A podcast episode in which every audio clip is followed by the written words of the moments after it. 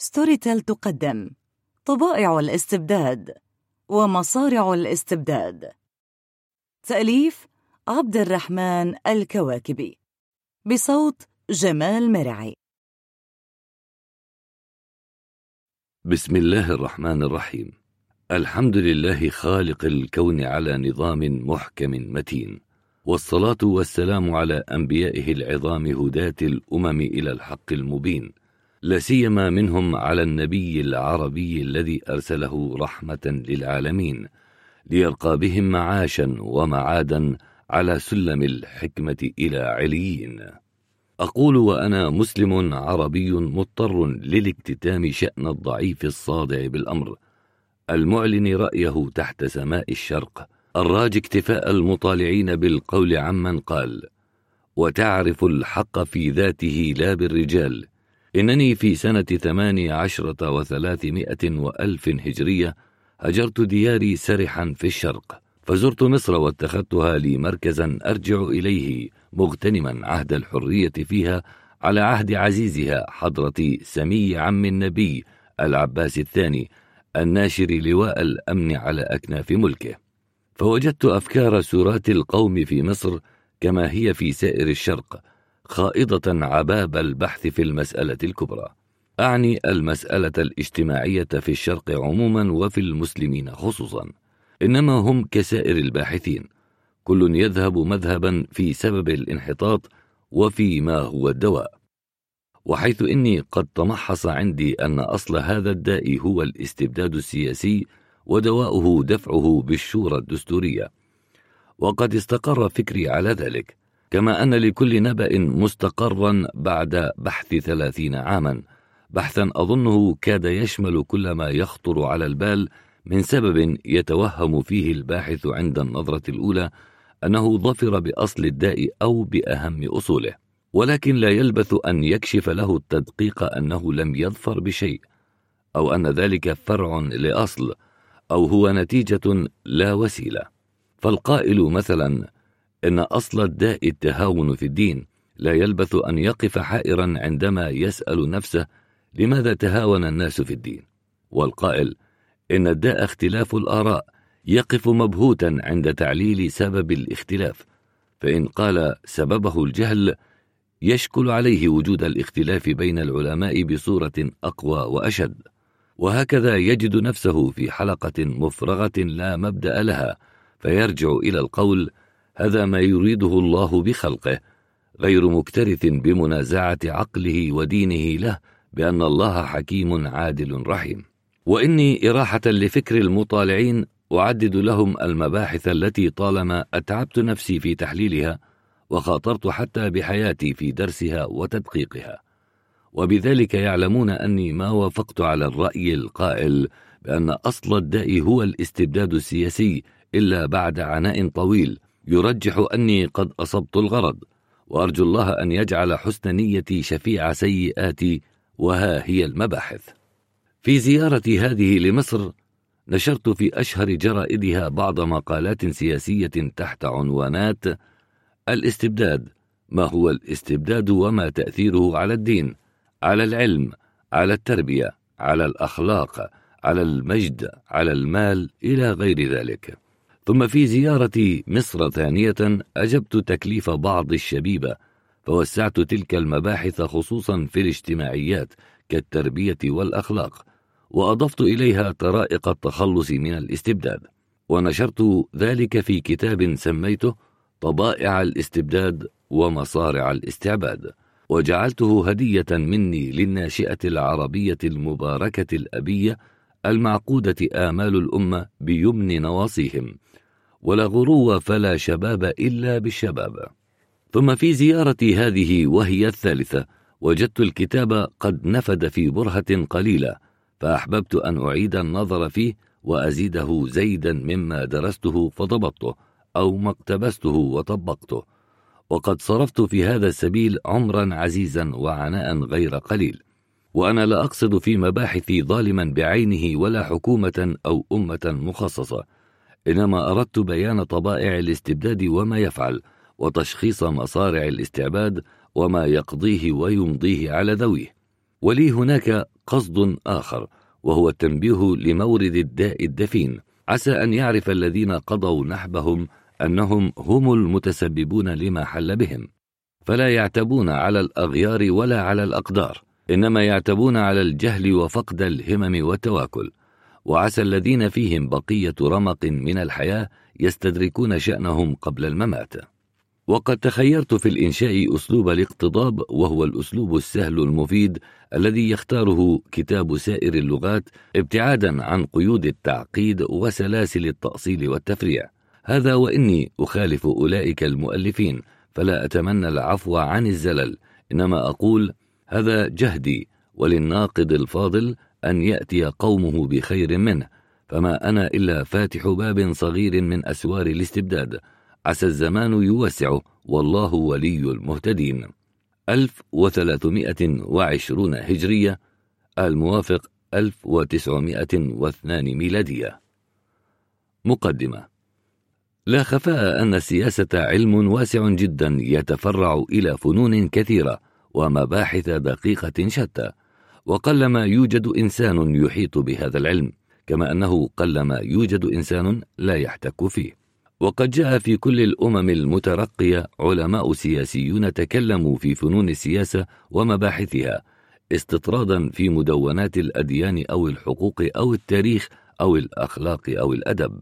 ولا تعرف للأقدمين كتب مخصوصة في السياسة لغير مؤسسي الجمهوريات في الرومان واليونان. وإنما لبعضهم مؤلفات سياسية أخلاقية ككليل ودمنة ورسائل غوريغوريوس ومحررات سياسية دينية كنهج البلاغة وكتاب الخراج. وأما في القرون المتوسطة فلا تؤثر أبحاث مفصلة في هذا الفن لغير علماء الإسلام فهم ألفوا فيه ممزوجا بالأخلاق كالرازي والطوسي والغزالي والعلاتي وهي طريقة الفرس وممزوجا بالأدب كالمعري والمتنبي وهي طريقة العرب. وممزوجا بالتاريخ كابن خلدون وابن بطوطة وهي طريقة المغاربة. أما المتأخرون من أهل أوروبا ثم أمريكا فقد توسعوا في هذا العلم وألفوا فيه كثيرا وأشبعوه تفصيلا حتى إنهم أفردوا بعض مباحثه في التأليف بمجلدات ضخمة. وقد ميزوا مباحثه إلى سياسة عمومية. وسياسة خارجية وسياسة إدارية وسياسة اقتصادية وسياسة حقوقية إلى آخره. وقسموا كل منها إلى أبواب شتى وأصول وفروع. وأما المتأخرون من الشرقيين فقد وجد من الترك كثيرون ألفوا في أكثر مباحثه تآليف مستقلة وممزوجة مثل أحمد جودة باشا وكمال بيك وسليمان باشا وحسن فهمي باشا. والمؤلفون من العرب قليلون ومقلون والذين يستحقون الذكر منهم فيما نعلم رفاع بيك وخير الدين باشا التونسي وأحمد فارس وسليم البستاني والمبعوث المدني. ولكن يظهر لنا الآن أن المحررين السياسيين من العرب قد كثروا بدليل ما يظهر من منشوراتهم في الجرائد والمجلات في مواضيع كثيرة. ولهذا لاح لهذا العاجز أن أذكر حضراتهم على لسان بعض الجرائد العربية بموضوع هو أهم المباحث السياسية وقل من طرق بابه منهم إلى الآن. فأدعوهم إلى ميدان المسابقة في خير خدمة ينيرون بها أفكار إخوانهم الشرقيين وينبهونهم لا سيما العرب منهم لما هم عنه غافلون فيفيدونهم بالبحث والتعليل وضرب الأمثال والتحليل. ما هو داء الشرق وما دواؤه؟ ولما كان تعريف علم السياسة بأنه هو إدارة الشؤون المشتركة بمقتضى الحكمة يكون بالطبع أول مباحث السياسة وأهمها بحث الاستبداد أي التصرف في الشؤون المشتركة بمقضى الهوى. وإني أرى أن المتكلم في الاستبداد عليه أن يلاحظ تعريف وتشخيص ما هو الاستبداد ما سببه ما أعراضه. ما سيره ما إنذاره ما دواؤه. وكل موضوع من ذلك يتحمل تفصيلات كثيرة وينطوي على مباحث شتى من أماتها ما هي طبائع الاستبداد. لماذا يكون المستبد شديد الخوف؟ لماذا يستولي الجبن على رعيته المستبده ما تأثير الاستبداد على الدين على العلم على المجد على المال على الأخلاق؟ على الترقي على التربية على العمران من هم أعوان المستبد؟ هل يتحمل الاستبداد؟ كيف يكون التخلص من الاستبداد؟ بماذا ينبغي استبداد الاستبداد؟ قبل الخوض في هذه المسائل يمكننا أن نشير إلى النتائج التي تستقر عندها أفكار الباحثين في هذا الموضوع وهي نتائج متحدة المدلول مختلفة التعبير على حسب اختلاف المشارب والأنظار في الباحثين وهي يقول المادي الداء القوة والدواء المقاومة ويقول السياسي الداء استعباد البرية والدواء استرداد الحرية ويقول الحكيم الداء القدرة على الاعتساف والدواء الاقتدار على الاستنصاف ويقول الحقوقي الداء تغلب السلطة على الشريعة والدواء تغليب الشريعة على السلطة. ويقول الرباني الداء مشاركة الله في الجبروت والدواء توحيد الله حقا. وهذه أقوال أهل النظر وأما أهل العزائم فيقول الأبي الداء مد الرقاب للسلاسل والدواء الشموخ عن الذل. ويقول المتين الداء وجود الرؤساء بلا زمام والدواء ربطهم بالقيود الثقال. ويقول الحر الداء التعالي على الناس باطلا والدواء تذليل المتكبرين.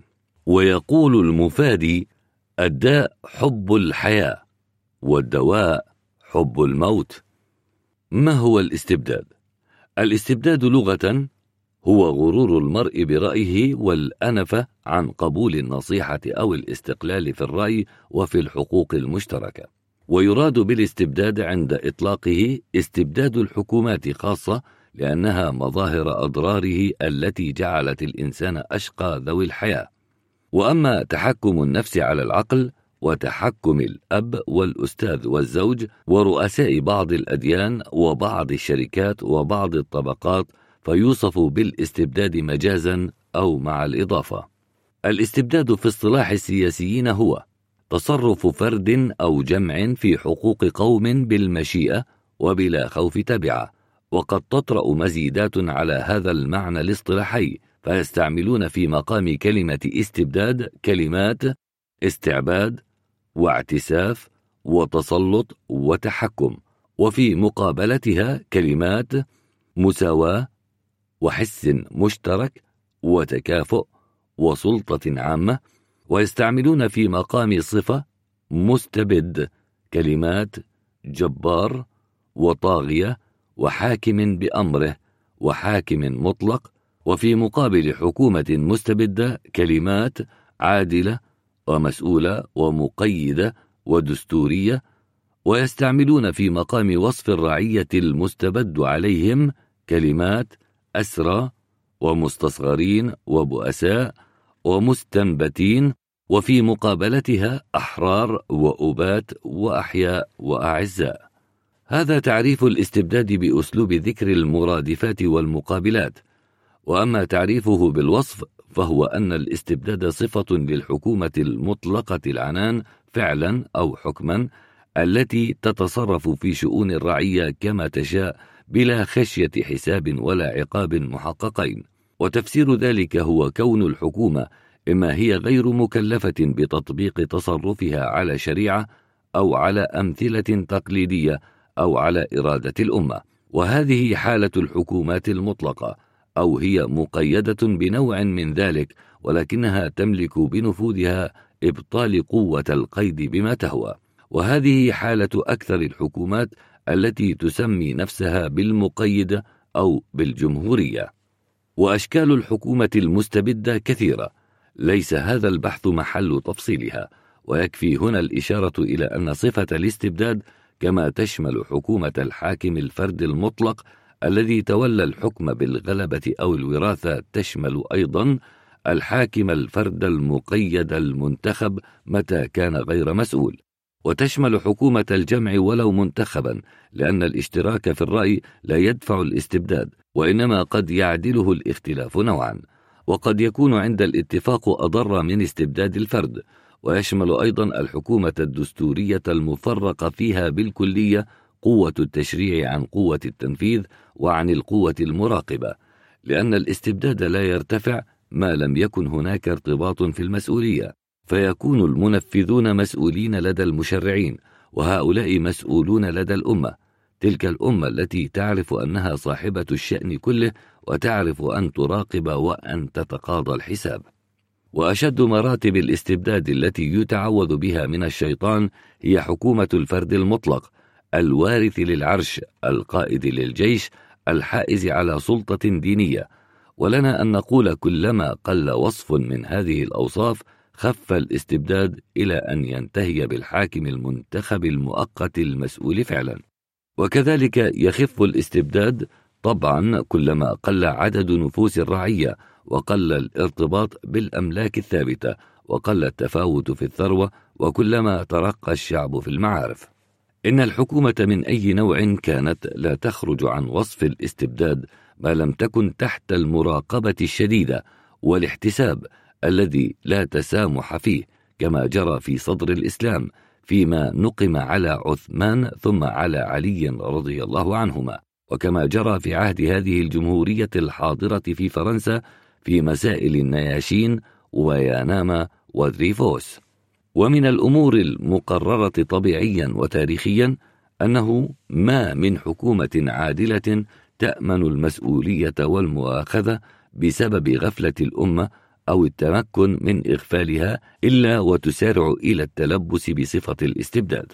وبعد أن تتمكن فيه لا تتركه وفي خدمتها إحدى الوسيلتين العظيمتين جهالة الأمة والجنود المنظمة وهما أكبر مصائب الأمم وأهم معائب الإنسانية.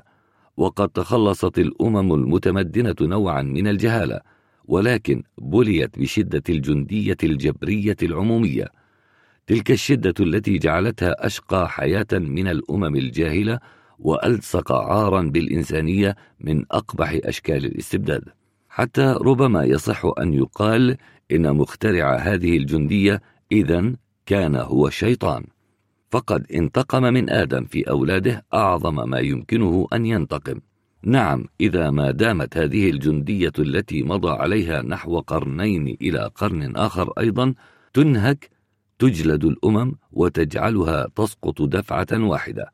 ومن يدري كم يتعجب رجال الاستقبال من ترقي العلوم في هذا العصر ترقيا مقرونا باشتداد هذه المصيبة التي لا تترك محلا لاستغراب إطاعة المصريين للفراعنة في بناء الأهرامات سخرة. لأن تلك لا تتجاوز التعب وضياع الأوقات. وأما الجندية فتفسد أخلاق الأمة. حيث تعلمها الشراسة والطاعة العمياء والاتكال وتميت النشاط وفكرة الاستقلال وتكلف الأمة الإنفاق الذي لا يطاق وكل ذلك منصرف لتأييد الاستبداد المشؤوم استبداد الحكومات القائد لتلك القوة من جهة واستبداد الأمم بعضها على بعض من جهة أخرى. ولنرجع لأصل البحث فأقول لا يعهد في تاريخ الحكومات المدنية استمرار حكومة مسؤولة مدة أكثر من نصف قرن إلى غاية قرن ونصف. وما شذ من ذلك سوى الحكومة الحاضرة في إنجلترا. والسبب يقظة الإنجليز الذين لا يسكرهم انتصار ولا يخملهم انكسار فلا يغفلون لحظة عن مراقبة ملوكهم. حتى إن الوزارة هي التي تنتخب للملك خدمه وحشمه فضلا عن الزوجة والصهر وملوك الإنجليز الذين فقدوا منذ قرون كل شيء ما عدا التاج لو تسنى الآن لأحدهم الاستبداد لغنمه حالا. ولكن هيهات أن يظهر بغرة من قومه يستلم فيها زمام الجيش.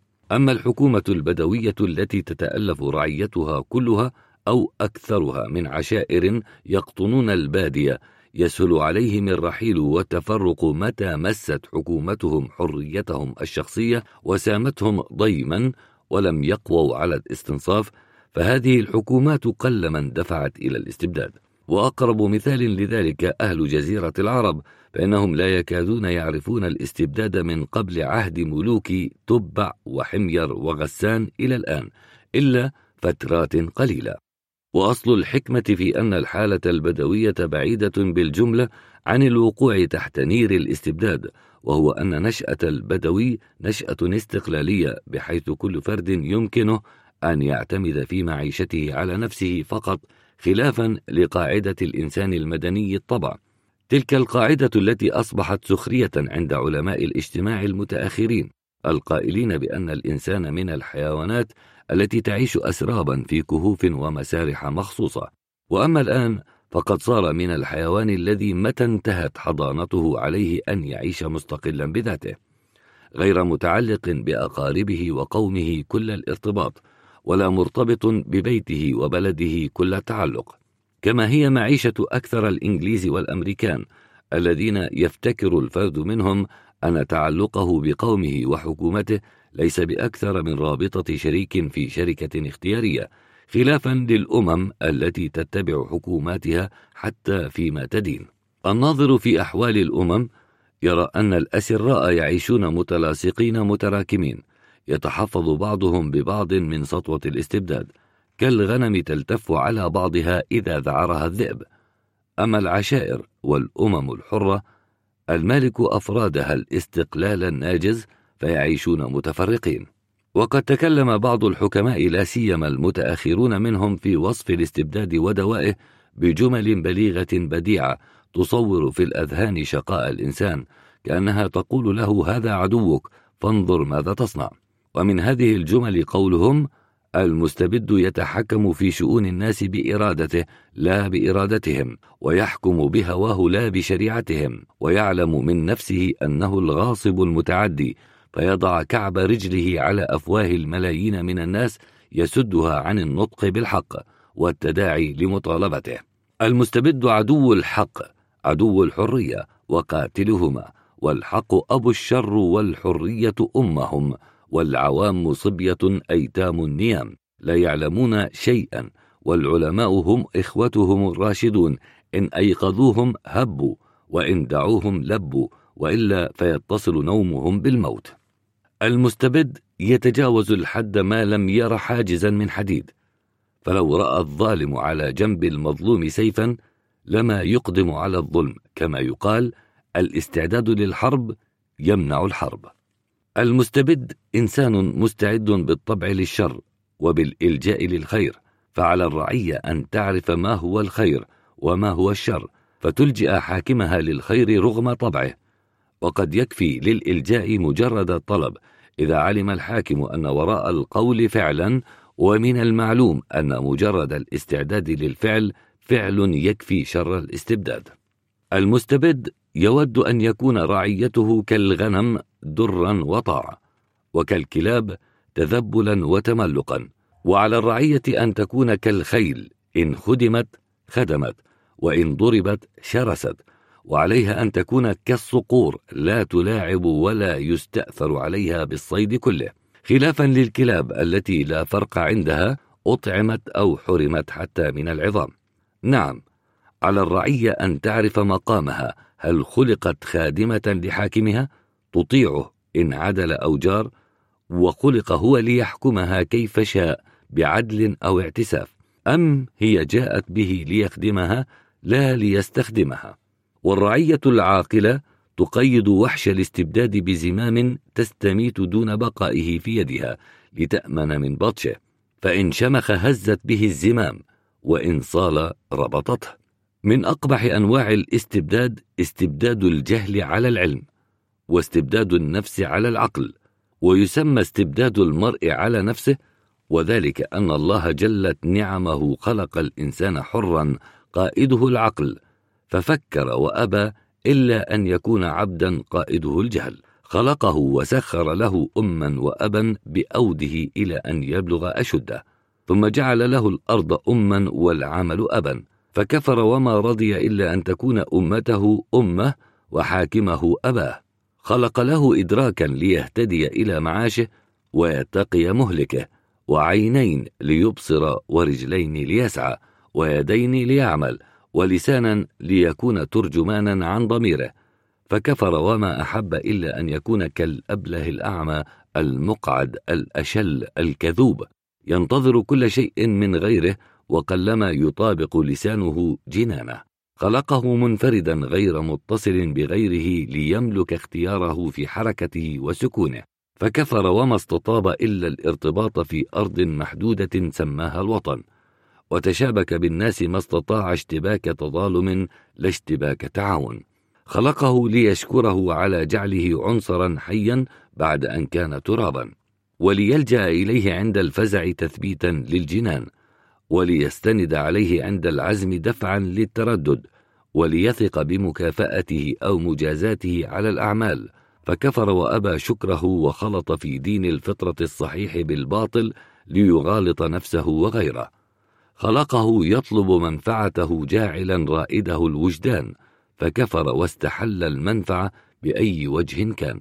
فلا يتعفف عن محظور صغير إلا توصلا لمحرم كبير خلقه وبذل له مواد الحياة من نور ونسيم ونبات وحيوان ومعادن وعناصر مكنوزة في خزائن الطبيعة بمقادير ناطقة بلسان الحال بأن واهب الحياة حكيم خبير جعل مواد الحياة الأكثر لزوما في ذاته أكثر وجودا وابتدالا فكفر الإنسان نعمة الله وأبى أن يعتمد كفالة رزقه فوكله ربه إلى نفسه وابتلاه بظلم نفسه وظلم جنسه وهكذا كان الإنسان ظلوما كفورا.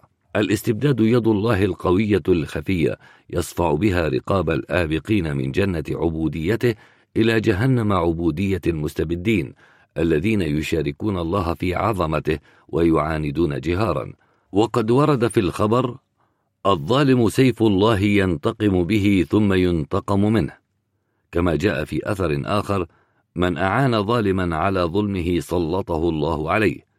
ولا شك في أن إعانة الظالم تبتدئ من مجرد الإقامة في أرضه. الاستبداد هو نار غضب الله في الدنيا والجحيم نار غضبه في الآخرة. وقد خلق الله النار أقوى المطهرات فيطهر بها في الدنيا دنس من خلقهم أحرارا وبسط لهم الأرض واسعة وبذل فيها رزقهم فكفروا بنعمه ورضخوا للاستعباد والتظالم. الاستبداد أعظم بلاء يتعجل الله به الانتقام من عباده الخاملين ولا يرفعه عنهم حتى يتوبوا توبة الأنفة. نعم الاستبداد أعظم بلاء لأنه وباء دائم بالفتن وجدب مستمر بتعطيل الأعمال وحريق متواصل بالسلب والغصب وسيل جارف للعمران وخوف يقطع القلوب وظلام يعمي الأبصار وألم لا يفتر وصائل لا يرحم وقصة سوء لا تنتهي. وإذا سأل سائل لماذا يبتلي الله عباده بالمستبدين فأبلغ جواب مسكت هو إن الله عادل مطلق لا يظلم أحدا فلا يولي المستبد إلا على المستبدين. ولو نظر السائل نظرة الحكيم المدقق لوجد كل فرد من أسراء الاستبداد مستبدا في نفسه لو قدر لجعل زوجته وعائلته وعشيرته وقومه والبشر كلهم حتى وربه الذي خلقه تابعين لرأيه وأمره. فالمستبدون يتولاهم مستبد والأحرار يتولاهم الأحرار. وهذا صريح معنى كما تكون يولى عليكم. ما أليق بالأسير في أرض أن يتحول عنها إلى حيث يملك حريته فإن الكلب الطليق خير حياة من الأسد المربوط. الاستبداد والدين. تضافرت آراء أكثر العلماء الناظرين في التاريخ الطبيعي للأديان على أن الاستبداد السياسي متولد من الاستبداد الديني والبعض يقول إن لم يكن هناك توليد فهما أخوان أبوهما التغلب وأمهما الرياسة أو هما صنوان قويان بينهما رابطة الحاجة على التعاون لتدليل الإنسان. والمشاكلة بينهما أنهما حاكما لأحدهما في مملكة الأجسام والآخر في عالم القلوب. والفريقان مصيبان في حكمهما بالنظر إلى مغزى أساطير الأولين والقسم التاريخي من التوراة والرسائل المضافة إلى الإنجيل ومخطئون في حق الأقسام التعليمية الأخلاقية فيهما. كما هم مخطئون إذا نظروا إلى أن القرآن جاء مؤيدا للاستبداد السياسي. وليس من العذر شيء أن يقولوا نحن لا ندرك دقائق القرآن نظرا لخفائها علينا في طي بلاغته ووراء العلم بأسباب نزول آياته.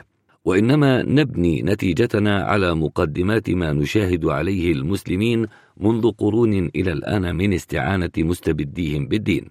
يقول هؤلاء المحررون إن التعاليم الدينية ومنها الكتب السماوية تدعو البشر إلى خشية قوة عظيمة هائلة لا تدرك العقول كنهها. قوة تتهدد الإنسان بكل مصيبة في الحياة فقط كما عند البوذية واليهودية أو في الحياة وبعد الممات كما عند النصارى والإسلام. تهديدا ترتعد منه الفرائس فتخور القوى وتنذهل منه العقول فتستسلم للخبل والخمول. ثم تفتح هذه التعاليم أبوابا للنجاة من تلك المخاوف نجاة وراءها نعيم مقيم. ولكن على تلك الأبواب حجاب من البراهمة والكهنة والقصوص وأمثالهم الذين لا يأذنون للناس بالدخول ما لم يعظموهم مع التذلل والصغار ويرزقوهم باسم نذر أو ثمن غفران. حتى إن أولئك الحجاب في بعض الأديان يحجزون فيما يزعمون لقاء الأرواح بربها ما لم يأخذوا عنها مكوس المرور إلى القبور وفدية الخلاص من مطهر الأعراف. وهؤلاء المهيمنون على الأديان كما يرهبون الناس من غضب الله وينذرونهم بحلول مصائبه وعذابه عليهم ثم يرشدونهم إلى أن لا خلاص ولا مناص لهم إلا بالالتجاء إلى سكان القبور الذين لهم دلة بل سطوة على الله فيحمونهم من غضبه. ويقولون إن السياسيين يبنون كذلك استبدادهم على أساس من هذا القبيل فهم يسترهبون الناس بالتعالي الشخصي والتشامخ الحسي ويذللونهم بالقهر والقوة وسلب الأموال حتى يجعلونهم خاضعين لهم عاملين لأجلهم يتمتعون بهم كأنهم نوع من الأنعام التي يشربون ألبانها ويأكلون لحومها ويركبون ظهورها وبها يتفاخرون.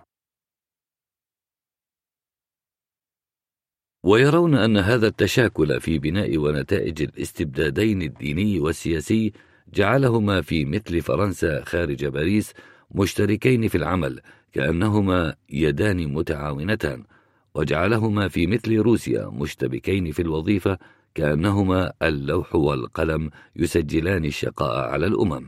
ويقررون أن هذا التشاكل بين القوتين ينجر بعوام البشر وهم السواد الأعظم إلى نقطة أن يلتبس عليهم الفرق بين الإله المعبود بحق وبين المستبد المطاع بالقهر فيختلطان في مضايق أذهانهم من حيث التشابه في استحقاق مزيد التعظيم والرفعة عن السؤال وعدم المؤاخذة على الأفعال. بناء عليه لا يرون لأنفسهم حقا في مراقبة المستبد لانتفاء النسبة بين عظمته ودناءتهم.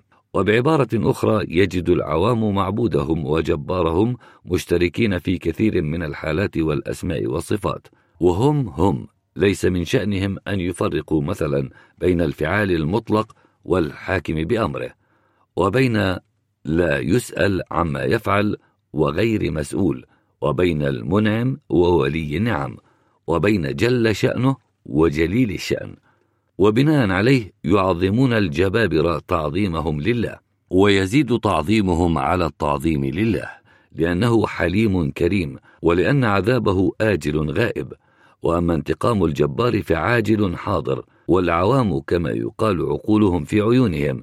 يكاد لا يتجاوز فعلهم المحسوس المشاهد حتى يصح أن يقال فيهم لولا رجاؤهم بالله وخوفهم منه فيما يتعلق بحياتهم الدنيا لما صلوا ولا صاموا. ولولا أملهم العاجل لما رجحوا قراءة الدلائل والأوراد على قراءة القرآن ولا رجحوا اليمين بالأولياء المقربين كما يعتقدون على اليمين بالله. وهذه الحال هي التي سهلت في الأمم الغابرة المنحطة دعوى بعض المستبدين الألوهية على مراتب مختلفة حسب استعداد أذهان الرعية حتى يقال إنه ما من مستبد سياسي إلى الآن إلا ويتخذ له صفة قدسية يشارك بها الله أو تعطيه مقام ذي علاقة مع الله. ولا أقل من أن يتخذ بطانة من خدمة الذين يعينونه على ظلم الناس باسم الله. وأقل ما يعنون به الاستبداد تفريق الأمم إلى مذاهب وشيع متعادية تقاوم بعضها بعضا فتتهاتر قوة الأمة ويذهب ريحها فيخلو الجو للاستبداد ليبيض ويفرغ. وهذه سياسة الإنجليز في المستعمرات لا يؤيدها شيء مثل انقسام الأهالي على أنفسهم وإفنائهم بأسهم بينهم بسبب اختلافهم في الأديان والمذاهب. ويعللون أن قيام المستبدين من أمثال أبناء داود وقسطنطين في نشر الدين بين رعاياهم وانتصار مثل فيليب الثاني الإسباني وهنري الثامن الإنجليزي للدين حتى بتشكيل مجالس إنجليسيون وقيام الحاكم الفاطمي والسلاطين الأعاجم في الإسلام بالانتصار لولاة الصوفية وبنائهم لهم. التكايا لم يكن إلا بقصد الاستعانة بممسوخ الدين وببعض أهله المغفلين على ظلم المساكين وأعظم ما يلائم مصلحة المستبد ويؤيدها أن الناس يتلقون قواعده وأحكامه بإذعان بدون بحث أو جدال. يودون تأليف الأمة على تلقي أوامرهم بمثل ذلك ولهذا القصد عينه كثيرا ما يحاولون بناء أوامرهم أو تفريعها على شيء من قواعد الدين. ويحكمون بأن بين الاستبدادين السياسي والديني مقارنة لا تنفك متى وجد أحدهما في أمة جر الآخر إليه أو متى زال رفيقه وإن صلح أي ضعف أحدهما صلح أي ضعف الثاني. ويقولون إنما أهد ذلك كثيرة جدا لا يخلو منها زمان ولا مكان ويبرهنون على أن الدين أقوى تأثيرا من السياسة إصلاحا وإفسادا ويمثلون بالسكسون أي الإنجليز والهولنديين والأمريكان والألمان الذين قبلوا البروتستانتية فأثر التحرير الديني في الإصلاح السياسي والأخلاق أكثر من تأثير الحرية المطلقة السياسية في جمهور اللاتين أي الفرنسيين والطليان والإسبانيول والبرتغال. وقد أجمع الكتاب السياسيون المدققون بالاستناد على التاريخ والاستقراء على أن ما من أمة أو عائلة أو شخص تنطع في الدين أي تشدد فيه إلا واختل نظام دنياه وخسر أولاه وعقباه. والحاصل أن كل المدققين السياسيين يرون أن السياسة والدين يمشيان متكاتفين ويعتبرون أن إصلاح الدين هو أسهل وأقوى وأقرب طريق للإصلاح السياسي. ربما كان أول من سلك هذا المسلك أي استخدم الدين في الإصلاح السياسي هم حكماء اليونان حيث تحيلوا على ملوكهم المستبدين في حملهم على قبول الاشتراك في السياسة بإحيائهم عقيدة الاشتراك في الألوهية. أخذوها عن الآشوريين ومزجوها بأساطير بصورة تخصيص العدالة بإله والحرب بإله والأمطار بإله إلى غير ذلك من التوزيع. وجعلوا لإله الآلهة حق النظارة عليهم وحق الترجيح عند وقوع الاختلاف بينهم. ثم بعد تمكن هذه العقيدة في الأذهان لما ألبست من جلالة المظاهر وسحر البيان سهلا على أولئك الحكماء دفعهم الناس إلى مطالبة جبابرتهم بالنزول من مقام الانفراد وبأن تكون إدارة الأرض كإدارة السماء. فانصاع ملوكهم إلى ذلك مكرهين وهذه هي الوسيلة العظمى التي مكنت اليونان أخيرا من إقامة جمهوريات أثينا وإسبارتا وكذلك فعل الرومان. وهذا الأصل لم يزل المثال القديم لأصول توزيع الإدارة في الحكومات الملكية والجمهوريات على أنواعها إلى هذا العهد. إنما هذه الوسيلة أي التشريك فضلا عن كونها باطلة في ذاتها نتج عنها أخيرا رد فعل أضر كثيرا وذلك أنها فتحت لمشعوذين من سائر طبقات الناس بابا واسعا لدعوى شيء من خصائص الألوهية كالصفات القدسية والتصرفات الروحية. وكان قبل ذلك لا يتهجم على مثلها غير أفراد من الجبابرة كنمرود إبراهيم وفرعون مصر ثم صار يدعيها البرهمي والبادري والصوفي. ولملائمة هذه المفسدة لطباع البشر من وجوه كثيرة ليس بحثنا هذا محلها انتشرت وعمت وجندت جيشا عرمرما يخدم المستبدين. وقد جاءت التوراة بالنشاط. فخلصتهم من خمول الاتكال بعد أن بلغ فيهم أن يكفلوا الله ونبيه يقاتلان عنهم وجاءتهم بالنظام بعد فوضى الأحلام. ورفعت عقيدة التشريك مستبددة مثلا أسماء الآلهة المتعددة بالملائكة. ولكن لم يرضى ملوك آل كوهين بالتوحيد فأفسدوه ثم جاء الإنجيل بسلسبيل الدعة والحلم فصادف أفئدة محروقة بنار القساوة والاستبداد. وكان أيضا مؤيدا لناموس التوحيد ولكن لم يقوى دعاته الأولون على تفهيم تلك الأقوام المنحطة الذين بادروا لقبول النصرانية قبل الأمم المترقية أن الأبوة والبنوة صفتان مجازيتان يعبر بهما عن معنى لا يقبله العقل إلا تسليما كمسألة القدر التي ورثت الإسلامية التفلسف فيها عن أديان الهنود وأوهام اليونان. ولهذا تلقت الأمم الأبوة والبنوة بمعنى توالد حقيقي لأنه أقرب إلى مداركهم البسيطة التي يصعب عليها تناول ما فوق المحسوسات.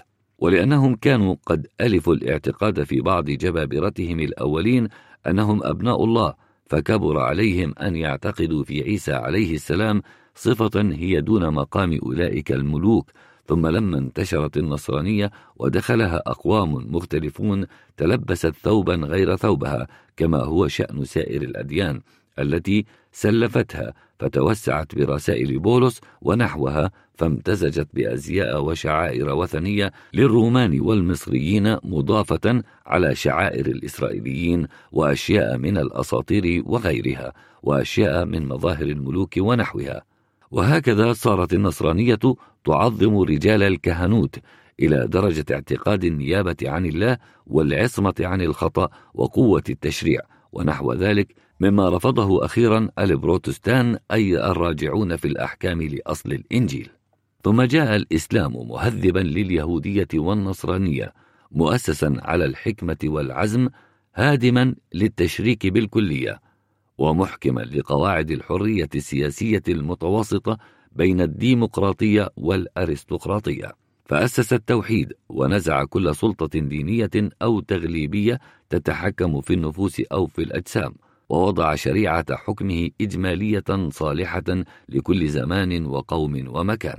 وأوجد مدينة فطرية سامية وأظهر للوجود حكومة كحكومة الخلفاء الراشدين التي لم يسمح الزمان بمثال لها بين البشر حتى ولم يخلفهم فيها بين المسلمين أنفسهم خلفا إلا بعض شواذ كعمر بن عبد العزيز والمهتدي العباسي ونور الدين الشهيد.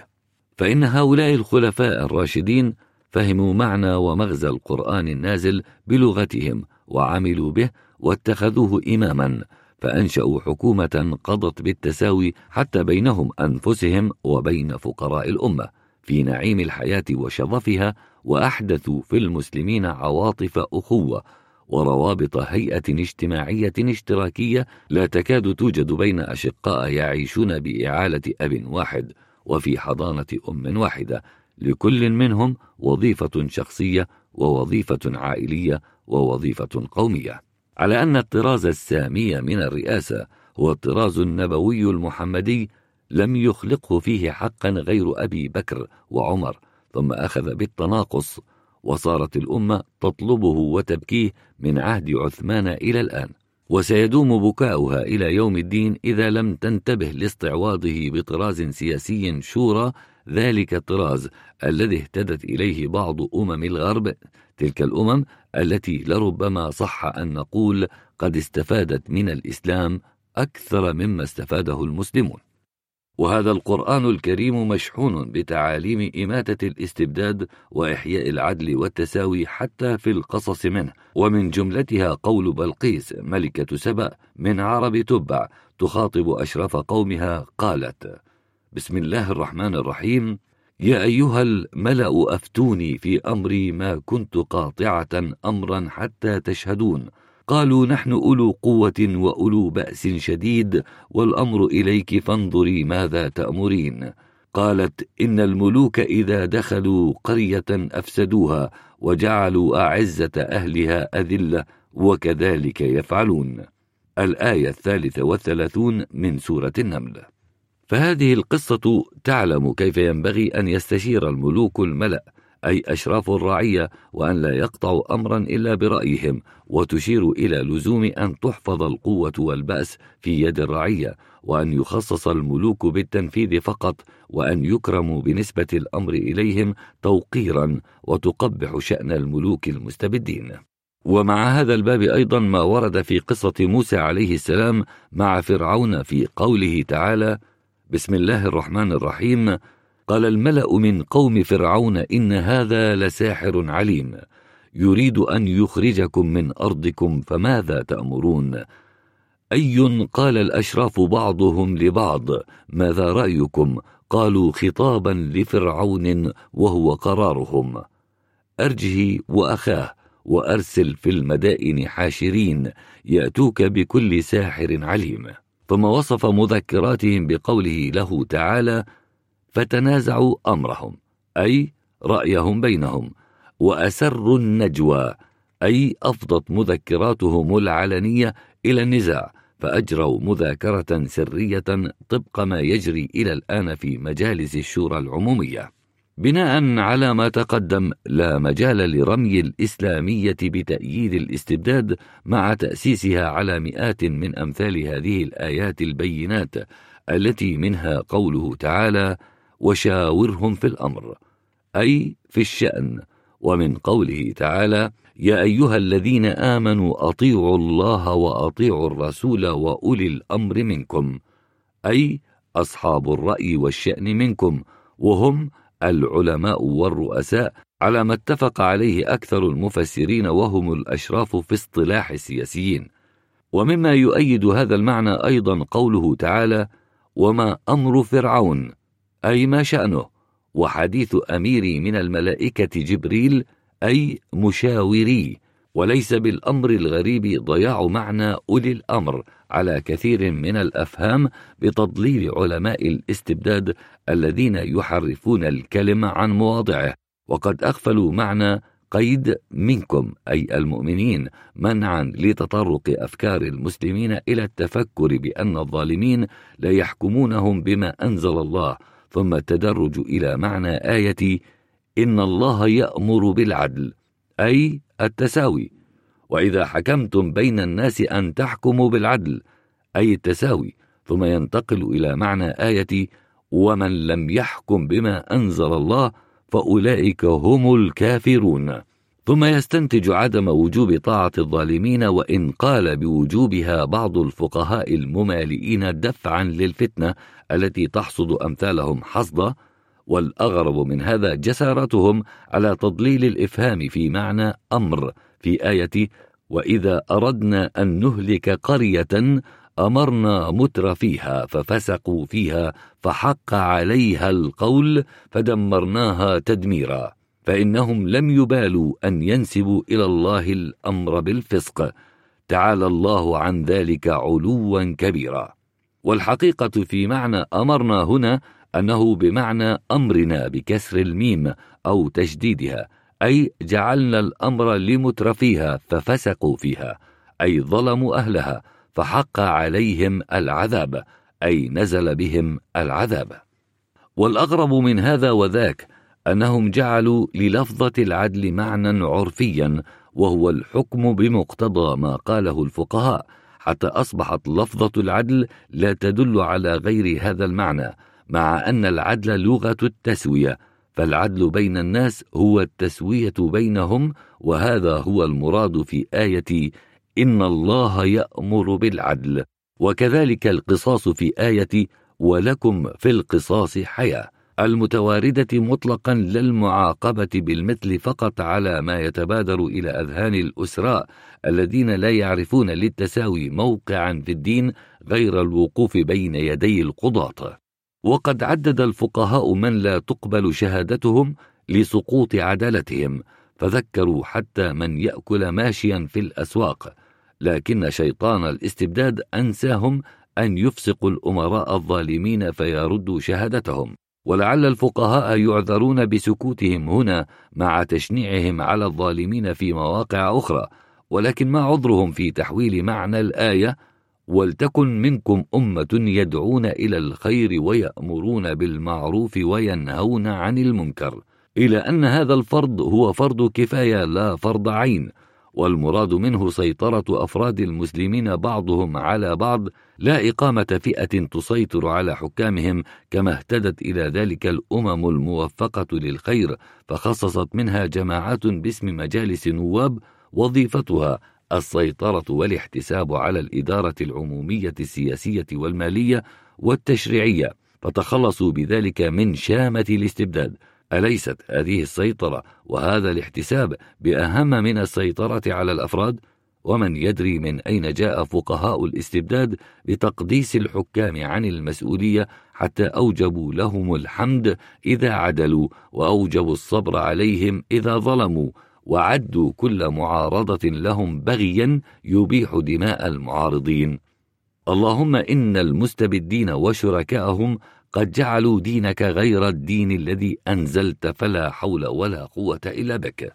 كذلك ما عذر أولئك الصوفية الذين جعلتهم الإنعامات على زاوياتهم أن يقولوا لا يكون الأمير الأعظم إلا وليا من أولياء الله ولا يأتي أمر إلا بإلهام من الله وإنه يتصرف في الأمور ظاهرا ويتصرف فيها قطب الغوث باطنا إلا سبحان الله ما أحلمه. نعم لولا حلم الله لخسف الأرض بالعرب حيث أرسل لهم رسولا من أنفسهم أسس لهم أفضل حكومة أسست في الناس جعل قاعدتها قوله كلكم راع وكلكم مسؤول عن رعيته أي كل منكم سلطان عام ومسؤول عن الأمة. وهذه الجملة التي هي أسمى وأبلغ ما قاله مشرع سياسي من الأولين والآخرين فجاء من المنافقين من حرف المعنى عن ظاهره وعموميته إلى أن المسلم راع على عائلته ومسؤول عندها فقط كما حرفوا معنى الآية والمؤمنون والمؤمنات بعضهم أولياء بعض إلى ولاية الشهادة دون الولاية العامة. وهكذا غيروا مفهوم اللغة وبدلوا الدين وطمسوا على العقول حتى جعلوا الناس ينسون لذة الاستقلال وعزة الحرية بل جعلوهم لا يعقلون كيف تحكم أمة نفسها بنفسها دون سلطان قاهر. وكأن المسلمين لم يسمعوا بقول النبي عليه السلام الناس سواسية كأسنان المشط لا فضل لعربي على عجمي إلا بالتقوى. وهذا الحديث من أصح الأحاديث لمطابقته للحكمة ومجيئه مفسرا الآية إن أكرمكم عند الله أتقاكم.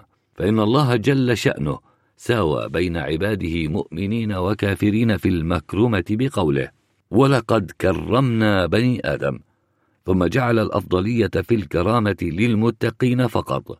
ومعنى التقوى لغة ليس كثرة العبادة كما صار ذلك حقيقة عرفية غرسها علماء الاستبداد القائلين في تفسير عند الله أي في الآخرة دون الدنيا. بل التقوى لغة هي الاتقاء أي الابتعاد عن رذائل الأعمال احترازا من عقوبة الله.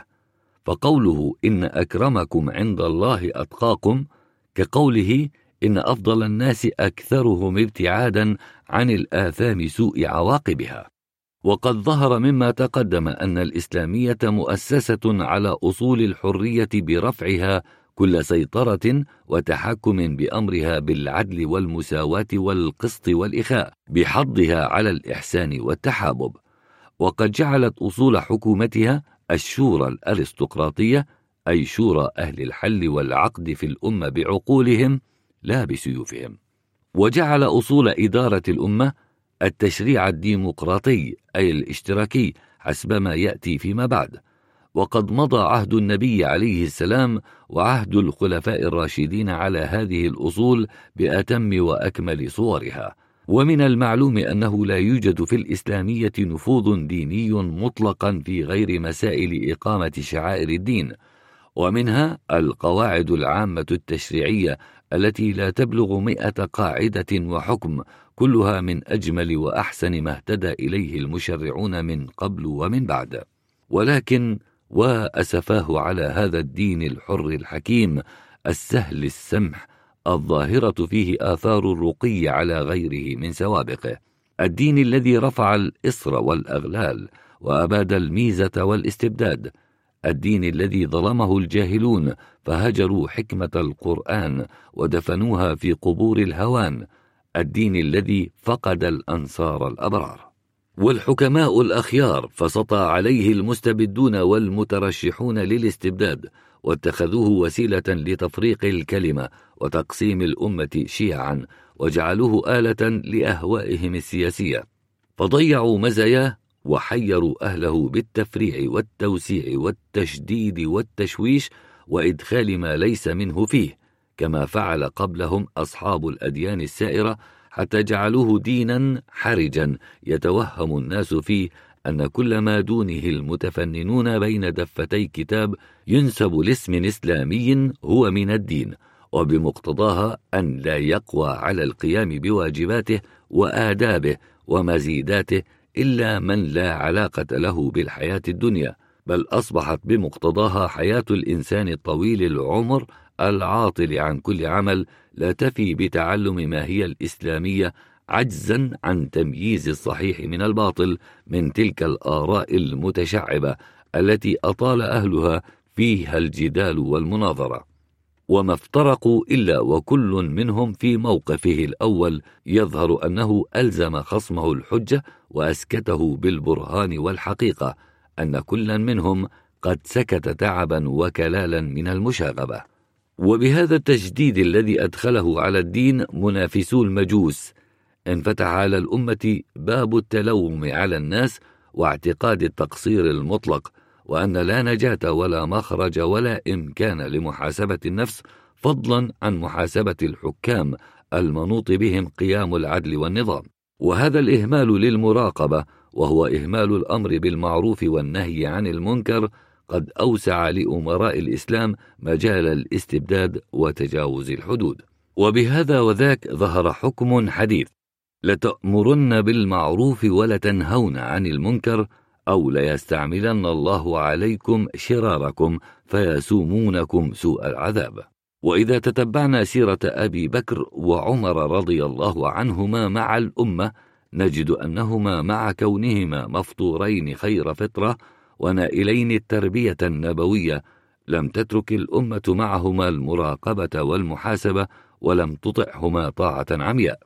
وقد جمع بعضهم جملة مما اقتبسه وأخذه المسلمون من غيرهم وليس هو من دينهم بالنظر إلى القرآن والمتواترات من الحديث وإجماع السلف الأول فقال اقتبسوا من النصرانية مقام البابوية باسم الغوثية وضاهوا في الأوصاف والأعداد أوصاف وأعداد البطارقة والكردينالية والشهداء والأساقفة وحاكوا مظاهر القديسين وعجائبه والدعاة المبشرين وصبرهم والرهبنات ورؤسائها وحالة الأديرة وبادريتها والرهبنات ورسومها والحمية وتوقيتها وقلدوا رجال الكهنوت والبراهم في مراتبهم وتميزهم في لبستهم وشعورهم ولبس المسابح في الرقاب وقلدوا الوثنيين الرومانيين في الرقص على أنغام الناي والتغالي في تطييب الموتى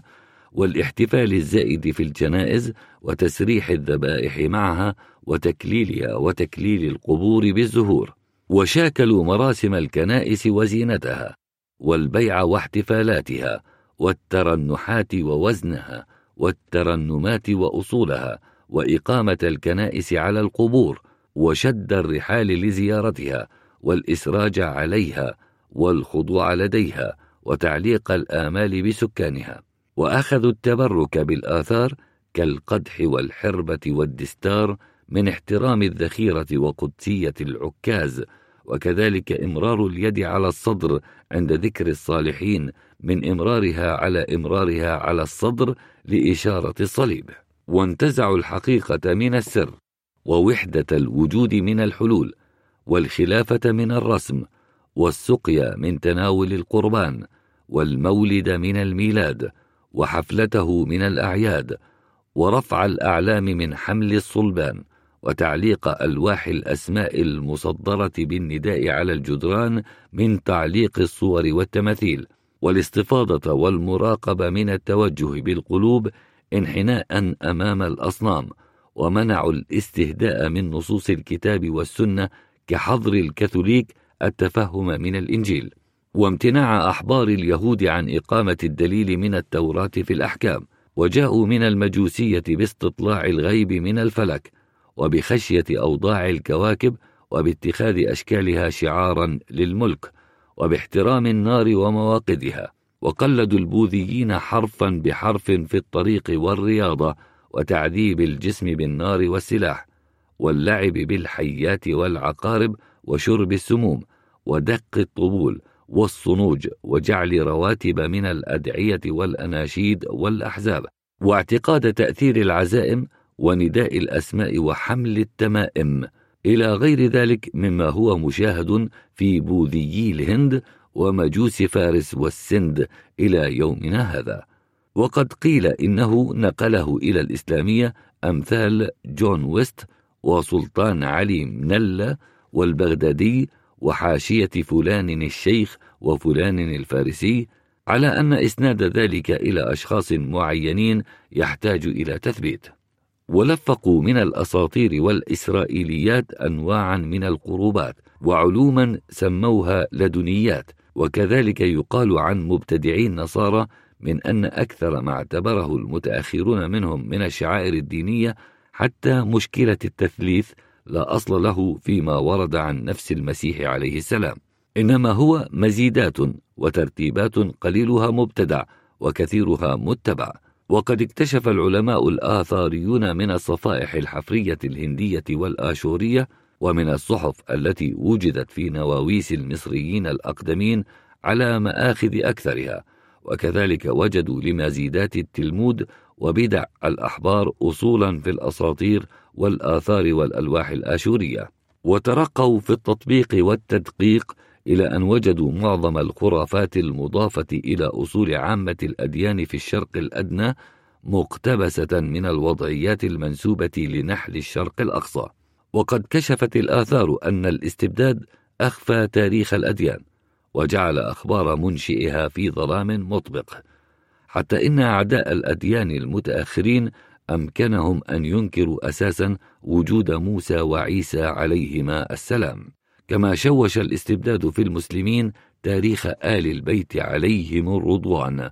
الأمر الذي تولد عنه ظهور الفرق التي تشيعت لهم كالإمامية والإسماعيلية والزيدية والحاكمية وغيرهم. والخلاصة أن البدع التي شوشت الإيمان وشوشت الأديان تكاد كلها تتسلل بعضها من بعض وتتولد جميعها من غرض واحد هو المراد ألا وهو الاستعباد. والناظر المدقق في تاريخ الإسلام يجد للمستبدين من الخلفاء والملوك الأولين وبعض العلماء الأعاجم وبعض مقلديهم من العرب المتأخرين اقوالا افتروها على الله ورسوله تضليلا للأمة عن سبيل الحكمة. يريدون بها إطفاء نور العلم وإطفاء نور الله ولكن أبى الله إلا أن يتم نوره فحفظ للمسلمين كتابه الكريم الذي هو شمس العلوم وكنز الحكم من أن تمسه يد التحريف وهي إحدى معجزاته لأنه قال فيه بسم الله الرحمن الرحيم انا نحن نزلنا الذكر وأنا له لحافظون. فما مسه المنافقون الا بالتاويل. وهذا أيضا من معجزاته لأن اخبر عن ذلك في قوله فاما الذين في قلوبهم زيغ فيتبعون ما تشابه منه ابتغاء الفتنه وابتغاء تاويله.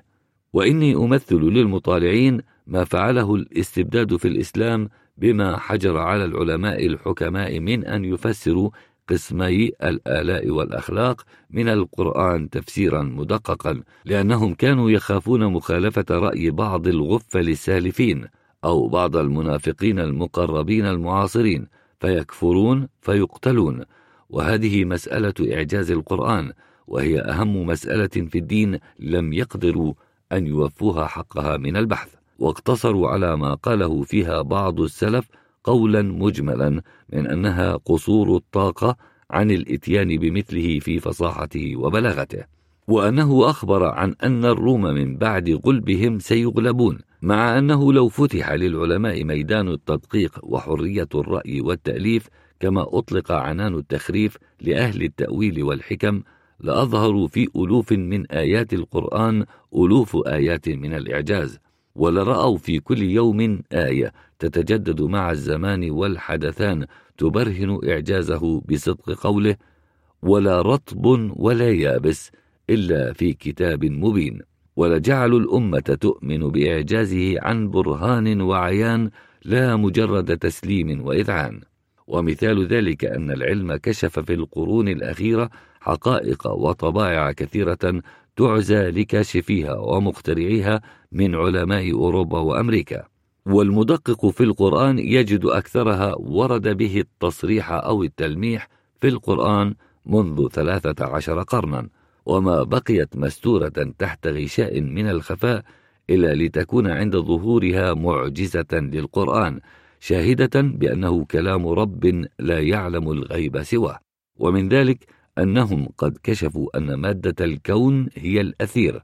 وقد وصف القرآن بدء التكوين فقال ثم استوى إلى السماء وهي دخان وكشفوا أن الكائنات في حركة دائمة دائبة والقرآن يقول وآية لهم الأرض الميتة أحييناها إلى أن يقول وكل في فلك يسبحون وحققوا أن الأرض منفتقة في النظام الشمسي والقرآن يقول إن السماوات والأرض كانتا رتقا ففتقناهما.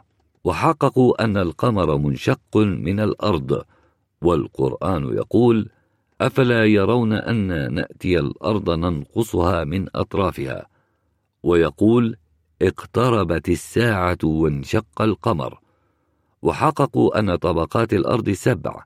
والقرآن يقول الله الذي خلق سبع سماوات ومن الأرض مثلهن.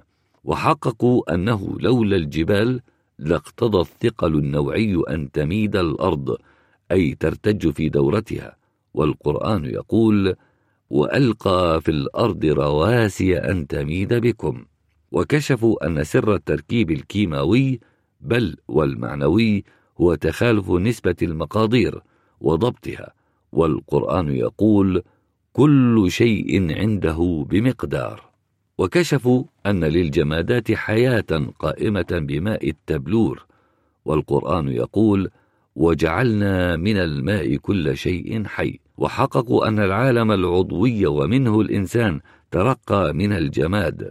والقرآن يقول ولقد خلقنا الإنسان من سلالة من طين وكشفوا ناموس اللقاح العام في النبات والقرآن يقول خلق الأزواج كلها مما تنبت الأرض ويقول فأخرجنا به أزواجا من نبات شتى ويقول اهتزت وربت وأنبتت من كل زوج بهيج ويقول ومن كل الثمرات جعل فيها زوجين اثنين وكشفوا طريقة إمساك الظل أي التصوير الشمسي والقرآن يقول ألم تر إلى ربك كيف مد الظل ولو شاء لجعله ساكنا ثم جعلنا الشمس عليه دليلا.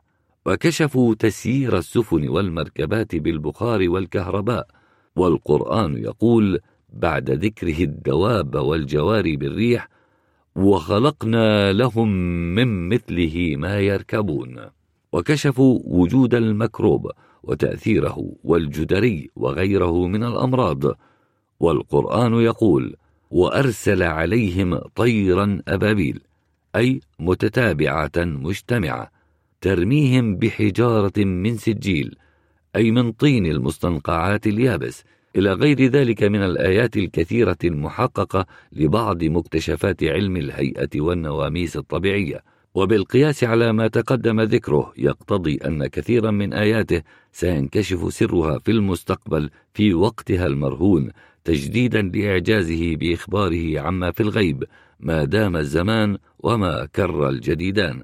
فلا بد أن يأتي يوم يكشف العلم فيه أن الجمادات أيضا تنمو باللقاح كما تشير إلى ذلك آية ومن كل شيء خلقنا زوجين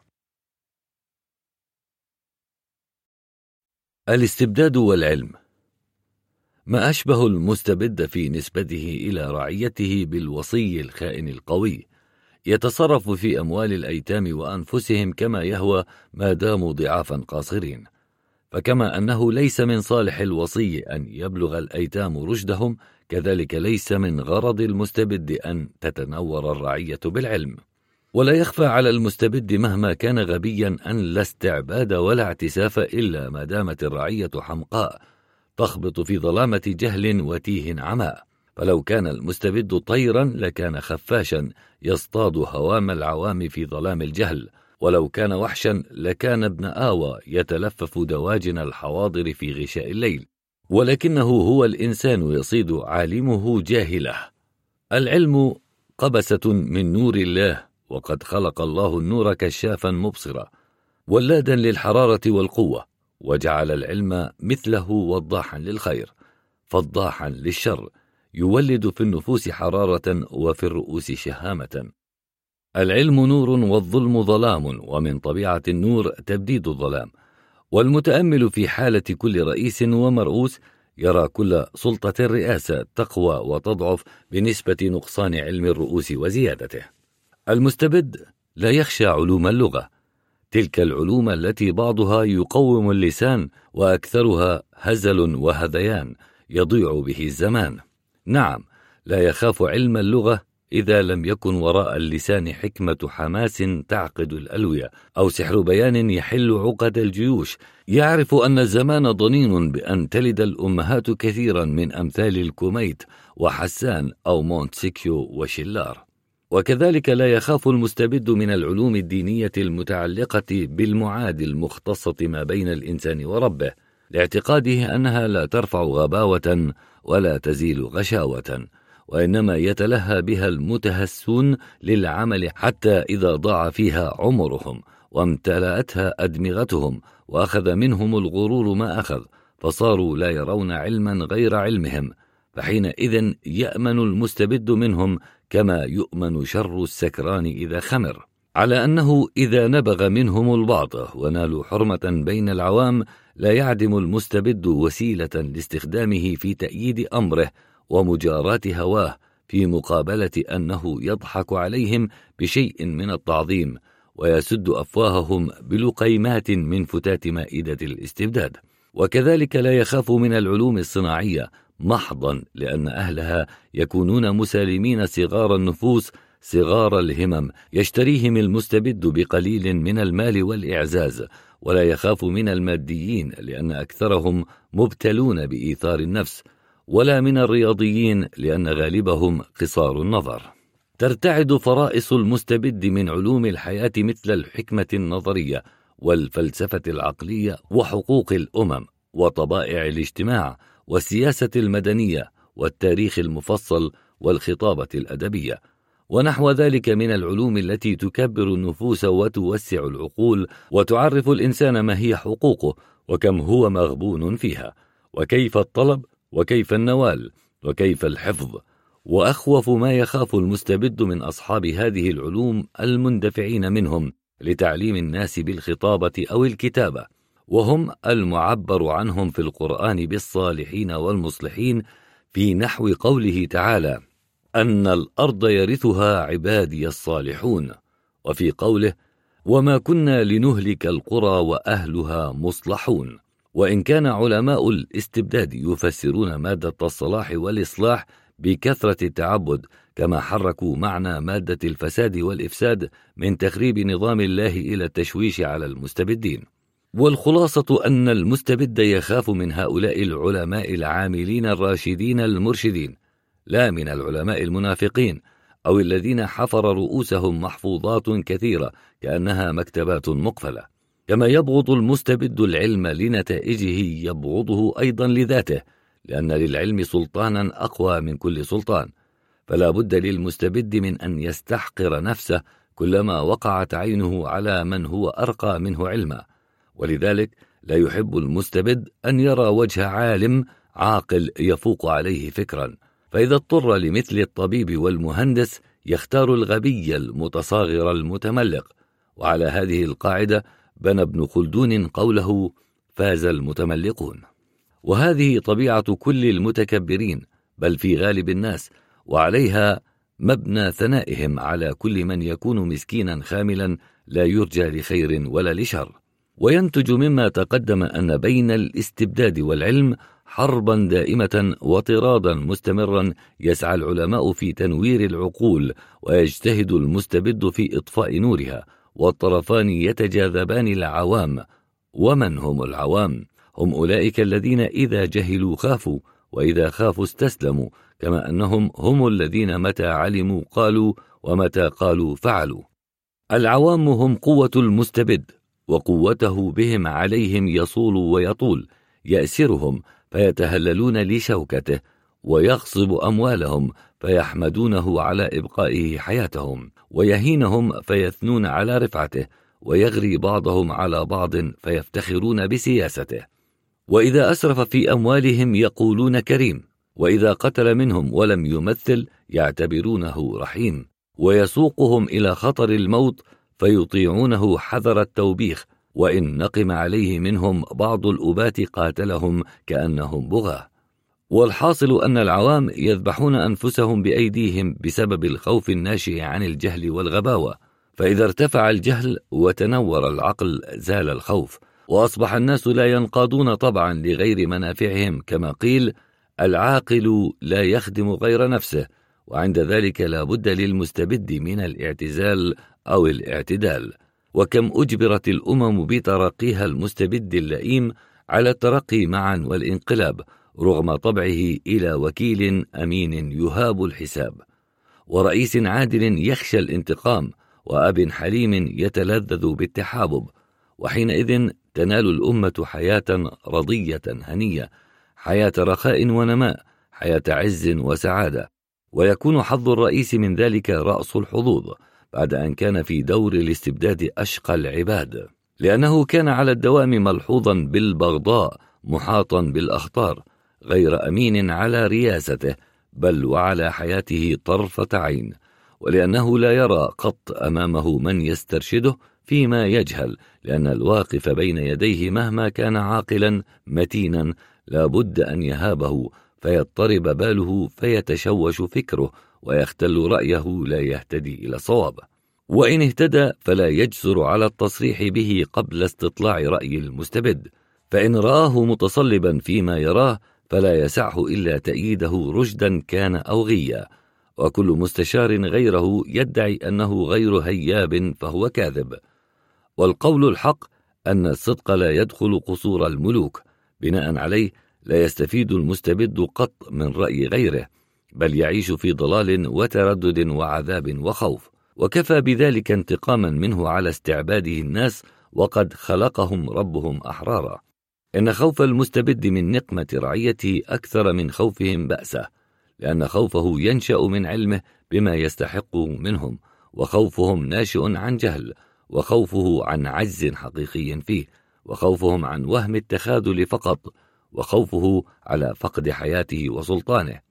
وخوفهم على لقيمات من النبات وعلى وطن يألفون غيره في أيام وخوفه على كل شيء تحت سماء ملكه وخوفهم على حياة تعيسة فقط.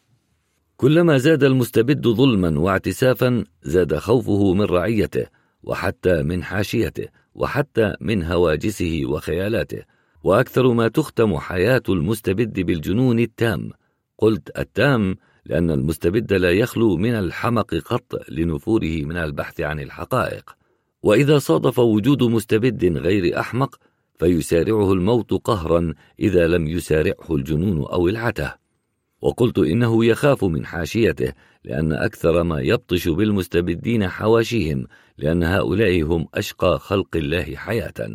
يرتكبون كل جريمة وفظيعة لحساب المستبد الذي يجعلهم يمسون ويصبحون مخبولين مصروعين يجهدون الفكر في استطلاع ما يريد منهم فعله بدون أن يطلب أو يصرح. فكم ينقم عليهم ويهينهم لمجرد أنهم لا يعلمون الغيب. ومن ذا الذي يعلم الغيب؟ الأنبياء والأولياء؟ وما هؤلاء إلا أشقياء. أستغفرك اللهم. لا يعلم غيبك نبي ولا ولي ولا يدعي ذلك إلا دجال ولا يظن صدقه إلا المغفل. فإنك اللهم قلت وقولك الحق فلا يظهر على غيبه أحدا وأفضل أنبيائك يقول لو علمت الخير لاستكثرت منه. من قواعد المؤرخين المدققين أن أحدهم إذا أراد الموازنة بين مستبدين كنيرون وتيمور مثلا يكتفي أن يوازن درجة ما كان عليه من التحذر والتحفظ.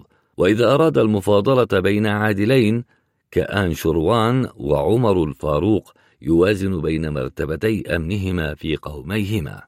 لما كانت أكثر الديانات مؤسسة على مبدأي الخير والشر كالنور والظلام والشمس وزحل والعقل والشيطان رأت بعض الأمم الغابرة أن أضر شيء على الإنسان هو الجهل. وأضر آثار الجهل هو الخوف فعملت هيكلا مخصصا للخوف يعبد اتقاء لشره. قال أحد المحررين السياسيين إني أرى قصر المستبد في كل زمان هو هيكل الخوف عينه فالملك الجبار هو المعبود وأعوانه هم الكهنة ومكتبته هي المذبح المقدس والأقلام هي السكاكين وعبارات التعظيم هي الصلوات والناس هم الأسرى الذين يقدمون قرابين الخوف وهو أهم النواميس الطبيعية في الإنسان. والإنسان يقرب من الكمال في نسبة ابتعاده عن الخوف ولا وسيلة لتخفيف الخوف أو نفيه غير العلم بحقيقة المخيف منه. لينكشف للإنسان أن لا محل فيه للخوف منه. وهكذا إذا زاد علم أفراد الرعية بأن المستبد امرئ عاجز مثلهم زال خوفهم منه وتقاضوه حقوقهم. ويقول أهل النظر إن خير ما يستدل به على درجة استبداد الحكومات هو تغاليها في شنآن الملوك وفخامة القصور وعظمة الحفلات ومراسيم التشريفات وعلائم الأبهة ونحو ذلك من التمويهات التي يسترهب بها الملوك رعاياهم عوضا عن العقل والمفاداة. وهذه التمويهات يلجأ إليها المستبد كما يلجأ قليل العز للتكبر وقليل العلم للتصوف وقليل الصدق لليمين وقليل المال لزينة اللباس. ويقولون إنه كذلك يستدل على عراقة الأمة في الاستعباد أو الحرية باستنطاق لغتها. هل هي قليلة ألفاظ التعظيم كالعربية مثلا أم هي غنية في عبارات الخضوع كالفارسية وكتلك اللغة التي لبس فيها بين المتخاطبين أنا وأنت بل سيدي وعبدكم.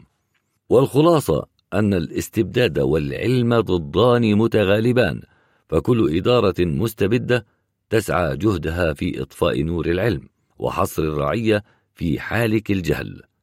والعلماء الحكماء الذين ينبتون أحيانا في مضايق صخور الاستبداد يسعون جهدهم في تنوير أفكار الناس والغالب أن رجال الاستبداد يطاردون رجال العلم وينكلون بهم فالسعيد منهم من يتمكن من مهاجرة دياره وهذا سبب أن كل الأنبياء العظام عليهم الصلاة والسلام وأكثر العلماء الأعلام والأدباء النبلاء تقلبوا في البلاد وماتوا غرباء. إن الإسلامية أول دين حض على العلم وكفى شاهدا أن أول كلمة أنزلت من القرآن هي الأمر بالقراءة أمرا مكررا. وأول منة أجلها الله وامتن بها على الإنسان هي أنه علمه بالقلم علمه به ما لم يعلم. وقد فهم السلف الأول من مغزى هذا الأمر وهذا الامتنان وجوب تعلم القراءة والكتابة على كل مسلم. وبذلك عمت القراءة والكتابة في المسلمين أو كادت تعم وبذلك صار العلم في الأمة حرا مباحا للكل لا يختص به رجال الدين أو الأشراف كما كان في الأمم السابقة. وبذلك انتشر العلم في سائر الأمم أخذا عن المسلمين. ولكن قاتل الله الاستبداد الذي استهان بالعلم حتى جعله كالسلعة يعطى ويمنح للأميين ولا يجرؤ أحد على الاعتراض. أجل قاتل الله الاستبداد الذي رجع بالأمة إلى الأمية فالتقى آخرها بأولها ولا حول ولا قوة إلا بالله. قال المدققون إن أخوف ما يخافه المستبدون الغربيون من العلم أن يعرف الناس حقيقة أن الحرية أفضل من الحياة وأن يعرفوا النفس وعزها والشرف وعظمته والحقوق وكيف تحفظ والظلم وكيف يرفع والإنسانية وما هي وظائفها والرحمة وما هي لذاتها. أما المستبدون الشرقيون فأفئدتهم هواء ترتجف من صولة العلم كأن العلم نار وأجسامهم من بارود. المستبدون يخافون من العلم حتى من علم الناس معنى كلمة لا إله إلا الله. ولماذا كانت أفضل الذكر؟ ولماذا بني عليها الإسلام؟ بني الإسلام بل وكافة الأديان على لا إله إلا الله ومعنى ذلك أنه لا يعبد حقا سوى الصانع الأعظم. ومعنى العبادة الخضوع ومنها لفظة العبد فيكون معنى لا إله إلا الله لا يستحق الخضوع شيء غير الله. وما أفضل تكرار هذا المعنى على الذاكرة آناء الليل وأطراف النهار تحذرا من الوقوع في ورطة شيء من الخضوع لغير الله وحده. فهل والحالة هذه يناسب غرض المستبدين أن يعلم عبيدهم أن لا سيادة ولا عبودية في الإسلام ولا ولاية فيه ولا خضوع إنما المؤمنون بعضهم أولياء بعض؟ كلا لا يلائم ذلك غرضهم وربما عدوا كلمة لا إله إلا الله شتما لهم. ولهذا كان المستبدون ولا زالوا من أنصار الشرك وأعداء العلم. إن العلم لا يناسب صغار المستبدين أيضا كخدمة الأديان المتكبرين وكالآباء الجهلاء والأزواج الحمقاء وكرؤساء كل الجمعيات الضعيفة والحاصل أنه ما انتشر نور العلم في أمة قط إلا وتكسرت فيها قيود الأسر وساء مصير المستبدين من رؤساء سياسة أو رؤساء دين. الاستبداد والمجد. من الحكم البالغة للمتأخرين قولهم الاستبداد أصل لكل فساد. ومبنى ذلك أن الباحث المدقق في أحوال البشر وطبائع الاجتماع كشف أن للاستبداد أثرا سيئا في كل واد. وقد سبق أن الاستبداد يضغط على العقل فيفسده ويلعب بالدين فيفسده ويحارب العلم فيفسده. وإني الآن أبحث في أنه كيف يغالب الاستبداد المجد فيفسده ويقيم مقامه التمجد. المجد هو إحراز المرء مقام حب واحترام في القلوب وهو مطلب طبيعي شريف لكل إنسان. لا يترفع عنه نبي أو زاهد ولا ينحط عنه دني أو خامل. للمجد لذة روحية تقارب لذة العبادة عند الفانين في الله وتعادل لذة العلم عند الحكماء وتربو على لذة امتلاك الأرض مع قمرها عند الأمراء وتزيد على لذة مفاجأة الأثراء عند الفقراء ولذا يزاحم المجد في النفوس منزلة الحياة. وقد أشكل على بعض الباحثين أي الحرصين أقوى حرص الحياة أم حرص المجد؟ والحقيقة التي عول عليها المتأخرون وميزوا بها تخليط ابن خلدون هي التفضيل وذلك أن المجد مفضل على الحياة عند الملوك والقواد وظيفة وعند النجباء والأحرار حمية وحب الحياة ممتاز على المجد عند الأسراء والأذلاء طبيعة وعند الجبناء والنساء ضرورة وعلى هذه القاعدة يكون أئمة آل البيت عليهم السلام معذورين في إلقائهم بأنفسهم في تلك المهالك لأنهم لما كانوا نجباء أحرارا فحميتهم جعلتهم يفضلون الموت كراما على حياة ذل مثل حياة ابن خلدون الذي خطى أمجاد البشر في إقدامهم على الخطر إذا هدد مجدهم على أن بعض أنواع الحيوان ومنها البلبل وجدت فيها طبيعة اختيار الانتحار أحيانا تخلصا من قيود الذل. وأن أكثر سباع الطير والوحوش إذا أسرت كبيرة تأبى الغداء حتى تموت وأن الحرة تموت ولا تأكل بعرضها وإلا تجده تموت ولا تأكل بثدييها. المجد لا ينال إلا بنوع من البذل في سبيل الجماعة وبتعبير الشرقيين في سبيل الله أو سبيل الدين وبتعبير الغربيين في سبيل المدنية أو سبيل الإنسانية.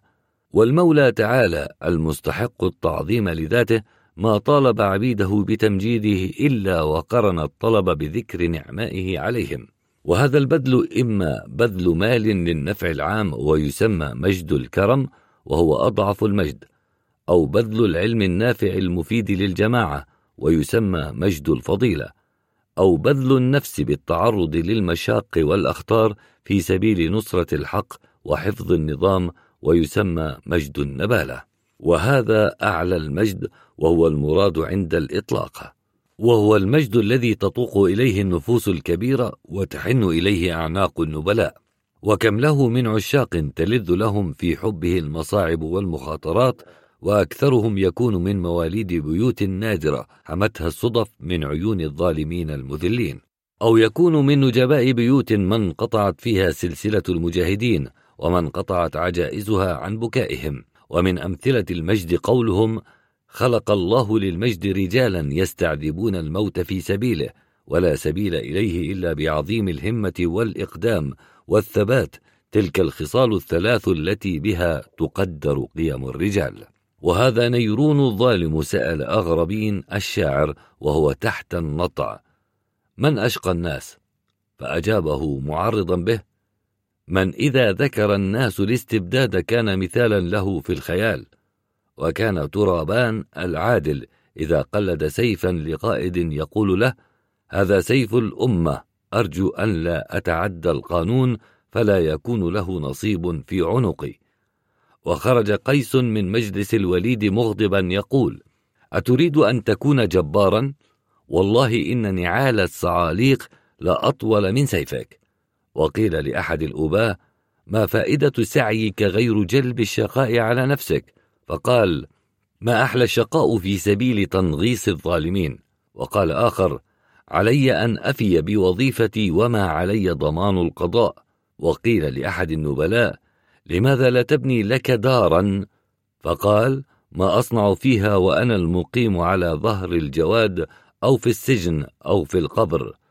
وهذه ذات النطاقين أسماء بنت أبي بكر رضي الله عنها وهي امرأة عجوز تودع ابنها بقولها إن كنت على الحق فاذهب وقاتل الحجاج حتى تموت. وهذا مكمهون رئيس جمهورية فرنسا استبد في أمر واحد فدخل عليه صديقه غامتا وهو يقول الأمر للأمة لا إليك فاعتدل أو اعتزل وإلا فأنت المخذول المهان الميت. والحاصل أن المجد هو المجد محبب للنفوس لا تفتأ تسعى وراءه وترقى مراقيه وهو ميسر في عهد العدل لكل إنسان على حسب استعداده وهمته وينحصر تحصيله في زمن الاستبداد بمقاومة الظلم على حسب المكان يقابل المجد من حيث مبناه التمجد وما هو التمجد؟ وماذا يكون التمجد؟ التمجد لفظ هائل المعنى ولهذا أراني أتعثر بالكلام وأتلعثم في الخطاب ولا سيما من حيث أخشى مساس إحساس بعض المطالعين. إن لم يكن من جهة أنفسهم فمن جهة أجدادهم الأولين. فأناشدهم الوجدان والحق المهان. أن يتجردوا دقيقتين من النفس وهواها. ثم هم مثلي ومثل سائر الجانين على الإنسانية لا يعدمون تأويلا. وإنني أعلل النفس بقبولهم تهويني هذا فأنطلق وأقول التمجد خاص بالإدارات المستبدة وهو القرب من المستبد بالفعل كالأعوان والعمال أو بالقوة كالملقبين بنحو دوق وبارون والمخاطبين بنحو رب العزة ورب الصولة أو الوسومين بالنياشين أو المطوقين بالحمائل. وبتعريف آخر التمجد هو أن ينال المرء جذوة نار من جهنم كبرياء المستبد ليحرق بها شرف المساواة في الإنسانية. وبوصف أجلى هو أن يتقلد الرجل سيفا من قبل الجبار يبرهن به على أنه جلاد في دولة الاستبداد أو يعلق على صدره وساما مشعرا بما وراءه من الوجدان المستبيح للعدوان. أو يتزين بسيور مزركشة تنبئ بأنه صار مخنثا أقرب إلى النساء منه إلى الرجال. وبعبارة أوضح وأخصر هو أن يصير الإنسان مستبدا صغيرا في كنف المستبد الأعظم.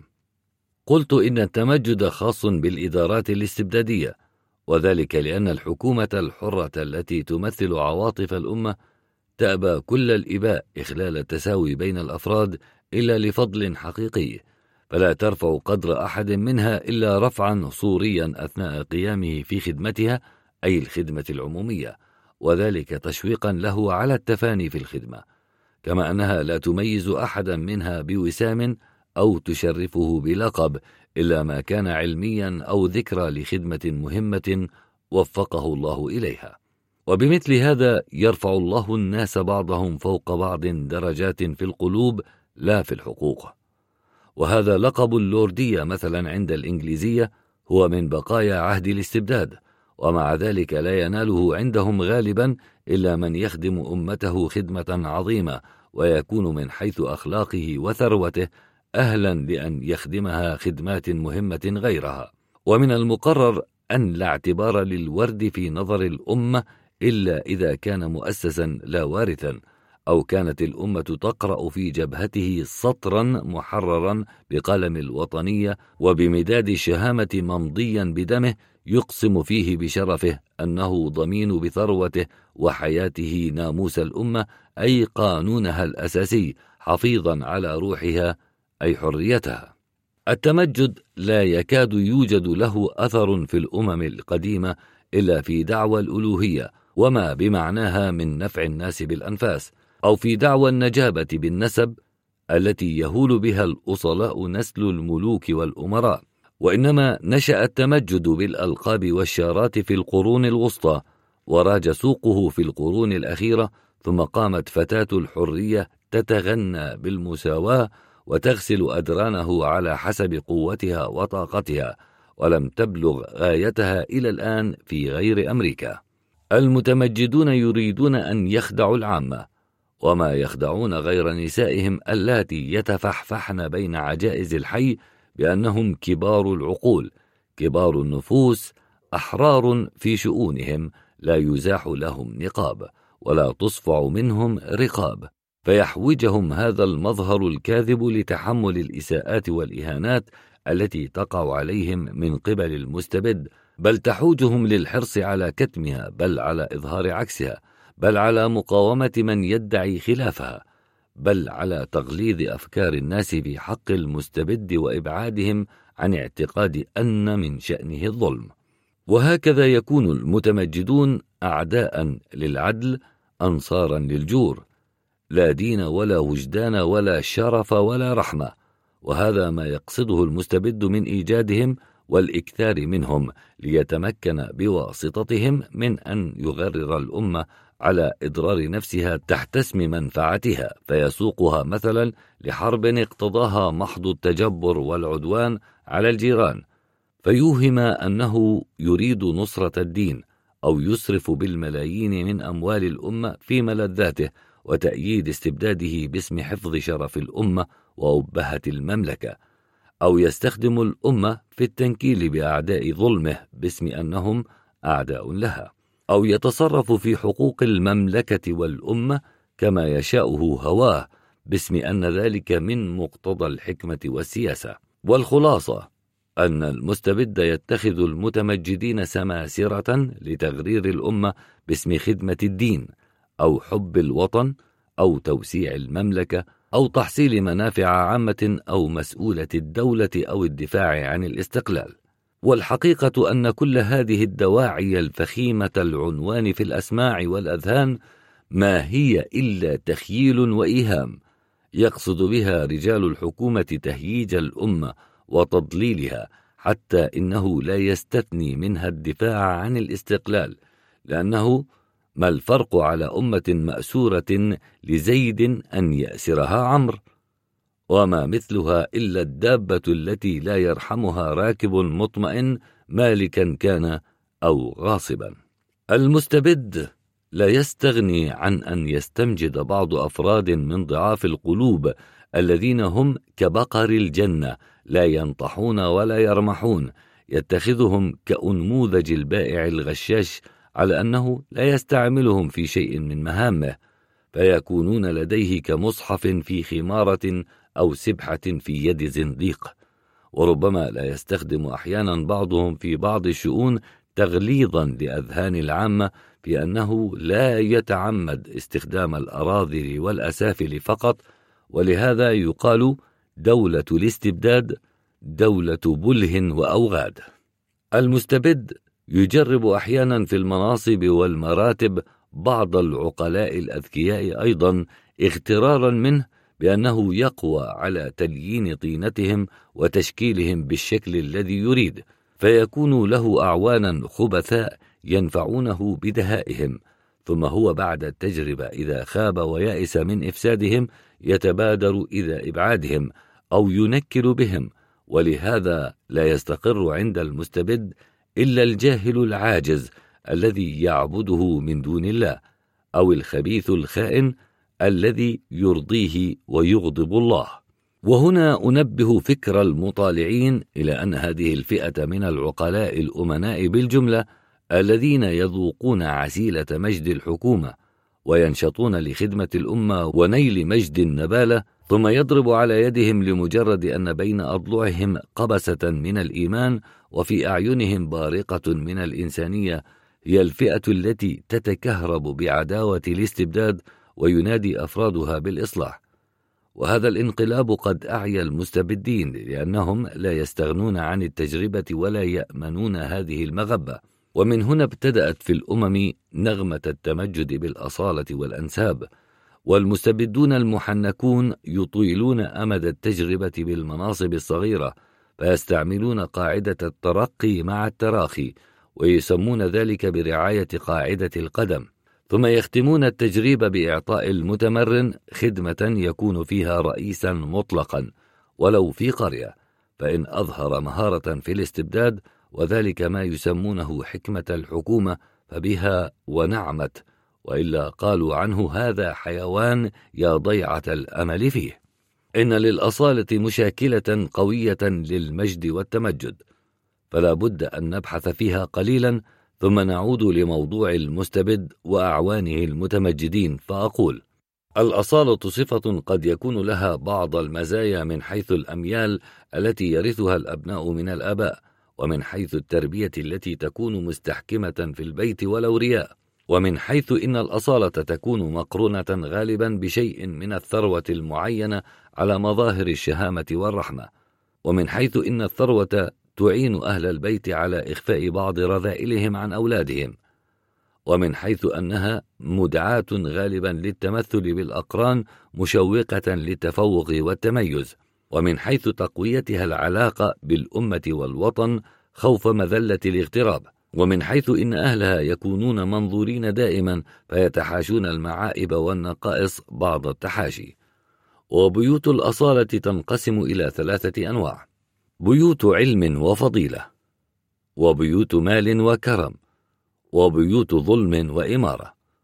وهذا الأخير هو القسم الأكثر عددا والأهم موقعا وهم كما سبقت الإشارة إليه مطمح نظر المستبد في الاستعانة وموضع ثقته وهم الجند الذي يجتمع تحت لوائه بسهولة وربما يكفيه أن يضحك في وجههم ضحكة فلننظر ما هو نصيب أهل هذا القسم من تلك المزايا الموروثة. هل يرث الابن من جده المؤسس لمجده أمياله في العدالة؟ ولم توجد؟ أم يدب ويشب على غير الترف المصغر للعقول المميت للهمم؟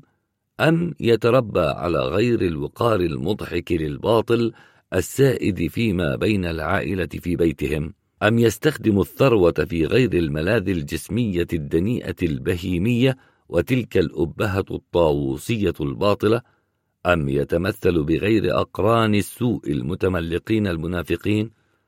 أم لا يستحقر قومه لجهلهم قدر النطفة الملعونة التي خلق منها جنابه؟ أم لا يبغض العلماء الذين لا يقدرونه قدره حسب ما هو قائم في مخيلة خيلائه. أم يرى لجنابه مقرا يليق به غير مقعد التحكم ومستراح التآمر؟ أم يستحي من الناس؟ ومن هم الناس؟ ما الناس عند حضرته غير أشباح فيها أرواح خلقت لخدمته. وهذه حالة الأكثرين من الأصلاء. على أننا لا نبخس حق من نال منهم حظا من العلم وأوتي الحكمة وأراد الله به خيرا فأصابه بنصيب من القهر انخفض به شامخ أنفه. فإن هؤلاء وقليل ما هم ينجبون نجابة عظيمة عجيبة. فيصدق عليهم أنهم قد ورثوا قوة القلب يستعملونها في الخير لا في الشر. واستفادوا من أنفة الكبرياء الجسارة على العظماء وهكذا تتحول فيهم ميزة الشر إلى فائض خير وحسب شامخ من نحو الحنين على الوطن وأهله والأنين لمصابه والإقدام على العظائم في سبيل القوم. وأمثال هؤلاء النوابغ النجباء إذا كثروا في أمة يوشك أن يترقى منهم آحاد إلى درجة الخوارق فيقود أممهم إلى النجاح والفلاح ولا غرو فإن اجتماع نفوذ النسب وقوة الحسب يفعلان ولا عجب شبه فعل المستبد العادل الذي ينشده الشرقيون وخصوصا المسلمون. وإن كان العقل لا يجوز أن يتصف بالاستبداد مع العدل غير الله وحده ألا قاتل الله الهمة الساقطة التي قد تتسفل بالإنسان إلى عدم اتباع الفكر فيما يطلب هل هو ممكن أم هو محال. الأصلاء باعتبار أكثريتهم هم جرثومة البلاء في كل قبيلة ومن كل قبيل لأن بني آدم داموا إخوانا متساوين إلى أن ميزت الصدفة بعض أفرادهم بكثرة النسل فنشأت منها القوات العصبية ونشأ من تنازعها تميز أفراد على أفراد وحفظ هذه الميزة أوجد الأصلاء فالأصلاء في عشيرة أو أمة إذا كانوا متقاربي القوات استبدوا على باقي الناس وأسسوا حكومة أشراف. ومتى وجد بيتا من الأصلاء يتميز كثيرا في القوة على باقي البيوت يستبد وحده ويؤسس الحكومة الفردية المقيدة إذا كان لباقي البيوت بقية بأس أو المطلقة إذا لم يبق أمامه من يتقيه. بناء عليه إذا لم يوجد في أمة أصلاء بالكلية أو وجد ولكن كان لسواد الناس صوت غالب أقامت تلك الأمة لنفسها حكومة انتخابية لا وراثة فيها ابتداء ولكن لا يتوالى بضعة متولين إلا ويصير أنسالهم أصلاء يتناظرون. كل فريق منهم يسعى لاجتذاب طرف من الأمة استعدادا للمغالبة وإعادة التاريخ الأول. ومن أكبر مضار الأصلاء أنهم ينهمكون أثناء المغالبة على إظهار الأبهة والعظمة. يسترهبون أعين الناس ويسحرون عقولهم ويتكبرون عليهم. ثم إذا غلب غالبهم واستبد بالأمر لا يتركها الباقون لألفتهم لذتها ولمضاهاة المستبد في نظر الناس والمستبد نفسه لا يحملهم على تركها بل يدر عليهم المال ويعينهم عليها ويعطيهم الألقاب والرتب وشيئا من النفوذ والتسلط على الناس ليتلهوا بذلك عن مقاومة استبداده ولأجل أن يألفوها مديدا فتفسد أخلاقهم فينفر منهم الناس ولا يبقى لهم ملجأ غير بابه فيصيرون أعوانا له بعد أن كانوا أضدادا. ويستعمل المستبد أيضا مع الأصلاء سياسة الشد والإرخاء والمنع والإعطاء والالتفات والإغضاء كي لا يبطروا وسياسة إلقاء الفساد وإثارة الشحناء فيما بينهم كي لا يتفقوا عليه. وتارة يعاقب عقابا شديدا باسم العدالة إرضاء للعوام وأخرى يقرنهم بأفراد كانوا يقبلون أذيالهم استكبارا فيجعلهم سادة عليهم يفركون آذانهم استحقارا. يقصد بذلك كسر شوكتهم أمام إمام الناس وعصر أنوفهم أمام عظمته. والحاصل أن المستبد يذلل الأصلاء بكل وسيلة حتى يجعلهم مترامين دائما بين رجليه كي يتخذهم لجاما لتدليل الرعية. ويستعمل عين هذه السياسة مع العلماء ورؤساء الأديان الذين متى شم من أحدهم رائحة الغرور بعقله أو علمه ينكل به أو يستبدله بالأحمق الجاهل إيقاظا له ولأمثاله من كل ظان من أن إدارة الظلم محتاجة إلى شيء من العقل أو الاقتدار فوق مشيئة المستبد. وبهذه السياسة ونحوها يخلو الجو فيعصف وينسف ويتصرف في الرعية كريش يقلبه الصرصر في جو محرق. المستبد في لحظة جلوسه على عرشه ووضع تاجه الموروث على رأسه يرى نفسه كان إنسانا فصار إلها. ثم يرجع النظر فيرى نفسه في نفس الأمر أعجز من كل عاجز وأنه ما نال ما نال إلا بواسطة من حوله من الأعوان. فيرفع نظره إليهم فيسمع لسان حالهم يقول له ما العرش وما التاج وما الصولجان؟ ما هذه إلا أوهام في أوهام. هل يجعلك هذا الريش في رأسك طاووسا وأنت غراب؟ أم تظن الأحجار البراقة في تاجك نجوما ورأسك سماء؟ أم تتوهم أن زينة صدرك ومنكبيك أخرجتك عن كونك قطعة طين من هذه الأرض؟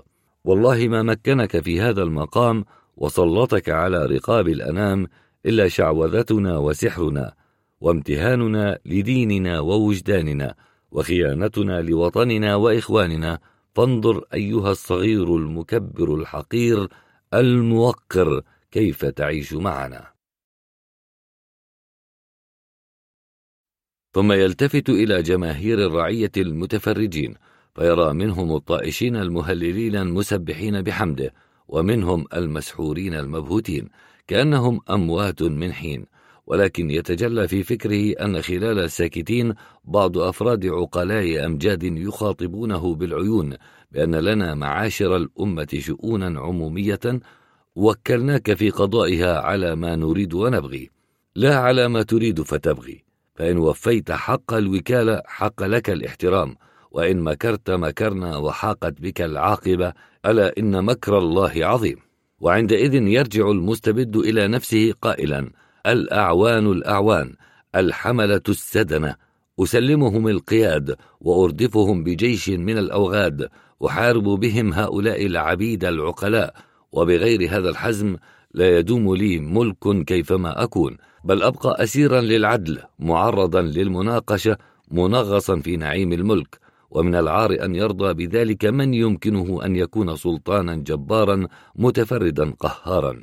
الحكومة المستبدة تكون طبعا مستبدة في كل فروعها من المستبد الأعظم إلى الشرطي إلى الفراش إلى كناس الشوارع ولا يكون كل صنف إلا من أسفل أهل طبقته أخلاقا لأن الأسافل لا يهمهم طبعا الكرامة وحسن السمعة إنما غاية مسعاهم أن يبرهنوا لمخدومهم بأنهم على شكلته وأنصار لدولته وشرهون لأكل السقطات من أي كانت ولو بشرا أم خنازير من آبائهم أم أعدائهم وبهذا يأمنهم المستبد ويأمنونه فيشاركهم ويشاركونه. وهذه الفئة المستخدمة يكثر عددها ويقل حسب شدة الاستبداد وخفته. وكلما كان المستبد حريصا على العسف احتاج إلى زيادة جيش المتمجدين العاملين له المحافظين عليه. واحتاج إلى مزيد الدقة في اتخاذهم من أسفل المجرمين الذين لا أثر عندهم لدين أو ذمة. واحتاج لحفظ النسبة بينهم في المراتب بالطريقة المعكوسة. وهي أن يكون أسفلهم طباعا وخصالا أعلاهم وظيفة وقربا. ولهذا لا بد أن يكون الوزير الأعظم للمستبد هو اللئيم الأعظم في الأمة ثم من دونه دونه لؤما. وهكذا تكون مراتب الوزراء والأعوان في لؤمهم حسب مراتبهم في التشريفات والقربى منه. وربما يغتر المطالع كما اغتر كثير من المؤرخين البسطاء بأن بعض وزراء المستبدين يتأوهون من المستبد. ويتشكون من أعماله ويجهرون بملامه ويظهرون لو أنه ساعدهم الإمكان لعملوا وفعلوا وافتدوا الأمة بأموالهم بل وحياتهم فكيف والحالة هذه؟ يكون لهؤلاء لؤماء بل كيف ذلك وقد وجد منهم الذين خاطروا بأنفسهم والذين أقدموا فعلا على مقاومة الاستبداد فنالوا المراد أو بعضه أو هلكوا دونه. فجواب ذلك أن المستبد لا يخرج قط عن أنه خائن خائف محتاج لعصابة تعينه وتحميه فهو ووزراؤه كزمرة لصوص رئيس وأعوان. فهل يجوز العقل أن ينتخب رفاق من غير أهل الوفاق وهو الذي لا يستوزر إلا بعد تجربة واختبار عمرا طويلا؟ هل يمكن أن يكون الوزير متخلقا بالخير حقيقة وبالشر ظاهرا فيخدع المستبد بأعماله ولا يخاف من أنه كما نصبه وأعزه بكلمة يعزله ويذله؟ بناء عليه فالمستبد وهو من لا يجهل أن الناس أعداؤه لظلمه لا يأمن على بابه إلا من يثق به أنه أظلم منه للناس وأبعد منه عن أعدائه. وأما تلوم بعض الوزراء على لوم المستبد فهو إن لم يكن خداعا للأمة فهو حنق على المستبد لأنه بخس ذلك المتلوم حقه فقدم عليه من هو دونه في خدمته بتضحية دينه ووجدانه. وكذلك لا يكون الوزير أمينا من صولة المستبد في صحبته ما لم يسبق بينهما وفاق واتفاق على خيرة الشيطان. لأن الوزير محسود بالطبع يتوقع له المزاحمون كل شر ويبغضه الناس ولو تبعا لظالمهم وهو هدف في كل ساعة للشكايات والوشايات كيف يكون عند الوزير شيء من التقوى أو الحياء أو العدل أو الحكمة أو المروءة أو الشفقة على الأمة؟ وهو العالم بأن الأمة تبغضه وتمقته وتتوقع له كل سوء وتشمت بمصائبه. فلا ترضى عنه ما لم يتفق معها على المستبد وما هو بفاعل ذلك أبدا إلا إذا يئس من إقباله عنده. وإن يئس وفعل فلا يقصد نفع الأمة قط إنما يريد فتح باب لمستبد جديد عساه يستوزره فيؤازره على وزره. والنتيجة أن وزير المستبد هو وزير المستبد لا وزير الأمة كما في الحكومات الدستورية كذلك القائد يحمل سيف المستبد ليغمده في الرقاب بأمر المستبد لا بأمر الأمة بل هو يستعيذ من أن تكون الأمة صاحبة أمر لما يعلم من نفسه أن الأمة لا تقلد القيادة لمثله. بناء عليه لا يغتر العقلاء بما يتشدق به الوزراء والقواد من الإنكار على الاستبداد والتفلسف بالإصلاح وإن تلهفوا وإن تأففوا ولا ينخدعون لمظاهر غيرتهم وإن ناحوا وإن بكوا ولا يثقون بهم وبوجدانهم مهما صلوا وسبحوا. لأن ذلك كله ينافي سيرهم وسيرتهم ولا دليل على أنهم أصبحوا يخالفون ما شبوا وشابوا عليه. هم أقرب أن لا يقصدون بتلك المظاهر غير إقلاق المستبد وتهديد سلطته ليشاركهم في استدرار دماء الرعية أي أموالها.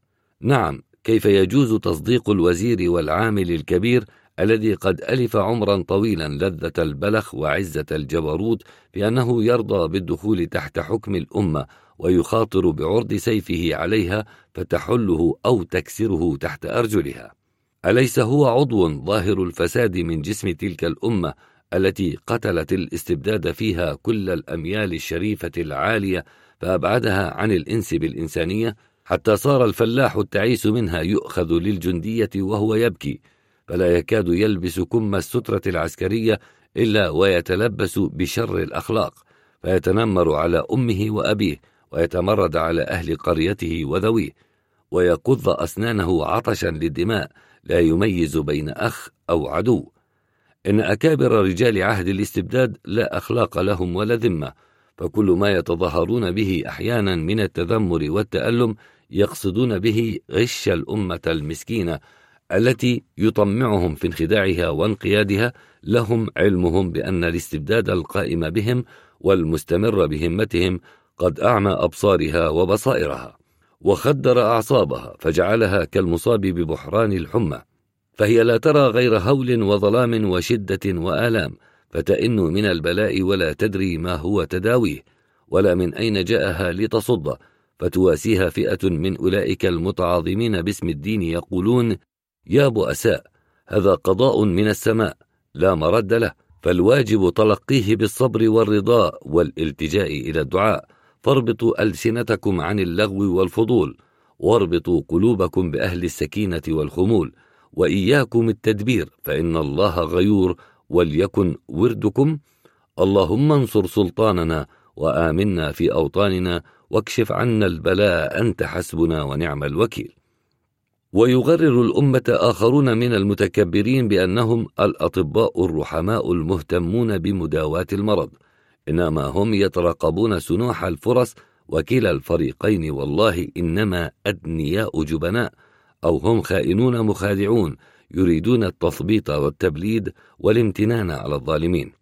من دلائل أن أولئك الأكابر مغرورون مخادعون يظهرون ما لا يبطنون أنهم لا يستصنعون إلا الأسافل الأراذل من الناس ولا يميلون لغير المتملقين المنافقين من أهل الدين كما هو شأن صاحبهم المستبد الأكبر ومنها أنه قد يوجد فيهم من لا يتنزل لقليل الرشوة أو السرقة. ولكن ليس فيهم العفيف عن الكثير. وكفى بما يتمتعون من الثروات الطائلة التي لا منبت لها غير الجاه برهانا فاضحا لو كانوا يستحون. ومنها أن ليس فيهم غير المستبيح المفاخر بمشاركة المستبد في امتصاص دم الأمة. ذلك بأخذهم العطايا الكبيرة والرواتب الباهظة التي تعادل أضعاف ما تسمح به الإدارة العادلة لأمثالهم. لأنها إدارة راشدة لا تدفع أجورا زائدة ومنها أنهم لا يصرفون شيئا ولو سرا من هذا السحت الكثير في سبيل مقاومة الاستبداد الذي يزعمون أنهم أعداؤه. إنما يصرف بعضهم منه شيئا في الصدقات الطفيفة وبناء المعابد سمعة ورياء وكأنهم يريدون أن يسرقوا أيضا قلوب الناس بعد سلب أموالهم أو أنهم يرشون الله ألا ساء ما يتوهمون ومنها أن أكثرهم مسرفون مبذرون فلا تكفي أحدهم الرواتب المعتدلة التي يمكن أن ينالها أجرة خدمة لا ثمن ذمة ومنها أنه قد يكون أحدهم شحيحا مقترا في نفقاته بحيث يخل في شرف مقامه فلا يصرف نصف أو ربع راتبه مع أنه يقبضه زائدا على أجر مثله لأجل حفظ شرف المقام العائد لشرف الأمة. وبهذا الشح يكون خائنا ومهينا. والحاصل أن الأكابر حريصون على أن يبقى الاستبداد مطلقا لتبقى أيديهم مطلقة في الأموال. هذا وإن ينكر التاريخ أن الزمان أوجد نادرا بعد وزراء وازروا الاستبداد عمرا طويلا ثم ندموا على ما فرطوا فتابوا وأنابوا ورجعوا لصف الأمة واستعدوا بأموالهم وأنفسهم لإنقاذها من داء الاستبداد. ولهذا لا يجوز اليأس من وجود بعض أفراد من الوزراء والقواد عريقين في الشهامة فيظهر فيهم سر الوراثة ولو بعد بطون أو بعد الأربعين وربما السبعين من أعمارهم ظهورا بينا تتلألأ في محيا صاحبه ثريا صدق النجابة. ولا ينبغي لأمة أن تتكل على أن يظهر فيها أمثال هؤلاء لأن وجودهم من نوع الصدف التي لا تبنى عليها آمال ولا أحلام. والنتيجة أن المستبد فرد عاجز لا حول له ولا قوة إلا بالمتمجدين. والأمة أي أمة كانت ليس لها من يحك جلدها غير ظفرها ولا يقودها إلا العقلاء بالتنوير والإهداء والثبات. حتى إذا ما اكفهرت سماء عقول بنيها قيض الله لها من جمعهم الكبير أفرادا كبار النفوس قادة أبرارا يشترون لها السعادة بشقائهم والحياة بموتهم حيث يكون الله جعل في ذلك لذتهم ولمثل تلك الشهادة الشريفة خلقهم كما خلق رجال عهد الاستبداد فساقا فجارا مهالكهم الشهوات والمثالب. فسبحان الذي يختار من يشاء لما يشاء وهو الخلاق العظيم. الاستبداد والمال. الاستبداد لو كان رجلا وأراد أن يحتسب وينتسب لقال أنا الشر وأبي الظلم وأم الإساءة وأخي الغدر وأخت المسكنة وعم الضر وخال الذل وابن الفقر وبنت البطالة وعشيرة الجهالة ووطني الخرب أما ديني وشرفي وحياتي فالمال المال المال. المال يصح في وصفه أن يقال القوة مال. والوقت مال والعقل مال والعلم مال والدين مال والثبات مال والجاه مال والجمع مال والترتيب مال والاقتصاد مال والشهرة مال والحاصل كل ما ينتفع به في الحياة هو مال. وكل ذلك يباع ويشترى أي يستبدل بعضه ببعض وموازين المعادلة هي الحاجة والعزة والوقت والتعب ومحافظة اليد والفضة والذهب والذمة وسوقه المجتمعات وشيخ السوق السلطان. فانظر في سوق يتحكم فيه مستبد يأمر زيدا بالبيع وينهى عمرا عن الشراء ويغصب بكرا ماله ويحابي خالدا من مال الناس. المال تعتوره الأحكام فمنه الحلال ومنه الحرام وهما بينان ولنعم الحاكم فيهما الوجدان. فالحلال الطيب ما كان عوض أعيان أو أجرة أعمال أو بدل وقت أو مقابل ضمان. والمال الخبيث الحرام هو ثمن الشرف ثم المغصوب ثم المسروق ثم المأخوذ إلجاء ثم المحتال فيه. إن النظام الطبيعي في كل الحيوانات حتى في السمك والهوام إلا أنثى العنكبوت. أن النوع الواحد منها لا يأكل بعضه بعضا والإنسان يأكل الإنسان. ومن غريزة سائر الحيوان أن يلتمس الرزق من الله أي من مورده الطبيعي. وهذا الإنسان الظالم نفسه حريص على اختطافه من يد أخيه بل من فيه بل كم أكل الإنسان الإنسان. الاستبداد والإنسان.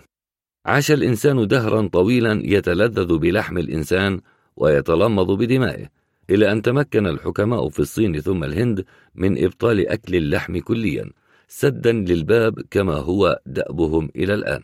ثم جاءت الشرائع الدينية الأولى في غربي آسيا بتخصيص ما يؤكل من الإنسان بأسير الحرب. ثم بالقربان ينذر للمعبود ويذبح على يد الكهان. ثم أبطل أكل لحم القربان وجعل طعمة للنيران. وهكذا تدرج الإنسان إلى نسيان لذة لحم إخوانه. وما كان لينسى عبادة إهراق الدماء لولا أن إبراهيم شيخ الأنبياء استبدل قربان البشر بالحيوان واتبعه موسى عليهما السلام وبه جاء الإسلام.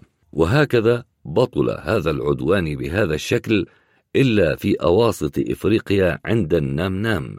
الاستبداد المشؤوم لم يرضى أن يقتل الإنسان الإنسان ذبحا ليأكل لحمه أكلا. كما كان يفعل الهمج الأولون بل تفنن في الظلم فالمستبدون يأسرون جماعتهم ويذبحونهم فصدا ببضع الظلم ويمتصون دماء حياتهم بغصب أموالهم ويقصرون أعمارهم باستخدامهم سخرة في أعمالهم أو بغصب ثمرات أتعابهم وهكذا لا فرق بين الأولين والآخرين في نهب الأعمار وإزهاق الأرواح إلا في الشكل إن بحث الاستبداد والمال بحث قوي العلاقة بالظلم القائم في فطرة الإنسان. ولهذا رأيت أن لا بأس في الاستطراد لمقدمات تتعلق نتائجها بالاستبداد الاجتماعي المحمي بقلاع الاستبداد السياسي. فمن ذلك أن البشر المقدر مجموعهم بألف وخمسمائة مليون نصفهم كل على النصف الآخر ويشكل أكثرية هذا النصف الكل نساء المدن. ومن النساء؟ النساء هن النوع الذي عرف مقامه في الطبيعة بأنه هو الحافظ لبقاء الجنس وأنه يكفي للألف منه ملقح واحد. وإن باقي الذكور حظهم أن يساقوا للمخاطر والمشاق أو هم يستحقون ما يستحقه ذكر النحل. وبهذا النظر اقتسمت النساء مع الذكور أعمال الحياة قسمة ضيزة وتحكمن بسن قانون عام به جعلن نصيبهن هين الأشغال بدعوى الضعف وجعلن نوعهن مطلوبا عزيزا بإيهام العفة وجعلن الشجاعة والكرم سيئتين فيهن محمدتين في الرجال وجعلن نوعهن يهين ولا يهان ويظلم أو يظلم فيعان. وعلى هذا القانون يربين البنات والبنين ويتلاعبن بعقول الرجال كما يشأن.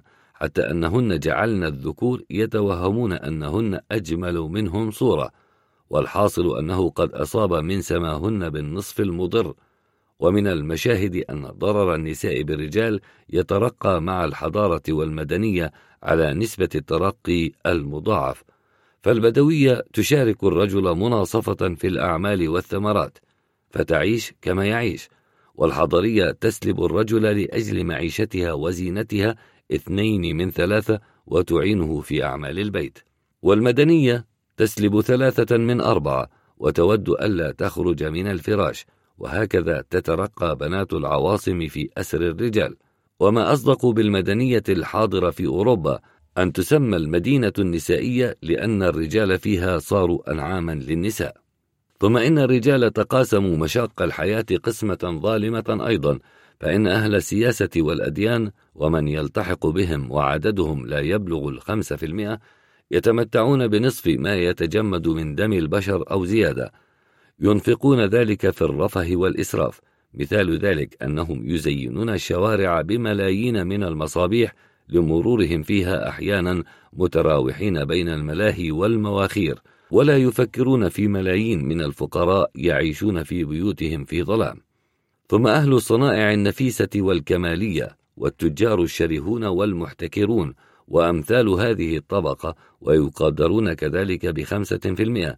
يعيش أحدهم بمثل ما يعيش به العشرات أو المئات أو الألوف من الصناع والزراع وجرثومة هذه القسمة المتفاوتة المتباعدة الظالمة هي الاستبداد لا غيره وهناك أصناف من الناس لا يعملون إلا قليلا. إنما يعيشون بالحيلة كالسماسرة والمشعوذين باسم الأدب أو الدين وهؤلاء يقدرون بخمسة عشر في المئة أو يزيدون على أولئك. نعم لا يقتضي أن يتساوى العالم الذي صرف زهوة حياته في تحصيل العلم النافع أو الصنعة المفيدة بذاك الجاهل النائم في ظل الحائط ولا ذاك التاجر المجتهد المخاطر بالكسول الخامل. ولكن العدالة تقتضي غير ذلك التفاوت بل تقتضي الإنسانية أن يأخذ الراقي بيد السافل فيقربه من منزلته ويقاربه في معيشته ويعينه على الاستقلال في حياته. لا لا لا يطلب الفقير معاونة الغني إنما يرجوه أن لا يظلمه ولا يلتمس منه الرحمة إنما يلتمس العدالة لا يؤمل منه الإنصاف. إنما يسأله أن لا يميته في ميدان مزاحمة الحياة. بسط المولى جلت حكمته سلطان الإنسان على الأكوان فطغى وبغى ونسي ربه وعبد المال والجمال وجعلهما منيته ومبتغاه كأنه خلق خادما لبطنه وعضوه فقط. لا شأن له غير الغداء والتحاك.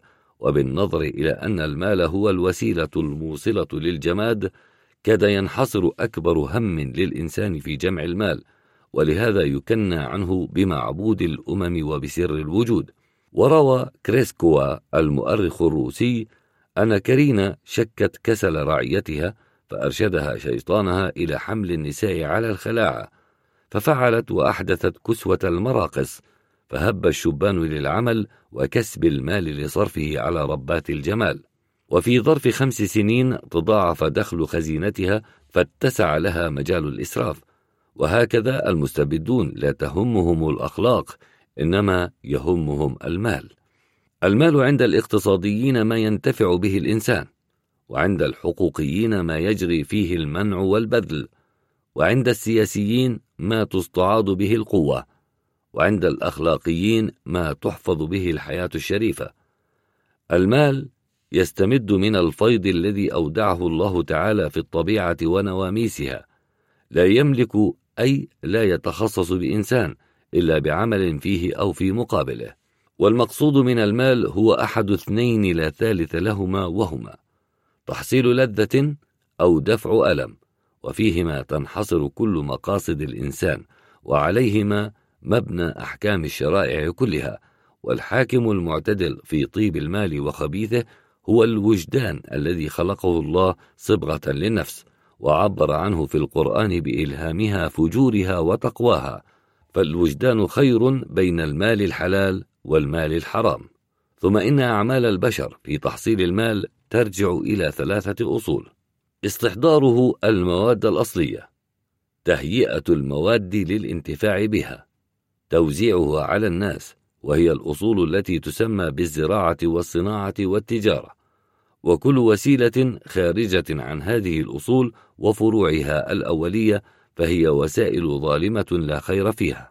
التمول أي ادخار المال طبيعة في بعض أنواع الحيوانات الدنيئة كالنمل والنحل ولا أثر له. في الحيوانات المرتقية غير الإنسان الإنسان تطبع على التمول لدواعي الحاجة المحققة أو الموهومة ولا تحقق للحاجة إلا عند سكان الأراضي الضيقة الثمرات على أهلها أو الأراضي المعرضة للقحط في بعض السنين ويلتحق بالحاجة المحققة حاجة العاجزين جسما عن الارتزاق في البلاد المبتلاه بجور الطبيعة أو جور الاستبداد. وربما يلتحق بها أيضا الصرف على المضطرين وعلى المصارف العمومية في البلاد التي ينقصها الانتظام العام. والمراد بالانتظام العام معيشة الاشتراك العمومي التي أسسها الإنجيل بتخصيصه عشر الأموال للمساكين ولكن لم يكد يخرج ذلك من القول إلى الفعل. ثم أحدث الإسلام سنة الاشتراك على أتم نظام ولكن لم تدم أيضا أكثر من قرن واحد كان فيه المسلمون لا يجدون من يدفعون لهم الصدقات والكفارات وذلك أن الإسلامية كما سبق بيانه أسست حكومة أرستقراطية المبنى ديمقراطية الإدارة فوضعت للبشر قانونا مؤسسا على قاعدة أن المال هو قيمة الأعمال ولا يجتمع في يد الأغنياء إلا بأنواع من الغلبة والخداع. فالعدالة المطلقة تقتضي أن يؤخذ قسم من مال الأغنياء ويرد على الفقراء بحيث يحصل التعديل ولا يموت النشاط للعمل. وهذه القاعدة يتمنى ما هو من نوعها أغلب العالم المتدني الإفرنجي وتسعى وراءها الآن جمعيات منهم منتظمة مكونة من ملايين كثيرة. وهذه الجمعيات تقصد حصول التساوي أو التقارب في الحقوق والحالة المعاشية بين البشر. وتسعى ضد الاستبداد المالي فتطلب أن تكون الأراضي والأملاك الثابتة وآلات المعامل الصناعية الكبيرة مشتركة الشيوع بين عامة الأمة وأن الأعمال والثمرات تكون موزعة بوجوه متقاربة بين الجميع وأن الحكومة تضع قوانين لكافة الشؤون حتى الجزئيات وتقوم بتنفيذها. وهذه الأصول مع بعض التعديل قررتها الإسلامية دينا وذلك أنها قررت أولا أنواع العشور والزكاة وتقسيمها على أنواع المصارف العامة وأنواع المحتاجين حتى المدينين. ولا يخفى على المدقق أن جزءا من أربعين من رؤوس الأموال يقارب نصف الأرباح المعتدلة باعتبار أنها خمسة بالمئة سنويا. وبهذا النظر يكون الأغنياء مضاربين للجماعة مناصفة. وهكذا يلحق فقراء الأمة بأغنيائها ويمنع تراكم الثروات المفرطة المولدة للاستبداد المضرة بأخلاق الأفراد. ثانيا، قررت أحكام محكمة تمنع محظور التواكل في الارتزاق، وتلزم كل فرد من الأمة متى اشتد ساعده أو ملك قوت يومه أو النصاب على الأكثر أن يسعى لرزقه بنفسه أو يموت جوعا. وقد لا يتأتى أن يموت الفرد جوعا إذا لم تكن حكومته مستبدة تضرب على يده وسعيه ونشاطه بمدافع استبدادها وقد قيل يبدأ الانقياد للعمل عند نهاية الخوف من الحكومة ونهاية الاتكال على الغير. ثالثا قررت الإسلامية ترك الأراضي الزراعية ملكا لعامة الأمة يستنبتها ويستمتع بخيراتها العاملون فيها بأنفسهم فقط وليس عليهم غير العشر أو الخراج الذي لا يجوز أن يتجاوز الخمس لبيت المال. رابعا جاءت الإسلامية بقواعد شرعية كلية تصلح للإحاطة بأحكام كافة الشؤون حتى الجزئية الشخصية، وأناطت تنفيذها بالحكومة كما تطلبه الآن أغلب جمعيات الاشتراكيين، على أن هذا النظام الذي جاء به الإسلام صعب الإجراء جدا، لأنه منوط بسيطرة الكل ورضاء الأكثر وهيهات. ولأن هناك منافع أدبية يعسر توزيعها ولا تتسامح فيها النفوس ولأن القانون الكثير الفروع يتعذر حفظه بسيطا ويكون معرضا للتأويل حسب الأعراض وللاختلاف في تطبيقه حسب الأهواء كما وقع فعلا في المسلمين فلم يمكنهم إجراء شريعتهم ببساطة وأمانة إلا عهدا قليلا. ثم تشعبت معهم الأمور بطبيعة اتساع الملك واختلاف طبائع الأمم وفقد الرجال الذي يمكنهم أن يسرقوا مئات ملايين من أجناس الناس الأبيض والأصفر والحضري والبدوي بعصا واحدة قرونا عديدة. ولا غرو إذا كانت المعيشة الاشتراكية من أبدع ما يتصوره العقل ولكن مع الأسف لم يبلغ البشر بعد من الترقي ما يكفي لتوسيعهم نظام التعاون والتضامن في المعيشة العائلية إلى إدارة الأمم الكبيرة. وكم جربت الأمم ذلك؟ فلم تنجح فيها إلا الأمم الصغيرة مدة قليلة. والسبب كما تقدم هو مجرد صعوبة التحليل والتركيب بين الصوالح والمصالح الكثيرة المختلفة والمتأمل في عدم انتظام حالة العائلات الكبيرة يقنع حالا بأن التكافل والتضامن غير ميسورين في الأمم الكبيرة ولهذا يكون خير حل مقدور للمسألة الاجتماعية هو ما يأتي. أولا يكون الإنسان حرا مستقلا في شؤونه كأنه خلق وحده. ثانيا تكون العائلة كأنها أمة وحدها. ثالثا تكون القرية أو المدينة مستقلة كأنها قارة واحدة لا علاقة لها بغيرها. رابعا تكون القبائل في الشعب أو الأقاليم في المملكة كأنها أفلاك كل منها مستقل في ذاته لا يربطها بمركز نظامها الاجتماعي وهو الجنس أو الدين أو الملك غير محض التجاذب المانع من الوقوع في نظام آخر لا يلائم طبائع حياتها. ثم إن التمول لأجل الحاجات السالفة الذكر وبقدرها فقط محمود بثلاثة شروط وإلا كان حرص التمول من أقبح الخصال. الشرط الأول أن يكون إحراز المال بوجه مشروع حلال أي بإحرازه من بذل الطبيعة أو بالمعاوضة أو في مقابل عمل أو في مقابل ضمان على ما تقوم بتفصيله الشرائع المدنية. والشرط الثاني أن لا يكون في التمول تضييق على حاجيات الغير كاحتكار الضروريات أو مزاحمة الصناع والعمال الضعفاء أو التغلب على المباحات مثل امتلاك الأراضي التي جعلها خالقها ممرحا لكافة مخلوقاته وهي أمهم ترضعهم لبن جهازاتها وتغذيهم بثمراتها وتؤويهم في حضن أجزائها. فجاء المستبدون الظالمون الأولون ووضعوا أصولا لحمايتها من أبنائها وحالوا بينهما. فهذه إيرلندا مثلا قد حماها ألف مستبد مالي من الإنجليز ليتمتعوا بثلثي أو ثلاثة أرباع ثمرات أتعاب عشرة ملايين من البشر الذين خلقوا من تربة إيرلندا. وهذه مصر وغيرها تقرب من ذلك حالا وستفوقها مالا.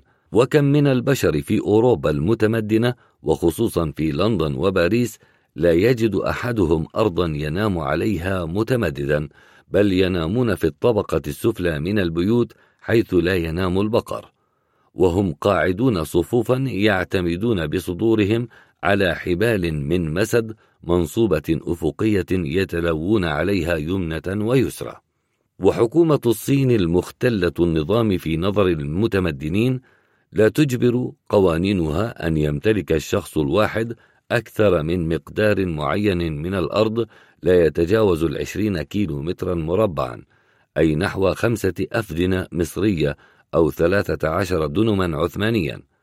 وروسيا المستبدة القاسية في عرف أكثر الأوروبيين وضعت أخيرا لولايتها البولونية والغربية قانونا أشبه بقانون الصين وزادت عليه أنها منعت سماع دعوى دين غير مسجل على فلاح. ولا تأذن لفلاح أن يستدين أكثر من نحو 500 فرانك. وحكومات الشرق إذا لم تستدرك الأمر فتضع قانونا من قبيل قانون روسيا تصبح الأراضي الزراعية بعد خمسين عاما أو قرنا على الأكثر كإيرلندا الإنجليزية المسكينة التي وجدت لها في مدى ثلاثة قرون شخصا واحدا حاول أن يرحمها فلم يفلح وأعني به جلادستون على أن الشرق ربما لا يجد في ثلاثين قرنا من يلتمس له الرحمة. والشرط الثالث لجواز التمول هو ألا يتجاوز المال قدر الحاجة بكثير لأن إفراط الثروة مهلكة للأخلاق الحميدة في الإنسان وهذا معنى الآية. كلا إن الإنسان ليطغى أن رآه استغنى والشرائع السماوية كلها وكذلك الحكمة الأخلاقية والعمرانية حرمت الربا صيانة لأخلاق المرابين من الفساد. لأن الربا هو كسب بدون مقابل مادي ففيه معنى الغصب وبدون عمل لأن المرابي يكسب وهو نائم ففيه الألفة على البطالة. ومن دون تعرض لخسائر طبيعية كالتجارة والزراعة والأملاك ففيه النماء المطلق المؤدي لانحصار الثروات. ومن القواعد الاقتصادية المتفق عليها أن ليس من كسب لا عار ولا احتكار فيه أربح من الربا مهما كان معتدلا وأن بالربا تربو الثروات فيختل التساوي أو التقارب بين الناس.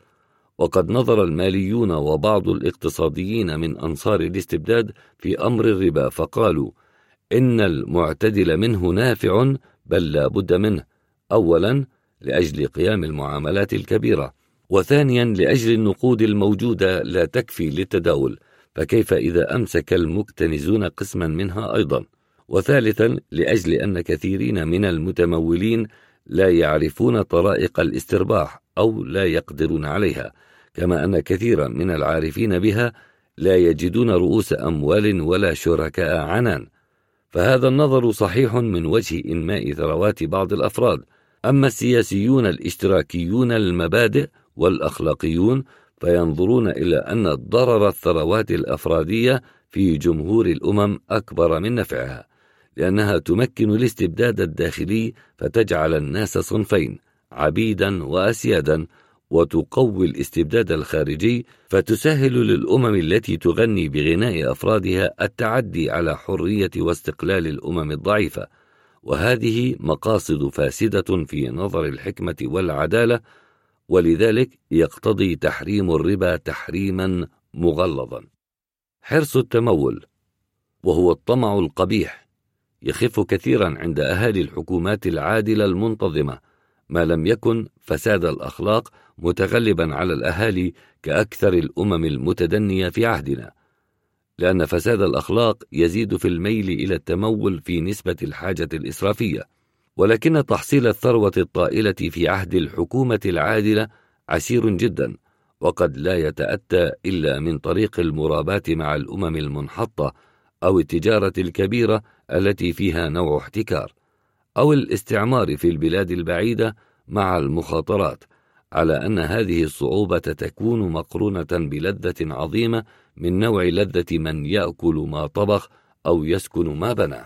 وحرص التمول القبيح يشتد كثيرا في رؤوس الناس في عهد الحكومات المستبدة حيث يسهل فيها تحصيل الثروة بالسرقة من بيت المال وبالتعدي على الحقوق العامة وبغصب ما في أيدي الضعفاء ورأس مال ذلك هو أن يترك الإنسان الدين والوجدان والحياء جانبا وينحط في أخلاقه إلى ملاءمة المستبد الأعظم أو أحد أعوانه وعماله. ويكفيه وسيلة أن يتصل بباب أحدهم ويتقرب من أعتابه. ويظهر له أنه في الأخلاق من أمثاله وعلى شاكلته. ويبرهن له ذلك بأشياء من التملق وشهادة الزور وخدمة الشهوات والتجسس والدلالة على السلب ونحو ذلك. ثم قد يطلع هذا المنتسب على بعض الخفايا والأسرار التي يخاف رجال الاستبداد من ظهورها خوفا حقيقيا أو وهميا فيكسب المنتسب رسوخ القدم ويصير هو بابا لغيره وهكذا يحصل على الثروة الطائلة إذا ساعدته الظروف على الثبات طويلا. وهذا أعظم أبواب الثروة في الشرق والغرب. ويليه الاتجار بالدين ثم الملاهي ثم الربا الفاحش وهي بئس المكاسب وبئس ما تؤثر في إفساد أخلاق الأمم. وقد ذكر المدققون أن ثروة بعض الأفراد في الحكومات العادلة أضر كثيرا منها في الحكومات المستبدة لأن الأغنياء في الأولى يصرفون قوتهم المالية في إفساد أخلاق الناس وإخلال المساواة وإيجاد الاستبداد. أما الأغنياء في الحكومات المستبدة فيصرفون ثروتهم في الأبهة والتعاظم إرهابا للناس وتعويضا للسفالة الحقيقية المنصبة عليهم بالتغالي الباطل ويسرفون الأموال في الفسق والفجور. بناء عليه ثروة هؤلاء يتعجلها الزوال حيث يغصبها الأقوى منهم من الأضعف وقد يسلبها المستبد الأعظم في لحظة وبكلمة. وتزول أيضا والحمد لله قبل أن يتعلم أصحابها أو ورثتهم كيف تحفظ الثروات وكيف تنمو وكيف يستعبدون بها الناس استعبادا أصوليا مستحكما كما هو الحال في أوروبا المتمدنة المهددة بشروط الفوضويين بسبب اليأس من مقاومة الاستبداد المالي فيها. ومن طبائع الاستبداد أنه لا يظهر فيه أثر فقر الأمة ظهورا بينا إلا فجأة قريب قضاء الاستبداد نحبه. وأسباب ذلك أن الناس يقتصدون في النسل وتكثر وفياتهم ويكثر تغربهم ويبيعون أملاكهم من الأجانب فتتقلص الثروة وتكثر النقود بين الأيدي وبأست من ثروة ونقود تشبه نشوة المذبوح.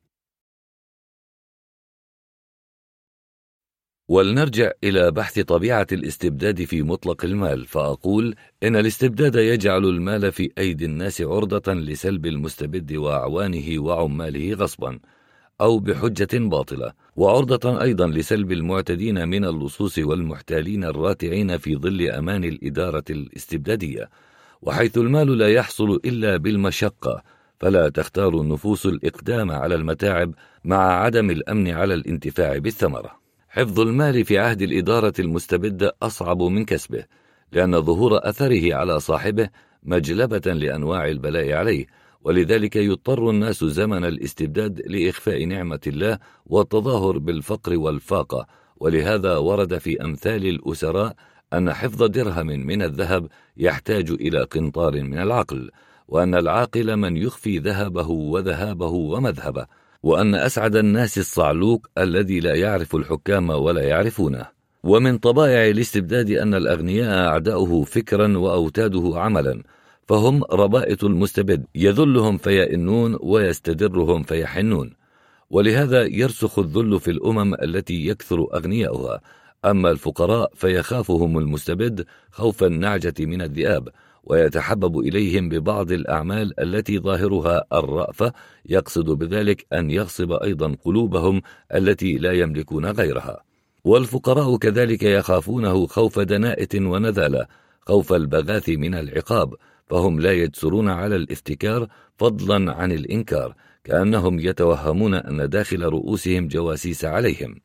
وقد يبلغ فساد الأخلاق في الفقراء أن يسرهم فعلا رضاء المستبد عنهم بأي وجه كان رضاؤه وقد خالف الأخلاقيون المتأخرون أسلافهم في قولهم ليس الفقر بعيب فقالوا الفقر أبو المعائب لأنه مفتقر للغير والغناء استغناء عن الناس ثم قالوا الفقر يذهب بعزة النفس ويفضي إلى خلع الحياء وقالوا إن لحسن اللباس والأمتعة والتنعم في المعيشة تأثيرا مهما على نفوس البشر خلافا لمن يقول ليس المرء بطيلسانه وحديث اخشوشنوا فإن النعم لا تدوم هو لأنه يحمل على التعود جسما على المشاق في الحروب والأسفار وعند الحاجة.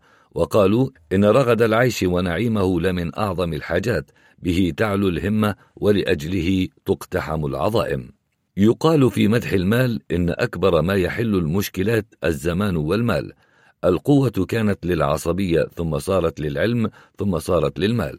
العلم والمال يطيلان عمر الإنسان حيث يجعلان شيخوخته كشبابه. لا يصان الشرف إلا بالدم ولا يتأتى العز إلا بالمال.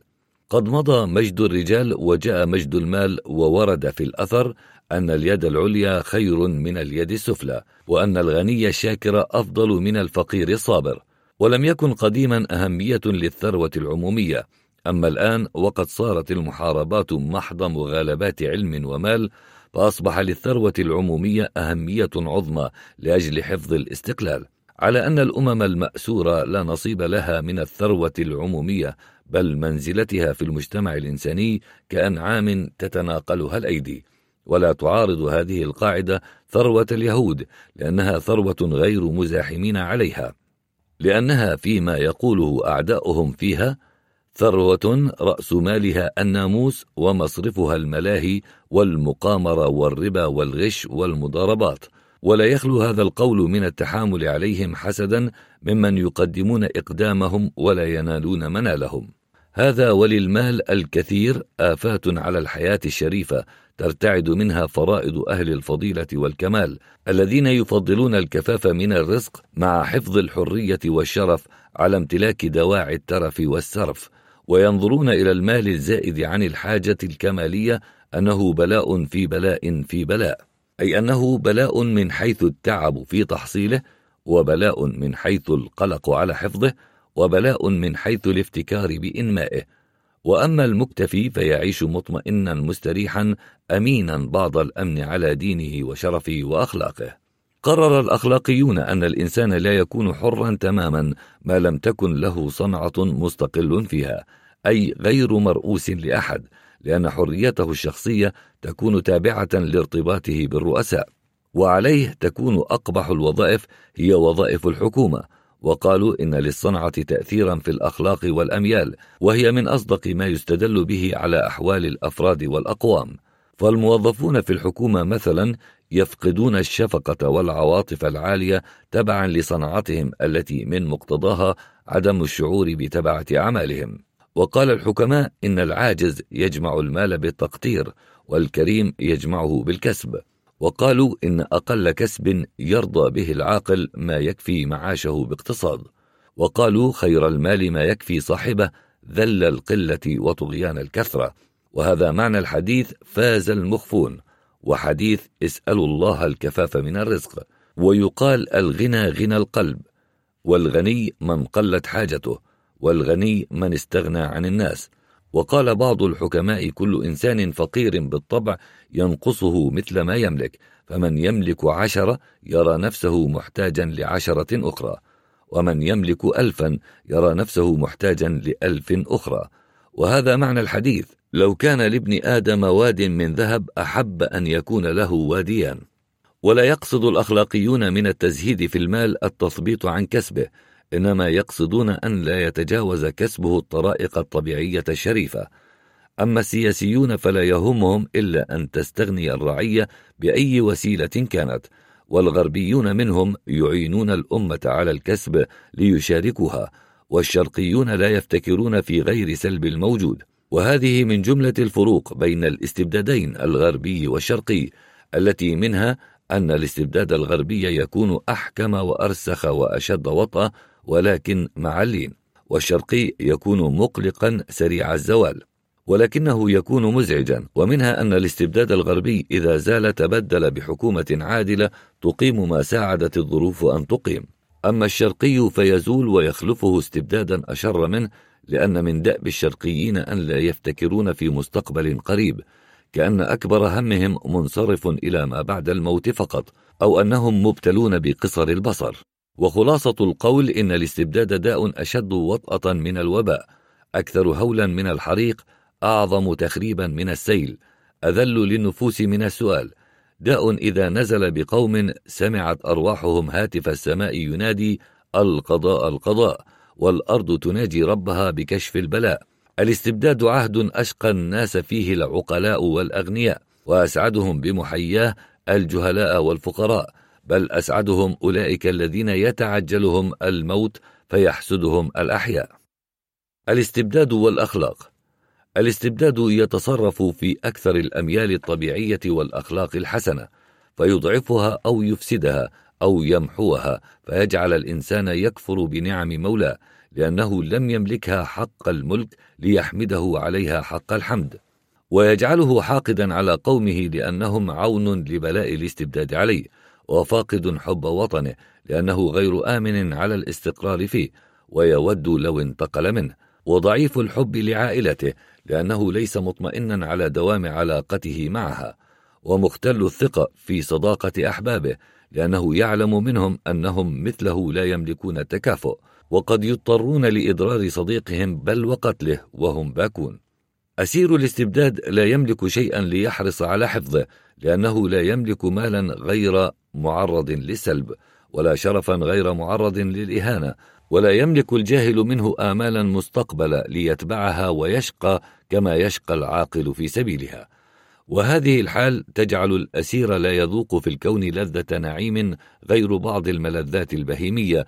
بناء عليه يكون شديد الحرص على حياته الحيوانية وإن كانت تعيسة. وكيف لا يحرص عليها وهو لا يعرف غيرها؟ أين هو من الحياة الأدبية؟ أين هو من الحياة الاجتماعية؟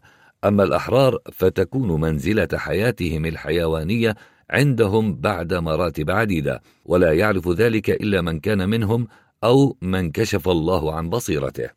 ومثال الأسراء في حرصهم على حياتهم الشيوخ فإنهم عندما تمسي حياتهم كلها أسقاما وآلاما ويقربون من أبواب القبور يحرصون على حياتهم أكثر من الشباب في مقتبل العمر في مقتبل الملاذ في مقتبل الآمال الاستبداد يسلب الراحة الفكرية فيضني الأجسام فوق ضناها بشقاء فتمرض العقول ويختل الشعور على درجات متفاوتة في الناس. والعوام الذين هم قليلو المادة في الأصل قد يصل مرضهم العقلي إلى درجة قريبة من عدم التمييز بين الخير والشر وفي كل ما ليس من ضروريات حياتهم الحيوانية.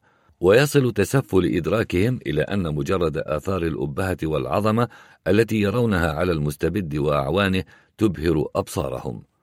مجرد سماع ألفاظ التفخيم في وصفه وحكايات قوته وصولته يزيغ أفكارهم. فيرون ويفكرون أن الدواء في الداء فينصاعون بين يدي الاستبداد انصياع الغنم بين أيدي الذئاب حيث هي تجري على قدميها جاهدة إلى مقر حتفها. ولهذا كان الاستبداد يستولي على تلك العقول الضعيفة للعامة فضلا عن الأجسام فيفسدها كما يريد ويتغلب على تلك الأذهان الضئيلة فيشوش فيها الحقائق بل البديهيات كما يهوى فيكون مثلهم في انقيادهم الأعمى للاستبداد ومقاومتهم للرشد والإرشاد مثل تلك الهوام التي تترامى على النار. وكم هي تغالب من يريد حجزها على الهلاك ولا غرابة في تأثير ضعف الأجسام على الضعف في العقول فإن في المرضى وخفة عقولهم وذوي العاهات ونقص إدراكهم شاهدا بينا كافيا يقاس عليه نقص عقول الأسراء البؤساء بالنسبة إلى الأحرار السعداء. كما يظهر الحال أيضا بأقل فرق بين الفئتين من الفرق البين في قوة الأجسام وغزارة الدم واستحكام الصحة وجمال الهيئات.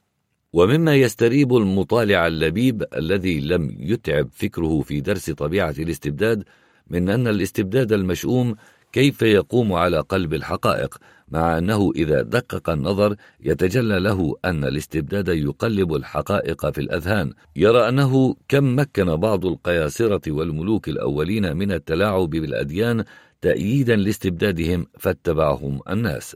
ويرى أن الناس وضعوا الحكومات لأجل خدمتهم والاستبداد قلب الموضوع فجعل الرعية خادمة للرعاة فقبلوا وقنعوا. ويرى أن الاستبداد استخدم قوة الشعب وهي هي قوة الحكومة على مصالحهم لا لمصالحهم فيرتضوا ويرضخوا. ويرى أنه قد قبل الناس من الاستبداد ما ساقهم إليه من اعتقاد أن طالب الحق فاجر وتارك حقه مطيع والمشتكي المتظلم مفسد.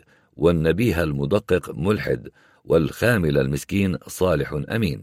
وقد اتبع الناس الاستبداد في تسميته النصح فضولا والغيرة عداوة والشهامة عتوا والحمية حماقة والرحمة مرضا. كما جاروه على اعتبار أن النفاق سياسة والتحيل كياسة والدناءة لطفا والنذارة دماثة.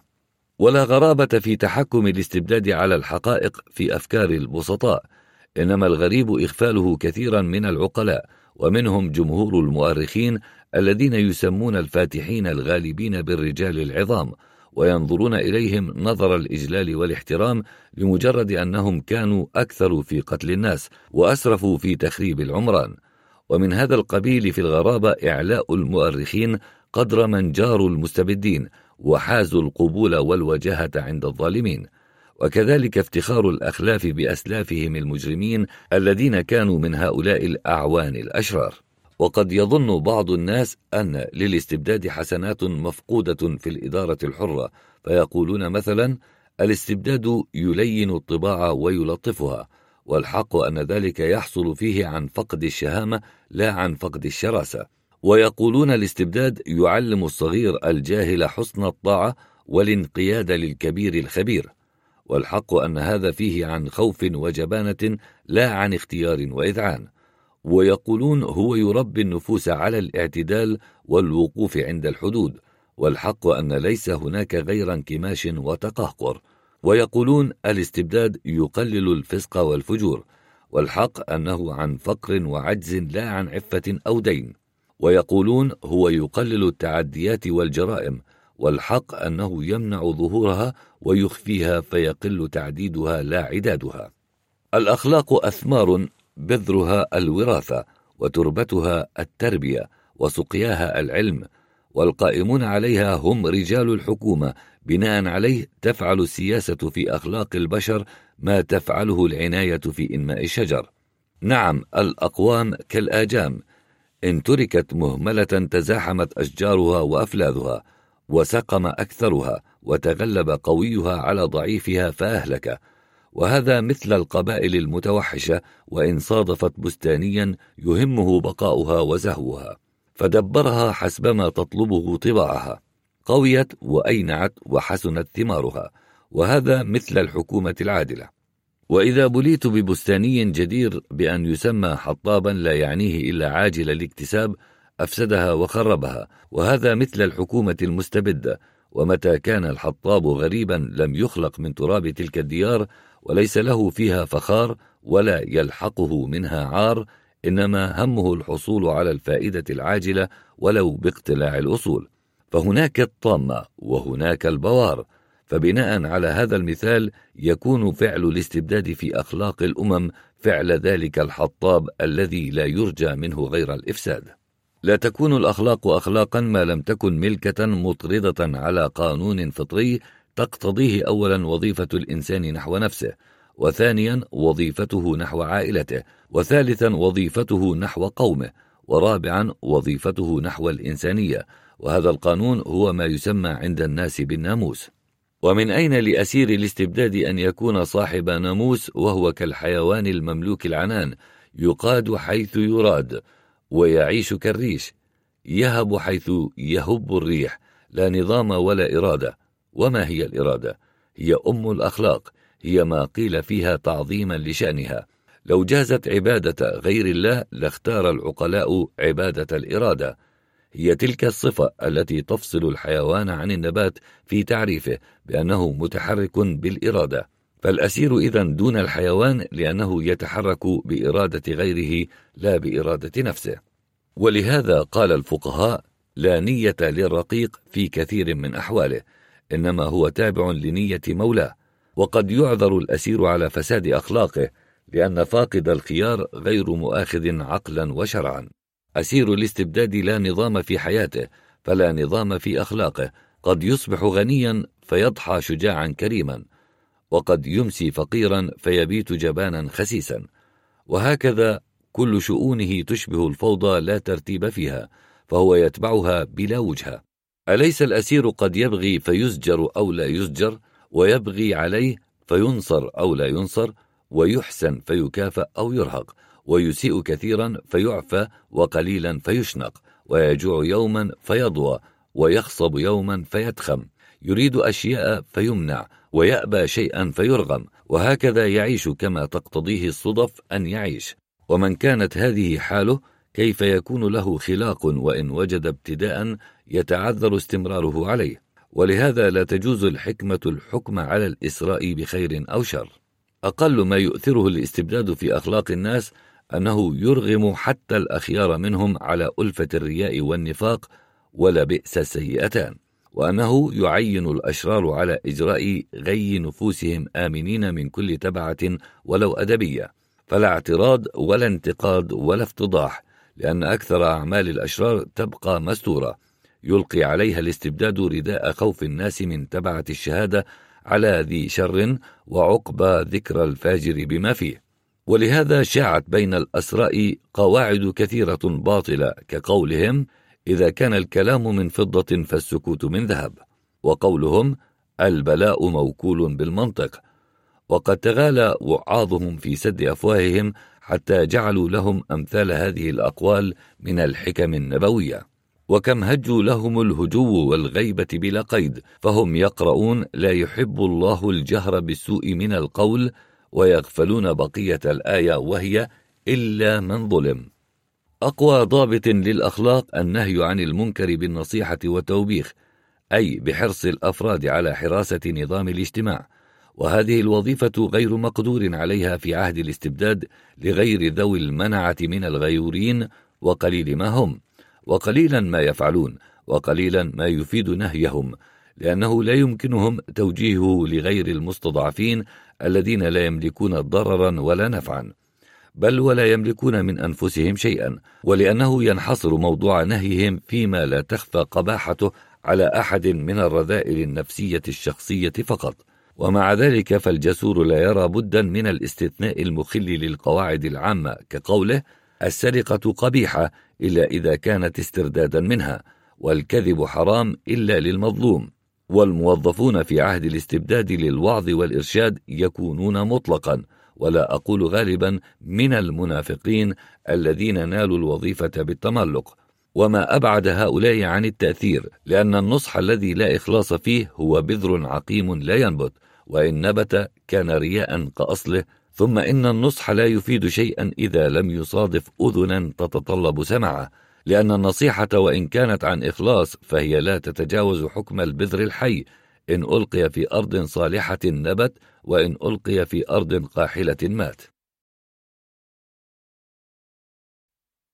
أما النهي عن المنكرات في الإدارة الحرة فيمكن لكل غيور على نظام قومه أن يقوم به بأمان وإخلاص وأن يوجه سهام قوارصه إلى الضعفاء والأقوياء سواء. فلا يخص بها الفقير المجروح الفؤاد بل تستهدف أيضا ذوي الشوكة والعناد. وأن يخوض في كل واد حتى في مواضيع تخفيف الظلم ومؤاخذة الحكام. وهذا هو النصح الإنكاري الذي يعدي ويجدي والذي أطلق عليه النبي عليه السلام اسم الدين تعظيما لشأنه فقال الدين النصيحة ولما كان ضبط أخلاق الطبقات العليا من الناس أهم الأمور أطلقت الأمم الحرة حرية الخطاب والتأليف والمطبوعات مستثنية القذف فقط. ورأت أن تحمل مضرة الفوضى في ذلك خير من التحديد لأنه لا مانع للحكام أن يجعلوا الشعرة من التقييد سلسلة من حديد يخنقون بها عدوتهم الطبيعة أي الحرية. وقد حمى القرآن قاعدة الإطلاق بقوله الكريم ولا يضار كاتب ولا شهيد الخصال تنقسم إلى ثلاثة أنواع. الأول الخصال الحسنة الطبيعية كالصدق والأمانة والهمة والمدافعة والرحمة والقبيحة الطبيعية كالرياء والاعتداء والجبانة والقسوة وهذا القسم تضافرت عليه كل الطبائع والشرائع.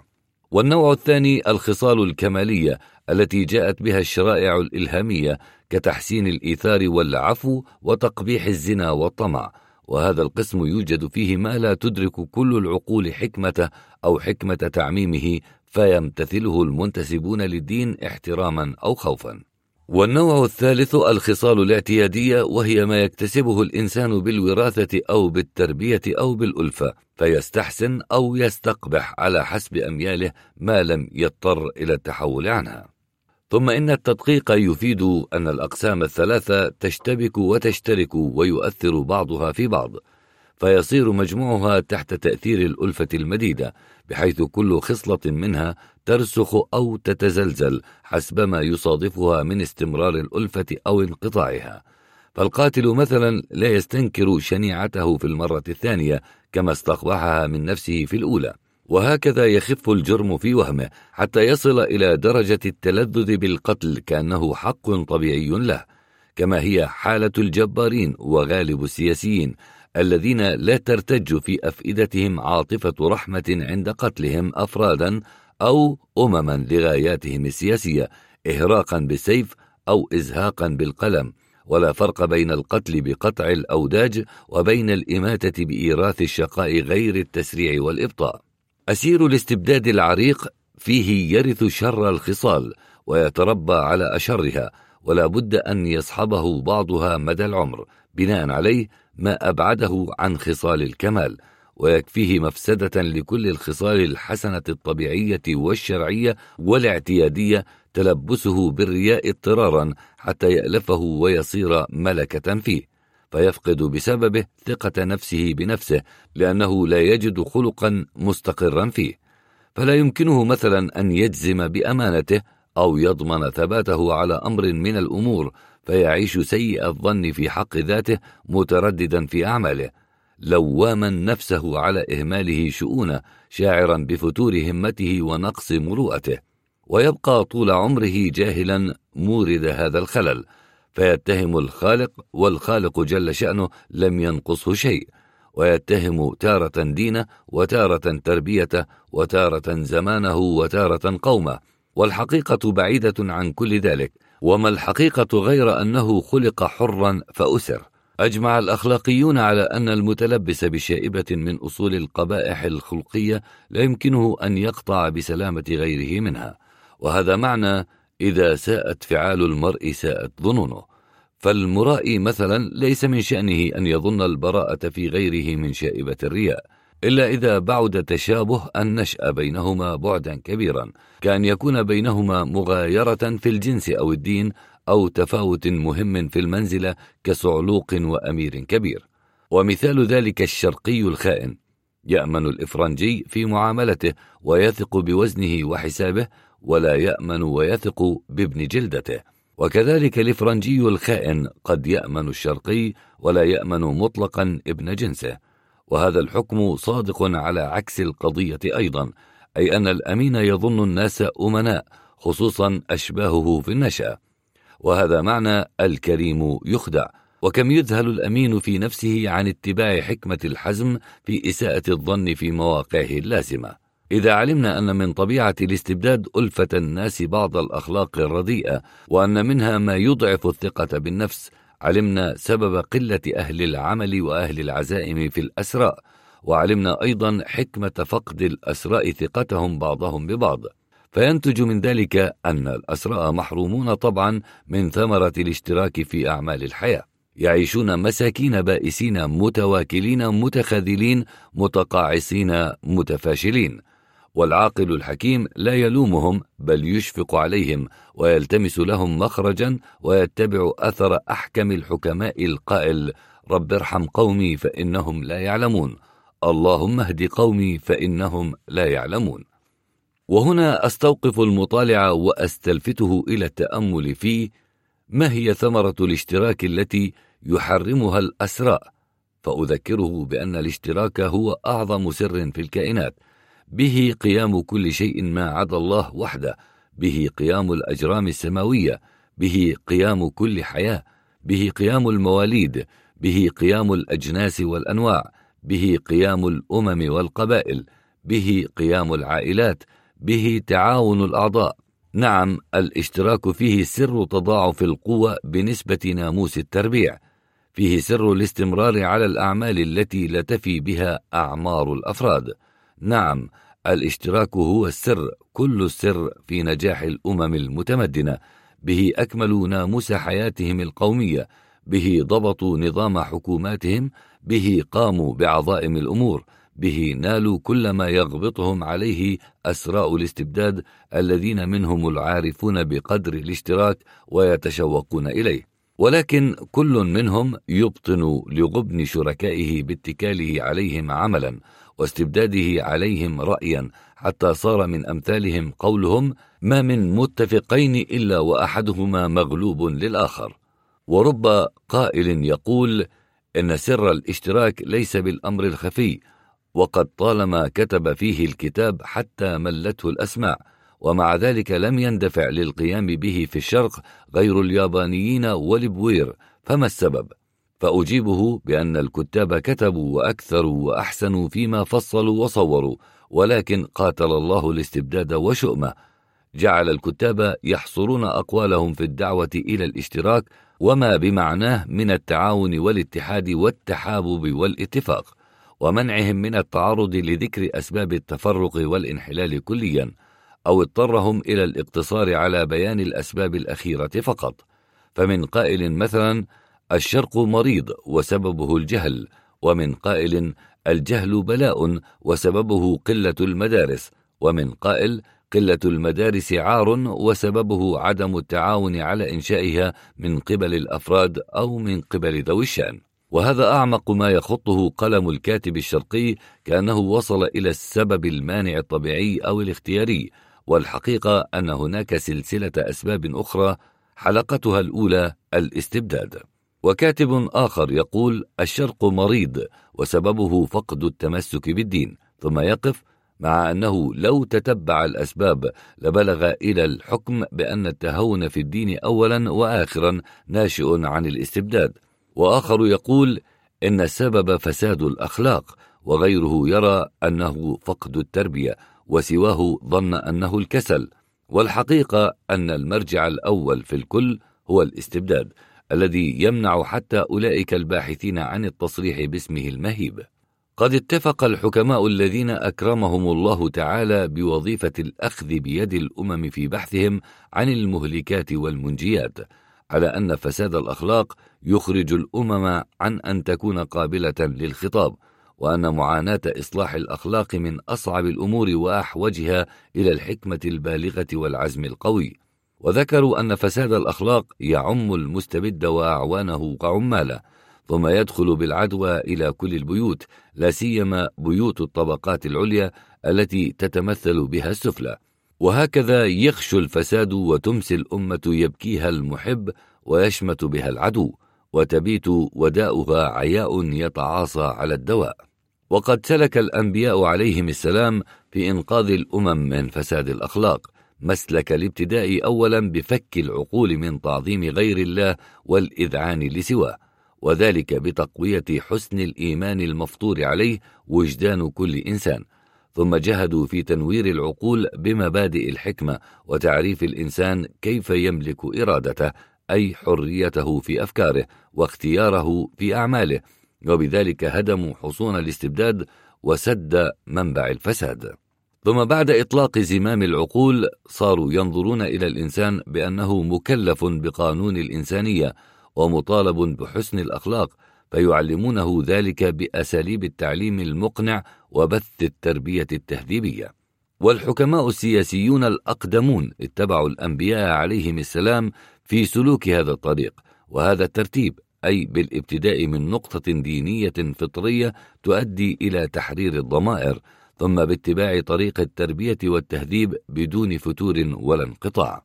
أما المتأخرون من قادة العقول في الغرب فمنهم فئة سلكوا طريقة الخروج بأممهم من حظيرة الدين وآدابه النفسية إلى فضاء الإطلاق وتربية الطبيعة زاعمين أن الفطرة في الإنسان أهدى به سبيلا. وحاجته إلى النظام تغنيه عن إعانة الأديان التي هي كالمخدرات سموم تعطل الحس بالهموم.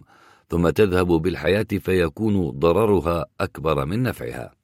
وقد ساعدهم على سلوك هذا المسلك أنهم وجدوا أممهم قد فشى فيها نور العلم. ذلك العلم الذي كان منحصرا في خدمة الدين عند المصريين والآشوريين ومحتكرا في أبناء الأشراف عند الغرناطيين والرومان ومخصصا في أعداد من الشبان المنتخبين عند الهنديين واليونان.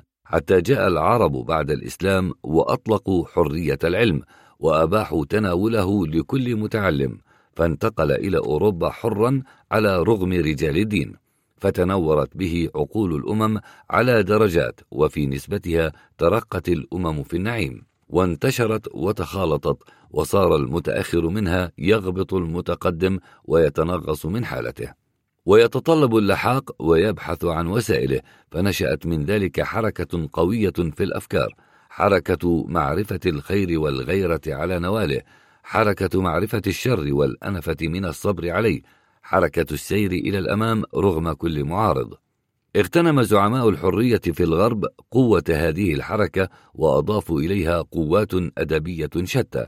كاستبدالهم ثقالة وقار الدين بزهوة عروس الحرية. حتى إنهم لم يبالوا بتمثيل الحرية بحسناء خليعة تختلف النفوس وكاستبدالهم رابطة الاشتراك في الطاعة للمستبدين برابطة الاشتراك في الشؤون العمومية. ذلك الاشتراك الذي يتولد منه حب الوطن وهكذا جعلوا قوة حركة الأفكار تيارا سلطوه على رؤوس الرؤوس من أهل السياسة والدين. ثم إن هؤلاء الزعماء استباحوا القساوة أيضا فأخذوا من مهجورات دينهم قاعدة الغاية تبرر الواسطة كجواز السرقة إذا كانت الغاية منها صرف المال في سبيل الخير وقاعدة ثقيل الذمة يبيح الفعل القبيح كشهادة الزور على ذمة الكاهن التي يتحمل عنه خطيئتها. ودفعوا الناس بهما إلى ارتكاب الجرائم الفظيعة التي تقشعر منها الإنسانية التي لا يستبيحها الحكيم الشرقي لما بين أبناء الغرب وأبناء الشرق من التباين في الغرائز والأخلاق. الغربي مادي الحياة قوي النفس شديد المعاملة حريص على الاستئثار حريص على الانتقام كأنه لم يبق عنده شيء من المبادئ العالية والعواطف الشريفة التي نقلتها له مسيحية الشرق. فالجرماني مثلا جاف الطبع يرى أن العضو الضعيف من البشر يستحق الموت ويرى كل فضيلة في القوة وكل القوة في المال فهو يحب العلم ولكن لأجل المال ويحب المجد ولكن لأجل المال. وهذا اللاتيني مطبوع على العجب والطيش يرى العقل في الإطلاق والحياة في خلع الحياء والشرف في الترف والكياسة في الكسب والعز في الغلبة واللذة في المائدة والفراش. أما أهل الشرق فهم أدبيون ويغلب عليهم ضعف القلب وسلطان الحب والإصغاء للوجدان والميل للرحمة ولو في غير موقعها واللطف ولو مع الخصم ويرون العز في الفتوة والمروءة والغنى في القناعة والفضيلة والراحة في الأنس والسكينة واللذة في الكرم والتحبب وهم يغضبون ولكن للدين فقط ويغارون ولكن على العرض فقط. ليس من شأن الشرقي أن يسير مع الغربي في طريق واحدة فلا تطاوعه طباعه على استباحة ما يستحسنه الغربي. وإن تكلف تقليده في أمر فلا يحسن التقليد.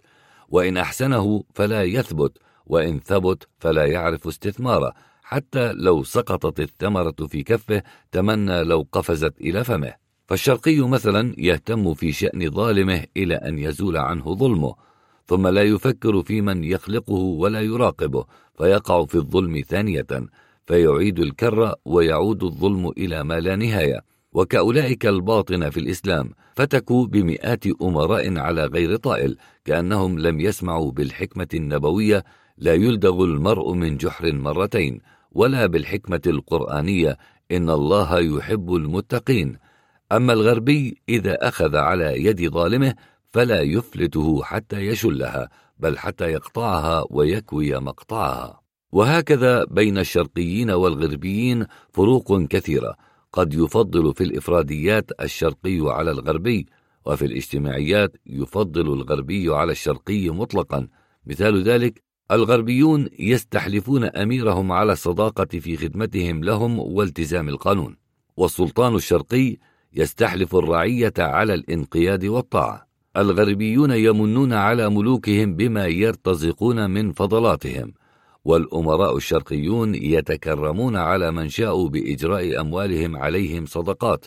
الغربي يعتبر نفسه مالكا لجزء مشاع من وطنه. والشرقي يعتبر نفسه وأولاده وما في يديه ملكا لأميره. الغربي له على أميره حقوق وليس عليه حقوق والشرقي عليه لأميره حقوق وليس له حقوق. الغربيون يضعون قانونا لأميرهم يسري عليه والشرقيون يسيرون على قانون مشيئة أمرائهم. الغربيون قضاؤهم وقدرهم من الله والشرقيون قضاؤهم وقدرهم ما يصدر من بين شفتي المستعبدين. الشرقي سريع التصديق والغربي لا ينفي ولا يثبت حتى يرى ويلمس. الشرقي أكثر ما يغار على الفروج كأن شرفه كله مستودع فيها. والغربي أكثر ما يغار على حريته واستقلاله.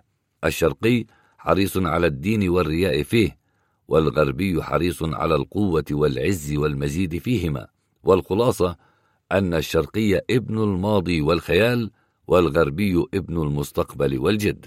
الحكماء المتأخرون الغربيون ساعدتهم ظروف الزمان والمكان وخصوصية الأحوال لاختصار الطريق فسلكوه واستباحوا ما استباحوا حتى إنهم استباحوا في التمهيد السياسي تشجيع أعوان المستبد على تجديد وطأة الظلم والاعتساف بقصد تعميم الحقد عليه.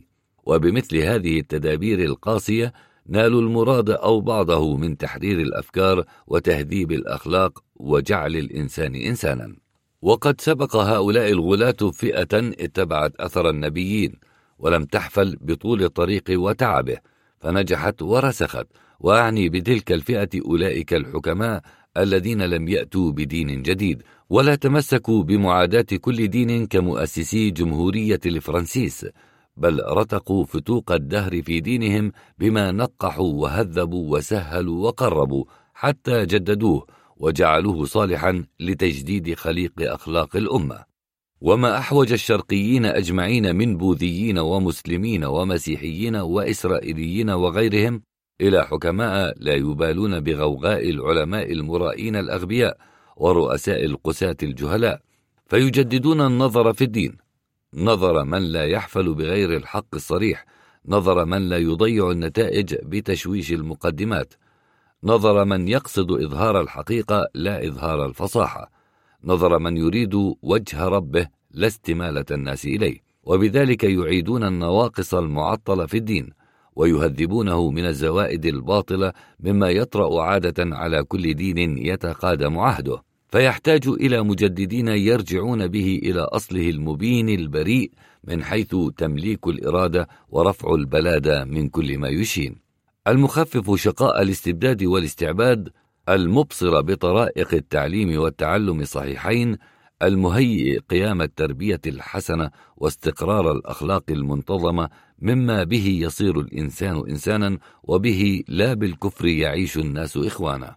والشرقيون ما داموا على حاضر حالهم بعيدين عن الجد والعزم مرتاحين للهو والهزل تسكينا لآلام اثاره النفس وإخلادا إلى الخمول والتسفل طلبا لراحة الفكر المضغوط عليه من كل جانب يتألمون من تذكيرهم بالحقائق ومطالبتهم بالوظائف ينتظرون زوال العناد بالتواكل أو مجرد التمني والدعاء أو يتربصون صدفة مثل التي نالتها بعض الأمم. فليتوقعوا اذا أن يفقدوا الدين كليا فيمسوا وما مساؤهم ببعيد دهريين لا يدرون أي الحياتين أشقى.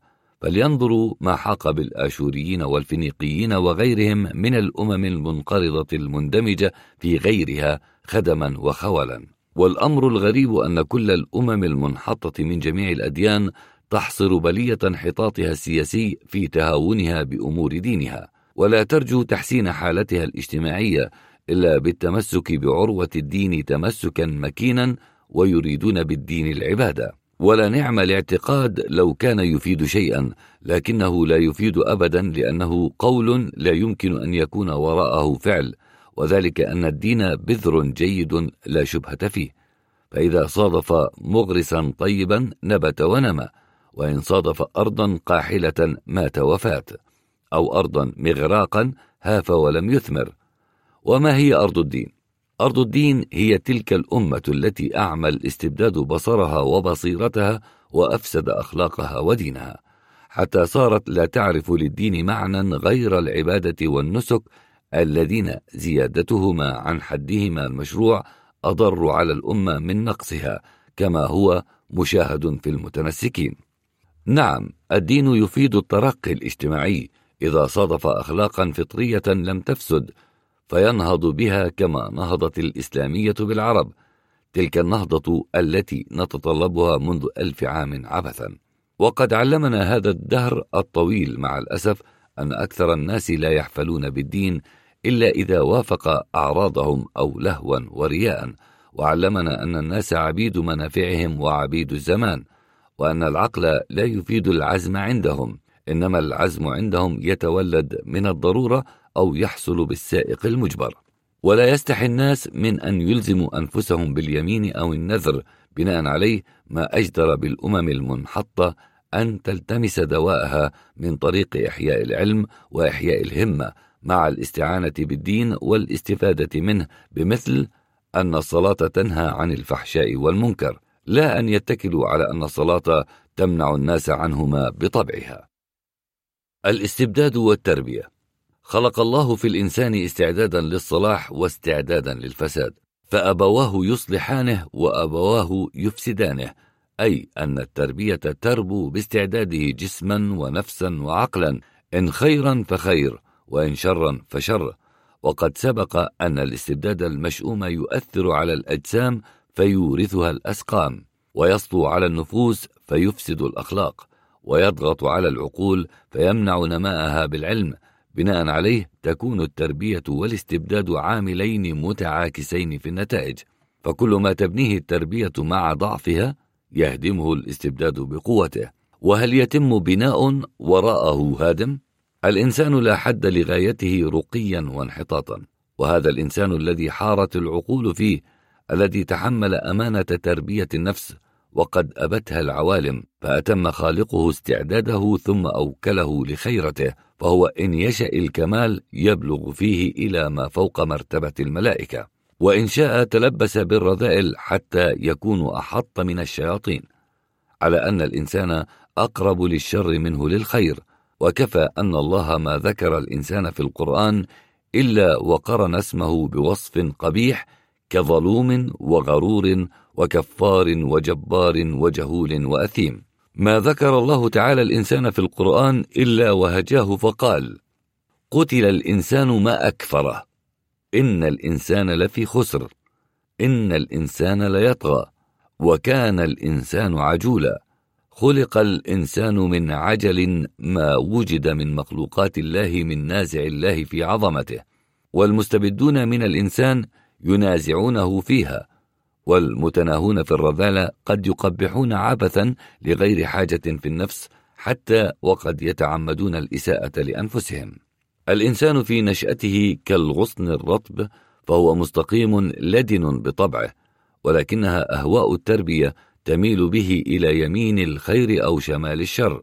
فإذا شب يبس وبقي على أمياله ما دام حيا بل تبقى روحه إلى أبد الآبدين في نعيم السرور بإيفائه حق وظيفة الحياة أو في جحيم الندم على تفريطه وربما كان لا غرابة في تشبيه الإنسان بعد الموت بالمرء الفرح الفخور إذا نام ولذت له الأحلام أو بالمجرم الجاني إذا نام فغشيته قوارص الوجدان بهواجس كلها ملام وآلام. التربية ملكة تحصل بالتعليم والتمرين والقدوة والإقتباس فأهم أصولها وجود المربين وأهم فروعها وجود الدين. وجعلت الدين فرعا لا أصلا لأن الدين علم لا يفيد العمل إذا لم يكن مقرونا بالتمرين. وهذا هو سبب اختلاف الأخلاف من علماء الدين عند الإسلام عن أمثالهم من البراهمة والنصارى. وهو سبب إقبال المسلمين في القرن الخامس وفيما بعده على قبول أصول الطرائق التي كانت لبا محضا لما كانت تعليما وتمرينا أي تربية للمريدين. ثم خالطها القشر ثم صارت قشرا محضا ثم صار أكثرها لهوا أو كفرا. ملكة التربية بعد حصولها إن كانت شرا تضافرت مع النفس ووليها الشيطان الخناس فرسخت. وإن كانت خيرا تبقى مقلقة كالسفينة في بحر الأهواء لا يرسو بها إلا فرعها الديني في السر والعلانية أو الوازع السياسي عند يقين العقاب. والاستبداد ريح صرصر فيه إعصار يجعل الإنسان كل ساعة في شأن وهو مفسد للدين في أهم قسميه أي الأخلاق. وأما العبادات منه فلا يمسها لأنها تلائمه في الأكثر. ولهذا تبقى الأديان في الأمم المأسورة عبارة عن عبادات مجردة صارت عادات فلا تفيد في تطهير النفوس شيئا ولا تنهى عن فحشاء ولا منكر لفقد الإخلاص فيها تبعا لفقده في النفوس التي ألفت أن تتلجأ وتتلوى بين يدي سطوة الاستبداد في زوايا الكذب والرياء والخداع والنفاق. ولهذا لا يستغرب في الأسير الأليف تلك الحال أي الرياء أن يستعمله أيضا مع ربه ومع أبيه وأمه وقومه وجنسه حتى ومع نفسه. التربية تربية الجسم وحده إلى سنتين. هي وظيفة الأم أو الحاضنة ثم تضاف إليها تربية النفس إلى السابعة وهي وظيفة الأبوين والعائلة معا. ثم تضاف إليها تربية العقل إلى البلوغ وهي وظيفة المعلمين والمدارس. ثم تأتي تربية القدرة بالأقربين والخلطاء إلى الزواج. وهي وظيفة الصدفة ثم تأتي تربية المقارنة وهي وظيفة الزوجين إلى الموت أو الفراق. ولا بد أن تصحب التربية من بعد البلوغ تربية الظروف المحيطة وتربية الهيئة الاجتماعية وتربية القانون أو السير السياسي وتربية الإنسان نفسه. الحكومات المنتظمة هي تتولى ملاحظة تسهيل تربية الأمة من حين تكون في ظهور الآباء وذلك بأن تسن قوانين النكاح. ثم تعتني بوجود القابلات والملقحين والأطباء ثم تفتح بيوت الأيتام اللقطاء ثم تعد المكاتب والمدارس للتعليم من الابتدائي الجبري إلى أعلى المراتب ثم تسهل الاجتماعات وتمهد المسارح وتحمي المنتديات وتجمع المكتبات والآثار وتقيم النصب المذكرات وتضع القوانين المحافظة على الأداب والحقوق وتسهر على حفظ العادات القومية. وإنماء الإحساسات المالية وتقوي الآمال وتيسر الأعمال وتؤمن العاجزين فعلا عن الكسب من الموت جوعا وتدفع سليمي الأجسام إلى الكسب ولو في أقصى الأرض وتحمي الفضل وتقدر الفضيلة وهكذا تلاحظ كل شؤون المرء ولكن من بعيد كي لا تخل بحريته واستقلاله الشخصي فلا تقرب منه إلا إذا جنى جرما لتعاقبه أو مات لتواريه. وهكذا الأمة تحرص على أن يعيش ابنها راضيا بنصيبه من حياته. لا يفتكر قط كيف تكون بعده حالة صبية ضعاف يتركهم وراءه بل يموت مطمئنا راضيا مرضيا آخر دعائه فلتحيا الأمة فلتحيا الهمة. أما المعيشة الفوضى في الإدارات المستبدة فهي غنية عن التربية لأنها محض نماء يشبه نماء الأشجار الطبيعية في الغابات والأحراش. يسطو عليها الحرق والغرق وتحطمها العواصف والأيدي القواصف. ويتصرف في فسائلها وفروعها الفأس الأعمى. فتعيش ما شاءت رحمة الحطابين أن تعيش والخيار للصدفة تعوج أو تستقيم تثمر أو تعقم. يعيش الإنسان في ظل العدالة والحرية نشيطا على العمل بياض نهاره. وعلى الفكر سواد ليله. إن طعم تلذذ وإن تلهى تروح وتريض لأنه هكذا رأى أبويه وأقرباءه وهكذا يرى قومه الذين يعيش بينهم يراهم رجالا ونساء أغنياء وفقراء ملوكا وسعاليق كلهم دائبين على الأعمال يفتخر منهم كاسب الدينار بكده وجده على مالك المليار إرثا عن أبيه وجده. نعم يعيش العامل ناعم البال يسره النجاح ولا تقبضه الخيبة.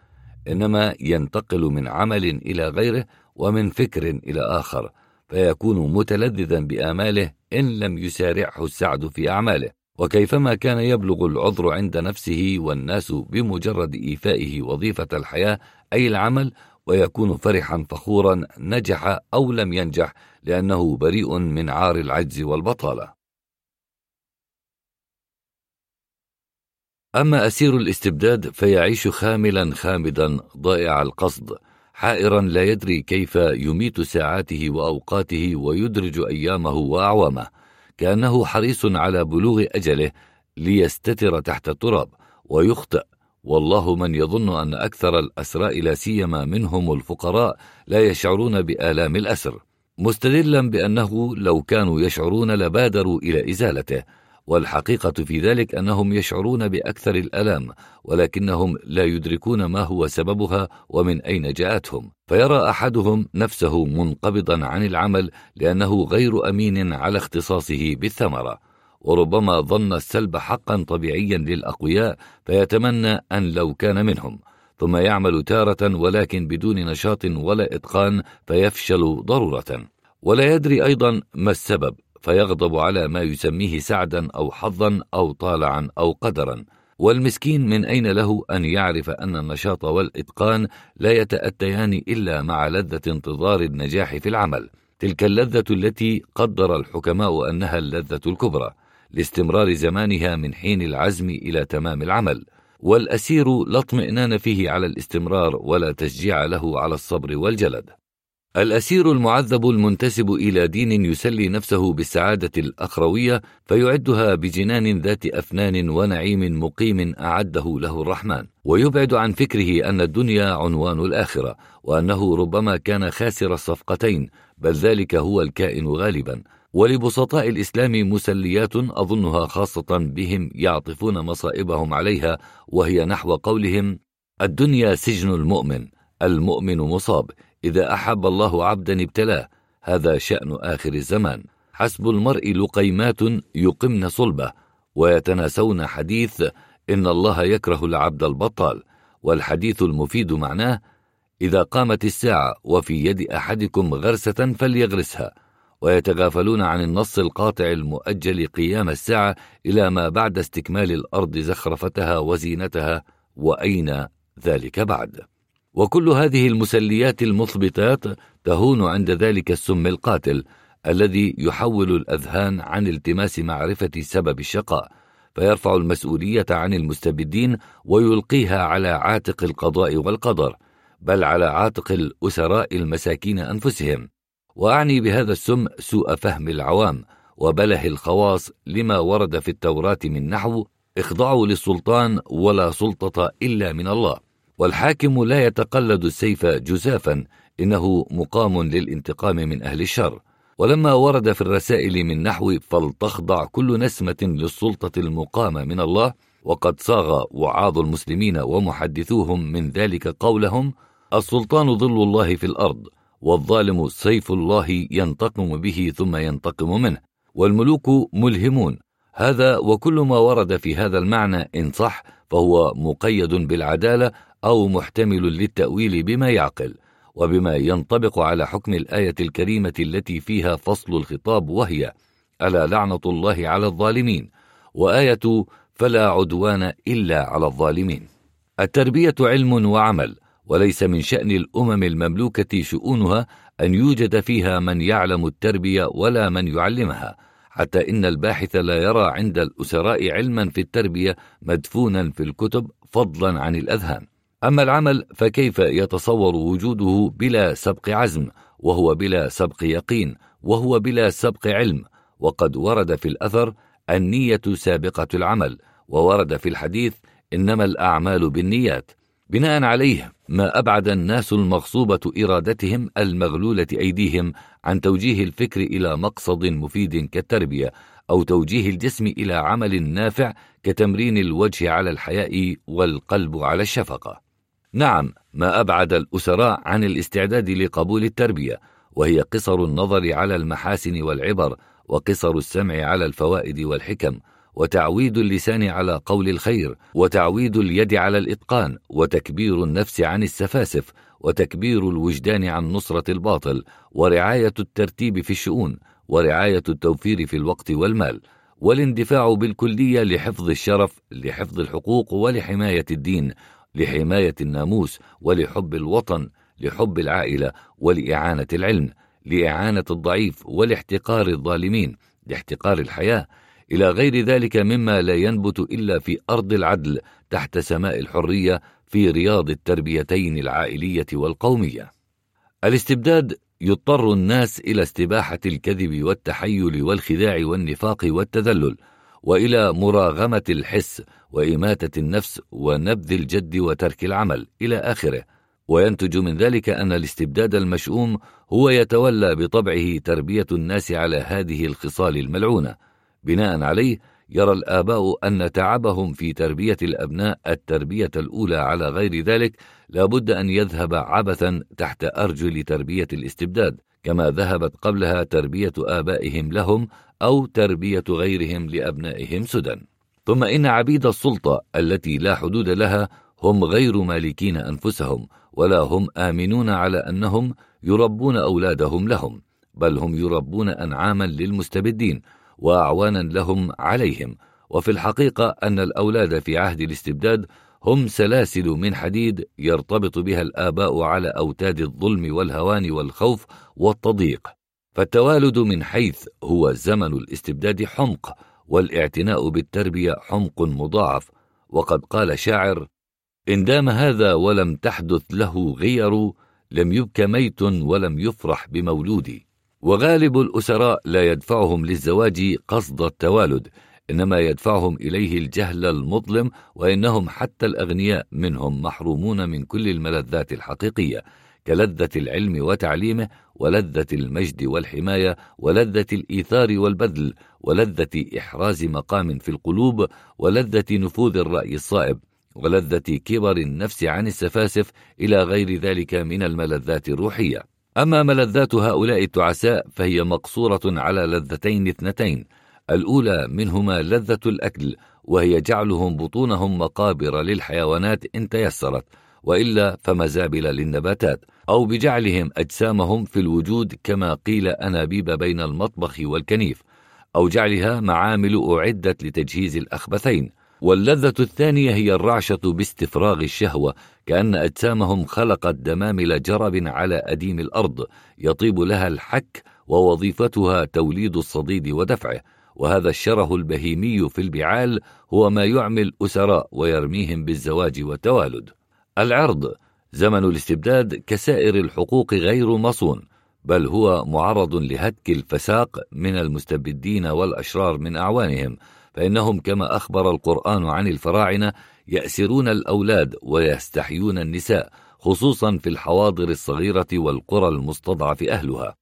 ومن الأمور المشاهدة أن الأمم التي تقع تحت أسر أمة تغايرها في السيماء لا يمضي عليها أجيال إلا وتخشو فيها سيماء الآسرين كسواد العيون في الإسبانيول وبياض البشرة في الإفريقيين وعدم الاطمئنان على العرض يضعف الحب الذي لا يتم إلا بالاختصاص ويضعف لصقة الأولاد بأزواج أمهاتهم فتضعف الغيرة على تحمل مشاق التربية. تلك الغيرة التي لأجلها شرع الله النكاح وحرم السفاح. للسعة والفقر أيضا دخل كبير في تسهيل التربية. وأين الأسراء من السعة؟ كما أن لانتظام المعيشة ولو مع الفقر علاقة قوية في التربية. ومعيشة الأسراء أغنياء كانوا أو معدمين كلها خلل في خلل وضيق في ضيق. وذلك يجعل الأسير هين النفس. وهذا أول دركات الانحطاط. ويرى ذاته لا يستحق المزيد في النعيم مطعما ومشربا وملبسا ومسكنا. وهذا ثاني الدركات ويرى استعداده قاصرا عن الترقي في العلم وهذا ثالثها ويرى حياته على بساطتها لا تقوى إلا بمعاونة غيره له وهذا رابعها وهال مجرة بناء عليه ما أبعد الأسراء عن النشاط للتربية ثم لماذا يتحملون مشاق التربية وهم إن نوروا أولادهم بالعلم جنوا عليهم بتقوية إحساسهم فيزيدونهم شقاء ويزودونهم بلاء ولهذا لا غرو أن يختار الأسراء الذين فيهم بقية من الإدراك ترك أولادهم هملا تجرفهم البلاهة إلى حيث تشاء. وإذا افتكرنا كيف ينشأ الأسير في البيت الفقير وكيف يتربى نجد أنه يلقح به وفي الغالب أبواه متناكدان متشاكسان. ثم إذا تحرك جنينا حرك شراسة أمه فشتمته أو زاد آلام حياتها فضربته. فإذا ما نما ضيقت عليه بطنها لألفتها الانحناء خمولا والتصرر صغارا. والتقلص لضيق فراش الفقر. ومتى ولدته ضغطت عليه بالقمات اقتصادا أو جهلا. فإذا تألم وبكى سدت فمه بثديها أو نفسه خضا أو بدوار السرير أو سقته مخدرا عجزا عن نفقة الطبيب. فإذا ما فطم يأتيه الغذاء الفاسد يضيق معدته ويفسد مزاجه. فإن كان قوي البنية طويل العمر وترعرع يمنع من رياضة اللعب لضيق البيت. فإن سأل واستفهم ماذا وما هذا ليتعلم يزجر ويلكم لضيق خلق أبويه وإن جالسهما ليألف المعاشرة وينتفي عنه التوحش يبعدانه كي لا يقف على أسرارهما فيسترقها منه الجيران الخلطاء. فتنمى إلى أعوان الظالمين وما أكثرهم فإذا قويت رجلاه يدفع به إلى خارج الباب إلى مدرسة الألفة على القذارة وتعلم صيغ الشتائم والسباب.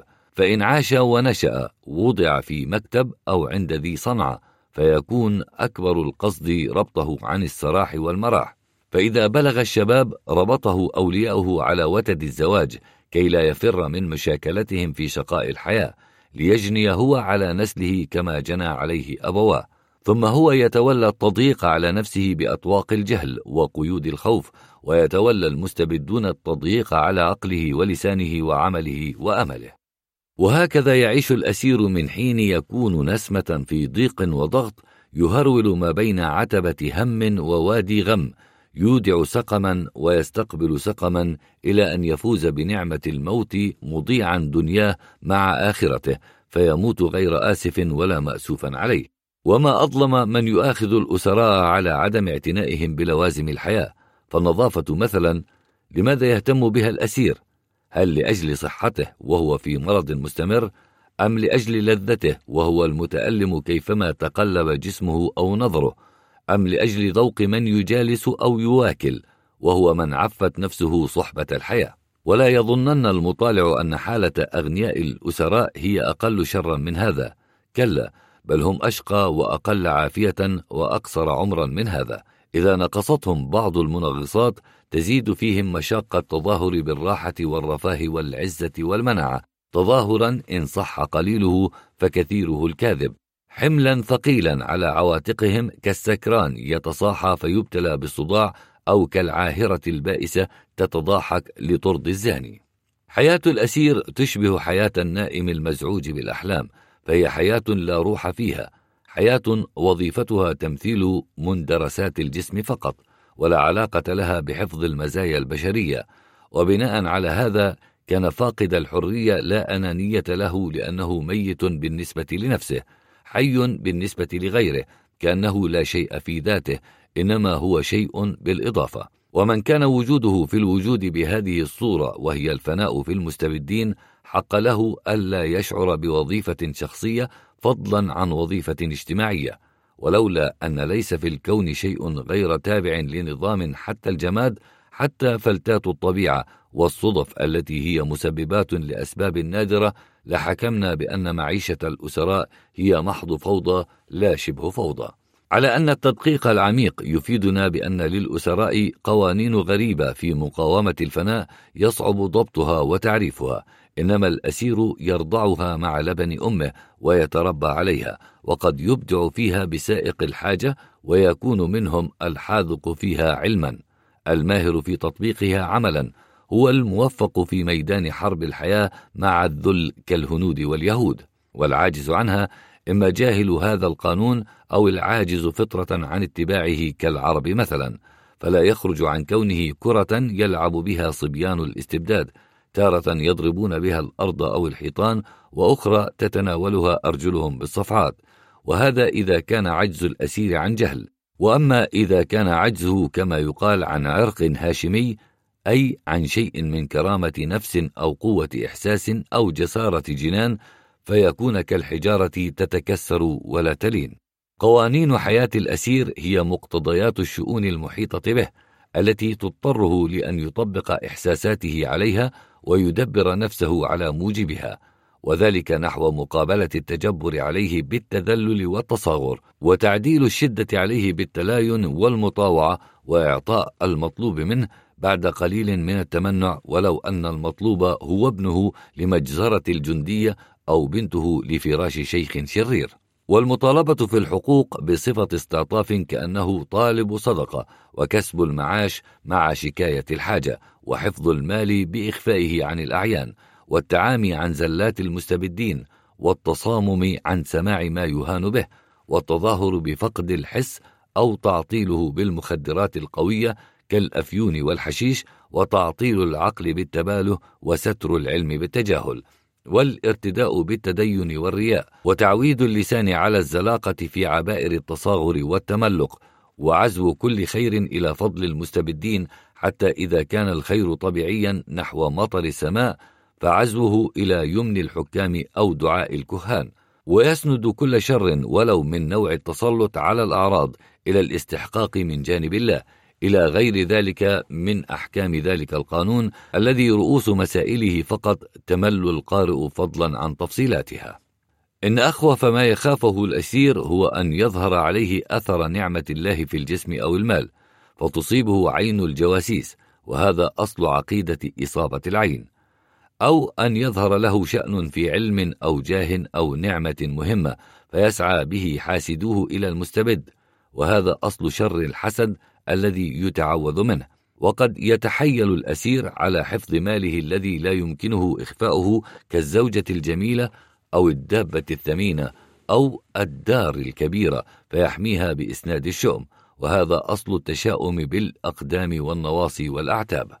ومن غريب الأحوال أن الأسراء يبغضون المستبد ولا يقوون على استعمالهم معه البأس الطبيعي الموجود في الإنسان إذا غضب فيصرفون بأسهم في وجهة أخرى ظلما فيعادون من بينهم فئة مستضعفة أو الغرباء أو يظلمون نساءهم ونحو ذلك. ومثلهم في ذلك مثل الكلاب الأهلية إذا أريد منها الحراسة والشراسة فأصحابها يربطونها نهارا ويطلقونها ليلا فتصير شرسة عقورا وبهذا التعليل تعلل جسارة الأسراء أحيانا في محارباتهم لا أنها جسارة عن شجاعة وأحيانا تكون جسارة الأسراء عن التناهي في الجبانة أمام المستبد الذي يسوقهم إلى الموت فيطيعونه اندعارا كما تطيع الغنمة الذئب فتهرول بين يديه إلى حيث يأكلها. وقد اتضح مما تقدم أن التربية غير مقصودة ولا مقدورة في ظلال الاستبداد إلا ما قد يكون بالتخويف من القوة القاهرة. وهذا النوع يستلزم انخلاع القلوب لا تزكية النفوس. وقد أجمع علماء الاجتماع والأخلاق والتربية على أن الإقناع خير من الترغيب فضلا عن الترهيب. وأن التعليم مع الحرية بين المعلم والمتعلم أفضل من التعليم مع الوقار وأن التعليم عن رغبة في التكمل أرسخ من العلم الحاصل طمعا في المكافأة أو غيرة من الأقران. وعلى هذه القاعدة بنوا قولهم إن المدارس تقلل الجنايات لا السجون وقولهم إن القصاص والمعاقبة قلما يفيدان في زجر النفس كما قال الحكيم العربي لا ترجع الأنفس عن غيها ما لم يكن منها لها زاجر. ومن يتأمل جيدا في قوله تعالى ولكم في القصاص حياة يا أولي الألباب ملاحظا أن معنى القصاص لغة هو التساوي مطلقا لا مقصورا على المعاقبة بالمثل في الجنايات فقط. ويدقق النظر في القرآن الكريم وسائر الكتب السماوية ويتبع مسالك الرسل العظام عليهم الصلاة والسلام. يرى أن الاعتناء في طريق الهداية فيها منصرف إلى الإقناع ثم إلى الأطماع عاجلا أو آجلا ثم إلى الترهيب الآجل غالبا ومع ترك أبواب تدلي إلى النجاة. ثم إن التربية التي هي ضالة الأمم وفقدها هو المصيبة العظمى التي هي المسألة الاجتماعية حيث الإنسان يكون إنسانا بتربيته وكما يكون الآباء يكون الأبناء وكما تكون الأفراد تكون الأمة. والتربية المطلوبة هي التربية المرتبة على إعداد العقل للتمييز ثم على حسن التفهيم والإقناع ثم على تقوية الهمة والعزيمة ثم على التمرين والتعويد ثم على حسن القدوة والمثال ثم على المواظبة والإتقان ثم على التوسط والاعتدال.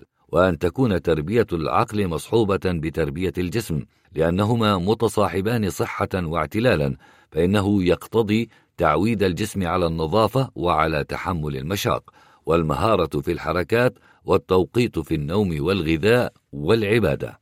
والترتيب في العمل وفي الرياضة والراحة وأن تكون تلكما التربيتان مصحوبتين أيضا بتربية النفس على معرفة خالقها ومراقبته والخوف منه. فإذا كان لا مطمع في التربية العامة على هذه الأصول بمانع طبيعة الاستبداد فلا يكون لعقلاء المبتلين به إلا أن يسعوا أولا وراء إزالة المانع الضاغط على العقول ثم بعد ذلك يعتنوا بالتربية حيث يمكنهم حينئذ أن ينالوها على توالي البطون والله الموفق. الاستبداد والترقي. الحركة سنة عاملة في الخليقة دائبة بين شخوص وهبوط. فالترقي هو الحركة الحيوية أي حركة الشخوص ويقابله الهبوط وهو الحركة إلى الموت أو الانحلال أو الاستحالة أو الانقلاب. وهذه السنة كما هي عاملة في المادة وأعراضها عاملة أيضا في الكيفيات ومركباتها. والقول الشارح لذلك آية يخرج الحي من الميت ومخرج الميت من الحي. وحديث ما تم أمر إلا وبدأ نقصه. وقولهم التاريخ يعيد نفسه وحكمهم بأن الحياة والموت حقان طبيعيان. وهذه الحركة الجسمية والنفسية والعقلية لا تقتضي السير إلى النهاية شخوصا أو هبوطا بل هي أشبه بميزان الحرارة كل ساعة في شأن.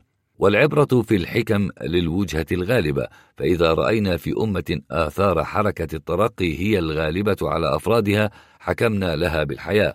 ومتى رأينا عكس ذلك قضينا عليها بالموت.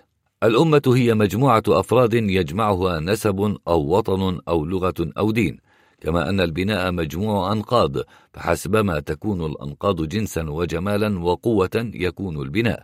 فإذا ترقت أو انحطت أفراد الأمة ترقت أو انحطت هيئتها الاجتماعية. حتى إن حالة الفرد الواحد من الأمة تؤثر في مجموع تلك الأمة. كما إذا لو اختلت حجرة من حصن يختل مجموعه وإن كان لا يشعر بذلك كما لو وقفت بعوضة على طرف سفينة عظيمة أثقلتها وأمالتها حقيقة وإن لم يدرك ذلك بالمشاعر وبعض السياسيين بنى على هذه القاعدة أنه يكفي الأمة رقيا أن يجتهد كل فرد منها في ترقية نفسه بدون أن يفتكر في ترقي مجموع الأمة.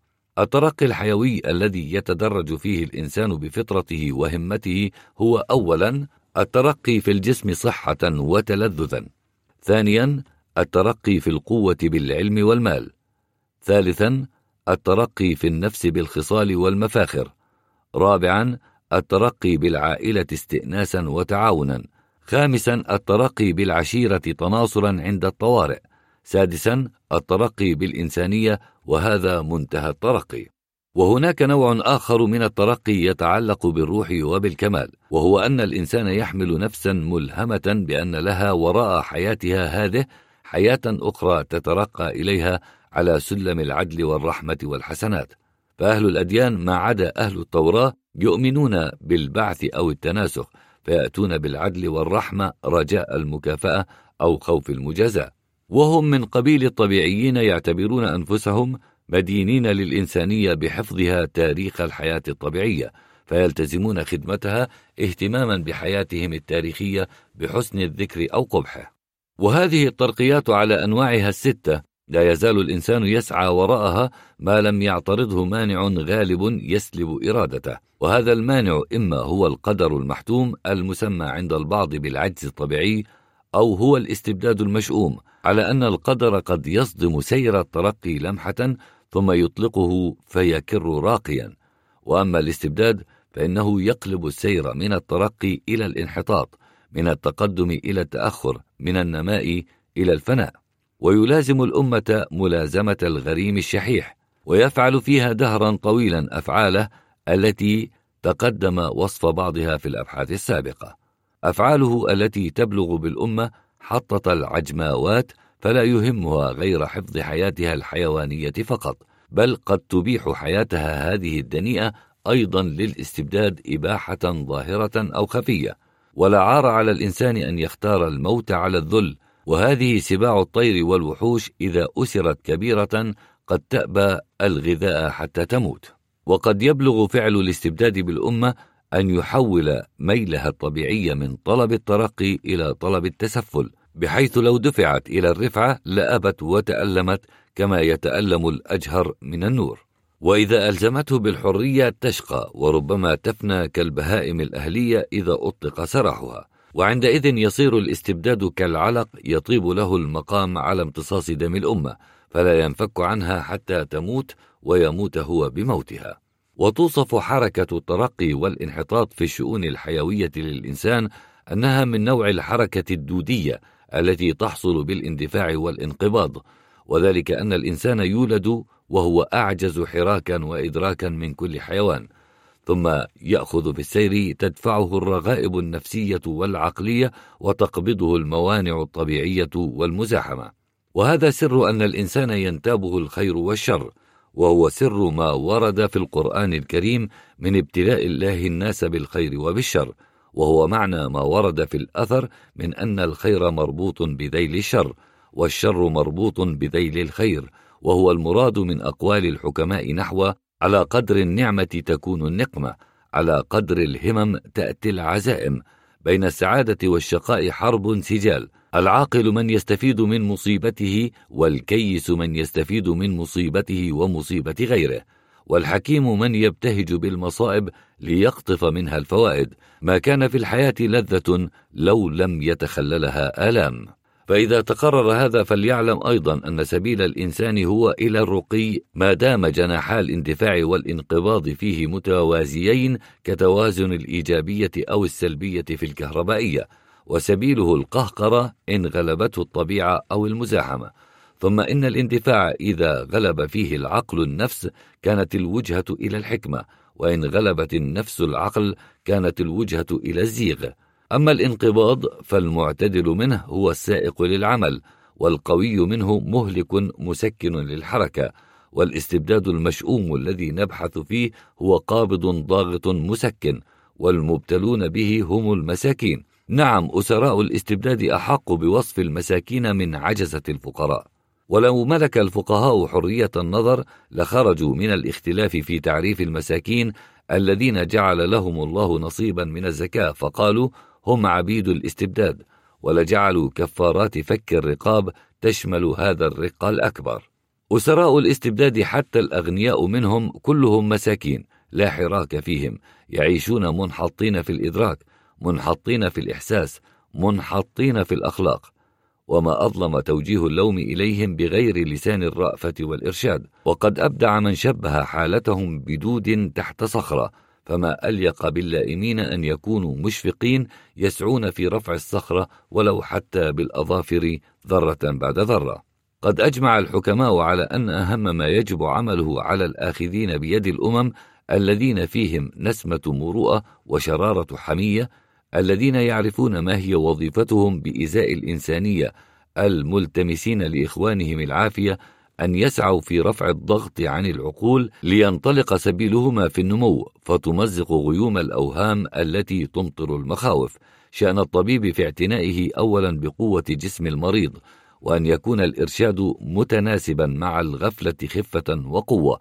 كالساهي ينبهه الصوت الخفيف والنائم يحتاج إلى صوت أقوى. والغافل يلزمه صياح وزجر. فالأشخاص من هذا النوع الأخير يقتضي لإيقاظهم الآن بعد أن ناموا أجيالا طويلة أن يسقيهم النطاسي البارع مرا من الزواجر والقوارص علهم يفيقون. وإلا فهم لا يفيقون حتى يأتي القضاء من السماء. فتبرق السيوف وترعد المدافع وتمطر البنادق فحينئذ يصحون ولكن صحوة الموت. بعض الاجتماعيين في الغرب يرون أن الدين يؤثر على الترقي الإفرادي ثم الاجتماعي تأثيرا معطلا كفعل الأفيون في الحس أو حاجبا كالغيم يخشى نور الشمس. وهناك بعض الغلاة يقولون الدين والعقل ضدان متزاحمان في الرؤوس وإن أوله نقطة من الترقي تبتدئ عند آخر نقطة من الدين.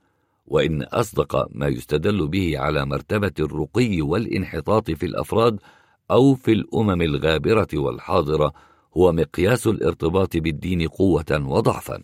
هذه الآراء كلها صحيحة لا مجال للرد عليها ولكن بالنظر إلى الأديان الخرافية أساسا أو التي لم تقف عند حد الحكمة كالدين المبني على تكليف العقل بتصور أن الواحد ثلاثة والثلاثة واحد لأن مجرد الإذعان لما لا يعقل برهان على فساد بعض مراكز العقل ولهذا أصبح العالم المتمدن يعد الانتساب إلى هذه العقيدة من العار لأنه شعار الحمق. أما الأديان المبنية على العقل المحض كالإسلام الموصوف بدين الفطرة ولا أعني بالإسلام ما يدين به أكثر المسلمين الآن إنما أريد بالإسلام دين القرآن. أي الدين الذي يقوى على فهمه من القرآن كل إنسان غير مقيد الفكر بتفصح زيد أو تحكم عمرو. فلا شك في أن الدين إذا كان مبنيا على العقل يكون أفضل صارف للفكر عن الوقوع في مصائد المخرفين وأنفع وازع يضبط النفس من الشطط وأقوى مؤثر لتهذيب الأخلاق وأكبر معين على تحمل مشاق الحياة. وأعظم منشط على الأعمال المهمة الخطرة وأجل مثبت على المبادئ الشريفة وفي النتيجة يكون أصح مقياس يستدل به على الأحوال النفسية في الأمم والأفراد رقيا وانحطاطا. هذا القرآن الكريم إذا أخذناه وقرأناه بالتروي في معاني ألفاظه العربية وأسلوب تركيبه القرشي مع تفهم أسباب نزول آياته وما أشارت إليه ومع التبصر في مقاصده الدقيقة وتشريعه السامي ومع أخذ بعض التوضيحات من السنة العملية النبوية أو الإجماع إن وجدا وقلما يوجدان فحينئذ لا نرى فيه من أوله إلى آخره غير حكم يتلقاه العقل بالإجلال والإعظام إلى درجة انقياد العقل طوعا أو كرها للإيمان إجمالا بأن تلك الحكم حكم غريزة إلهية وأن الذي أنزلها الله على قلبه هو أفضل من أرسله الله مرشدا لعباده.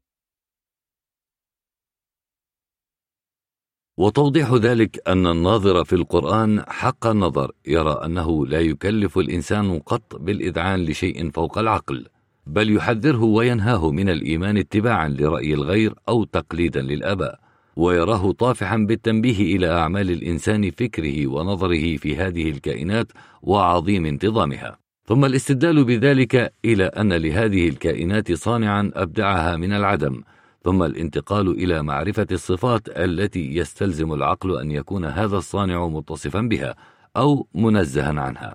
ثم يرى القرآن يعلم الإنسان بعض أعمال وأحكام وأوامر ونواهي كلها لا تبلغ المئة عددا وكلها بسيطة معقولة إلا قليلا من الأمور التعبدية التي شرعت لتكون شعارا يعرف به المسلم أخاه أو يستطلع من خلال قيامه بها أو تهاونه فيها أخلاقه.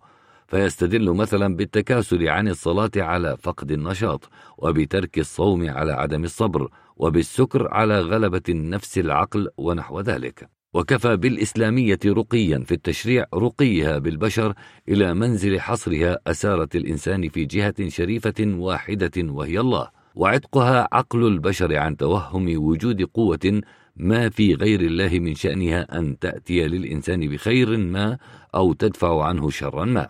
فالإسلامية تجعل الإنسان لا يرجو ولا يهاب من رسول أو نبي أو ملك أو فلك أو ولي أو جني أو ساحر أو كاهن أو شيطان أو سلطان. وأعظم بهذا التعليم الذي يرمي الإنسان به عن عاتقه جبالا من الخوف والأوهام والخيالات جبالا اعتقلها منذ كان يسرح مع الغيلان أو ورثها من أبيه آدم الذي طغاه شيطان النفس أو ليس العتيق من الأوهام يصبح صحيح العقل قوي الإرادة ثابت العزيمة قائده الحكمة سائقه الوجدان فيعيش حرا فرحا صبورا فخورا. لا يبالي حتى بالموت لعلمه بالسعادة التي يستقبلها التي يمثلها له القرآن بالجنان فيها الروح والريحان. والحور والغلمان فيها كل ما تشتهي النفس وتقر به العينان. وأظن أن هؤلاء المنكرين فائدة الدين ما أنكروا ذلك إلا من عدم اطلاعهم على دين صحيح مع يأسهم من إصلاح ما لديهم عجزا عن مقاومة أنصار الفساد. وإذا نظرنا في أن هؤلاء أنفسهم هم في آن واحد يشددون النكير على الدين من جهة قائلين إن ضرره أكبر من نفعه ويهيجون من جهة أخرى مؤثرات أدبية وهمية محضا يرون أنه لا بد منها في بناء الأمم. وذلك مثل حب الوطن وخيانته وحب الإنسانية والإساءة إليها والسمعة الحسنة وعكسها. والذكر التاريخي بالخير أو الشر ونحو ذلك مما هو لا شيء في ذاته. ولا شيء أيضا بالنسبة إلى تأثير طاعة الله والخوف منه لأن الله حقيقة لا ريب فيها بل ولا خلاف إلا في الأسماء بين الله وبين مادة أو طبيعة. ولولا أن الماديين والطبيعيين يأبون الاسترسال في البحث في صفات ما يسمونه مادة أو طبيعة لالتقوا ولا شك مع الإسلام في نقطة واحدة فارتفع الخلاف العلمي وأسلم الكل لله. وعلى ذكر اللوم الإرشادي لاح لي أن أصور الرقي والانحطاط في النفس وكيف ينبغي للإنسان العاقل أن يعاني إيقاظ قومه. وكيف يرشدهم إلى أنهم خلقوا لغير ما هم عليه من الصبر على الذل والسفالة. فيذكرهم ويحرك قلوبهم ويناجيهم وينذرهم بنحو الخطابات الآتية. يا قوم ينازعني والله الشعور. هل موقفي هذا في جمع حي فأحييه بالسلام أم أنا أخاطب أهل القبور فأحييهم بالرحمة؟ يا هؤلاء لستم بأحياء عاملين ولا أموات مستريحين بل أنتم بين بين في برزخ يسمى التنبت ويصح تشبيهه بالنوم. يا رباه إني أرى أشباح أناس يشبهون ذوي الحياة وهم في الحقيقة موتى لا يشعرون بل هم موتى لأنهم لا يشعرون. يا قوم هداكم الله إلى متى هذا الشقاء المديد والناس في نعيم مقيم وعز كريم؟ أفلا تنظرون؟ وما هذا التأخر وقد سبقتكم الأقوام ألوف مراحل حتى صار كما صار بعد ورائكم إماما أفلا تتبعون؟ وما هذا الانخفاض والناس في أوج الرفعة أفلا تغارون؟ أناشدكم الله هل طابت لكم طول غيبة الصواب عنكم؟ أم أنتم كأهل ذلك الكهف ناموا ألف عام ثم قاموا؟ وإذا بالدنيا غير الدنيا والناس غير الناس فأخذتهم الدهشة والتزموا السكون. يا قوم وقاكم الله من الشر. أنتم بعيدون عن مفاخر الإبداع وشرف القدوة مبتلون بداء التقليد والتبعية في كل فكر وعمل وبداء الحرص على كل عتيق كأنكم خلقتم للماضي لا للحاضر. تشكون حاضركم وتسخطون عليه. ومن لي أن تدركوا أن حاضركم نتيجة ماضيكم ومع ذلك أراكم تقلدون أجدادكم في الوساوس والخرافات والأمور السافلات فقط. ولا تقلدونهم في محامدهم أين الدين؟ أين التربية؟ أين الإحساس؟ أين الغيرة؟ أين الجسارة؟ أين الثبات؟ أين الرابطة؟ أين المنعة؟ أين الشهامة؟ أين النخوة؟ أين الفضيلة؟ أين المواساة؟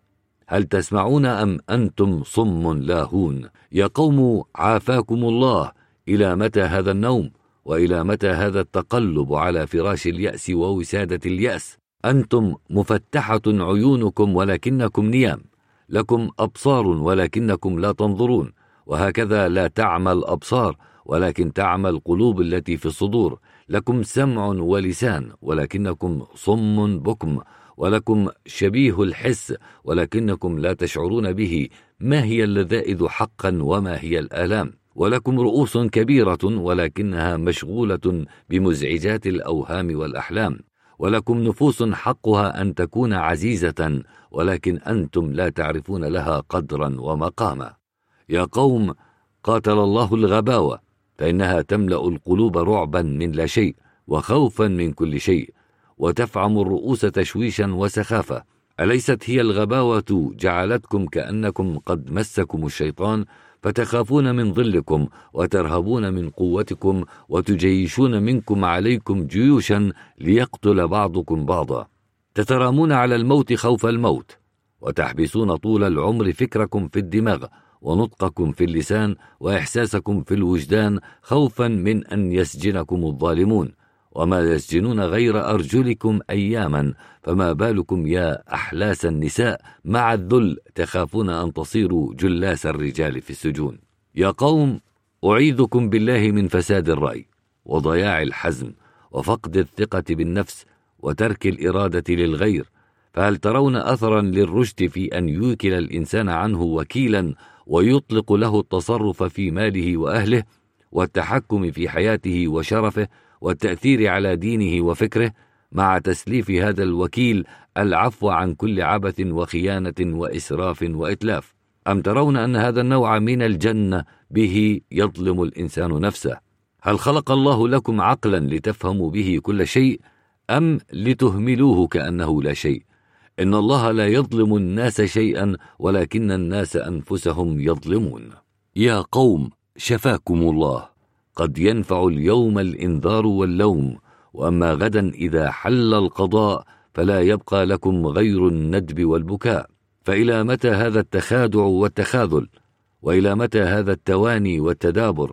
وإلى متى هذا الإهمال؟ هل طاب لكم النوم على الوسادة اللينة وسادة الخمول؟ أم طاب لكم السكون وتودون لو تسكنون القبور؟ أم عاهدتم أنفسكم أن تصلوا غفلة الحياة بالممات فلا تفيقوا من السبات قبل صباح يوم النشور. يوم تعلو السيوف رقابكم وتصمي المدافع آذانكم فتمسون الأذلاء حقا وحق لكم أن تذلوا. يا قوم رحمكم الله ما هذا الحرص على حياة تعيسة دنيئة لا تملكونها ساعة؟ ما هذا الحرص على الراحة الموهومة وحياتكم كلها تعب ونصب؟ هل لكم في هذا الصبر فخر أو لكم عليه أجر؟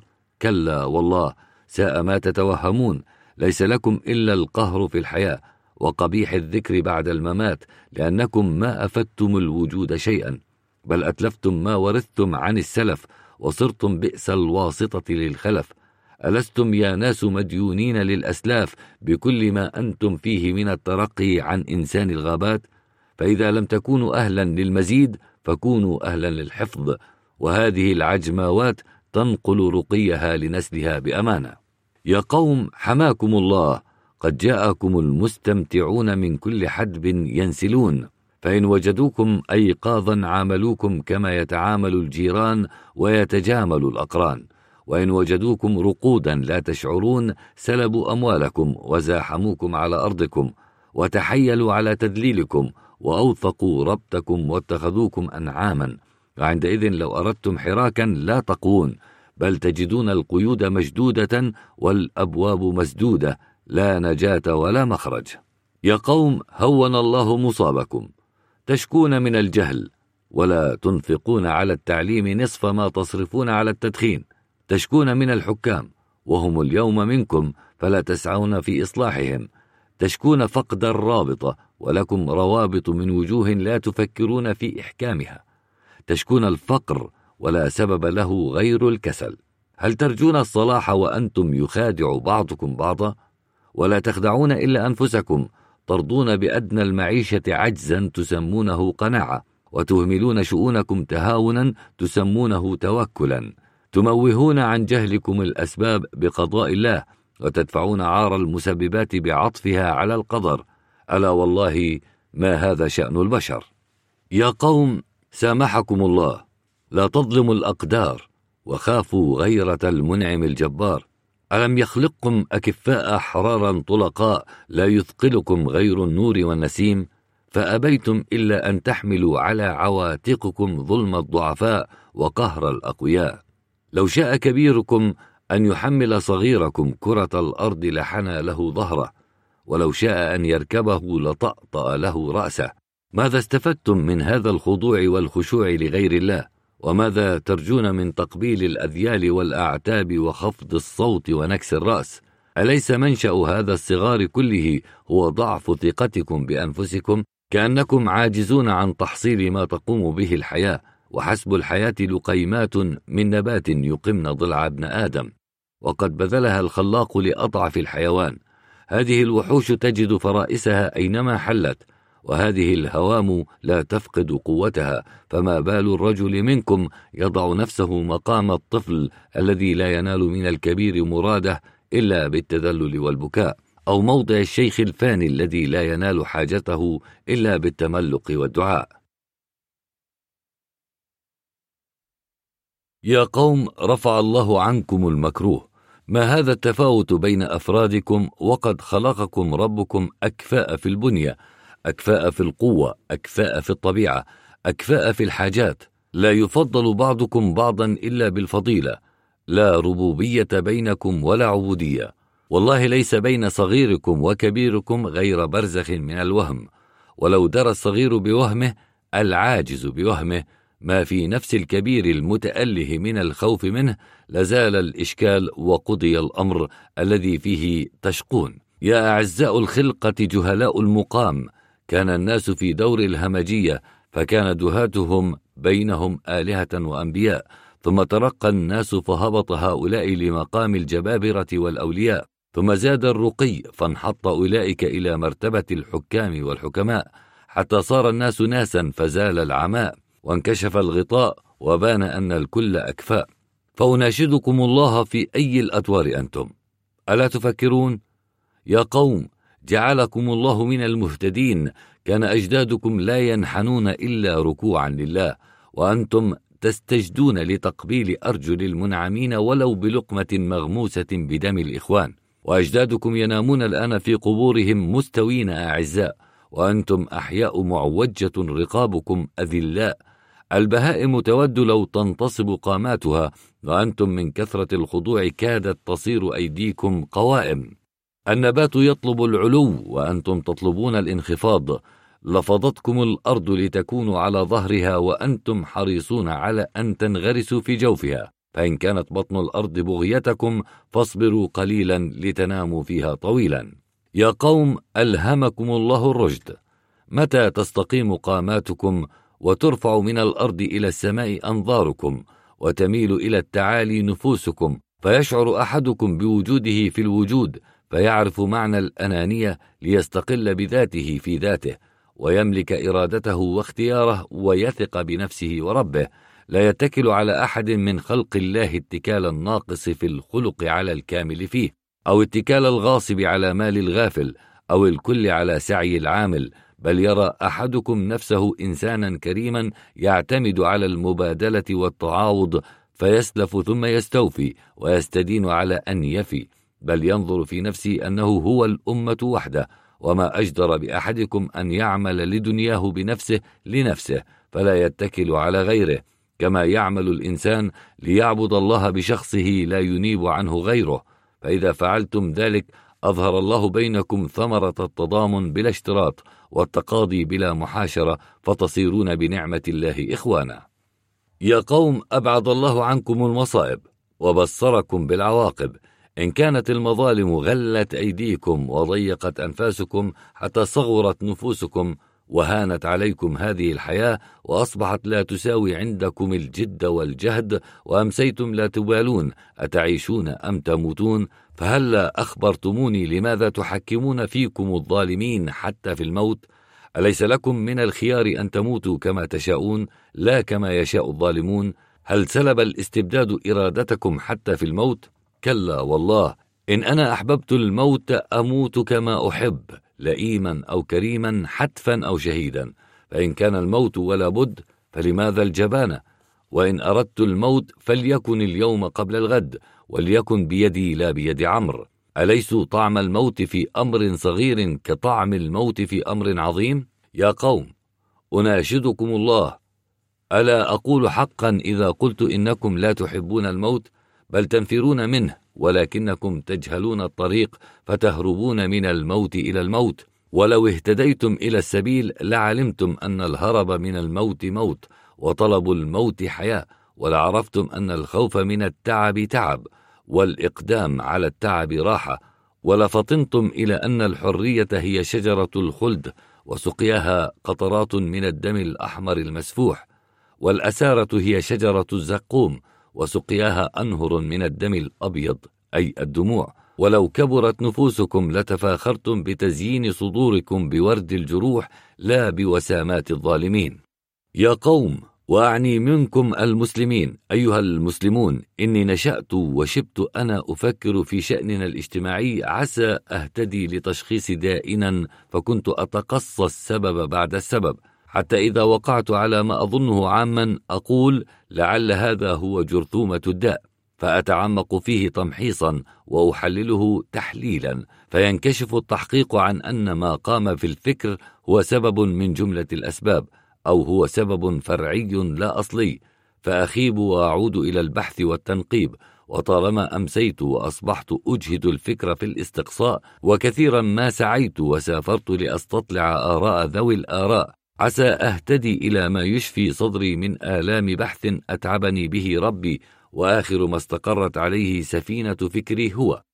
إن جرثومة دائنا هي خروج ديننا عن كونه دين الفطرة والحكمة دين النظام والنشاط دين القرآن الصريح البيان إلى صيغة أن جعلناه دين الخيال والخبال دين الخلل والتشويش دين البدع والتجديد دين الإجهاد وقد دب فينا هذا المرض منذ ألف عام فتمكن فينا وأثر في كل شؤوننا حتى بلغ فينا استحكام الخلل في الفكر والعمل أننا لا نرى في الخالق جل شأنه نظاما فيما اتصف نظاما فيما قضى نظاما فيما أمر.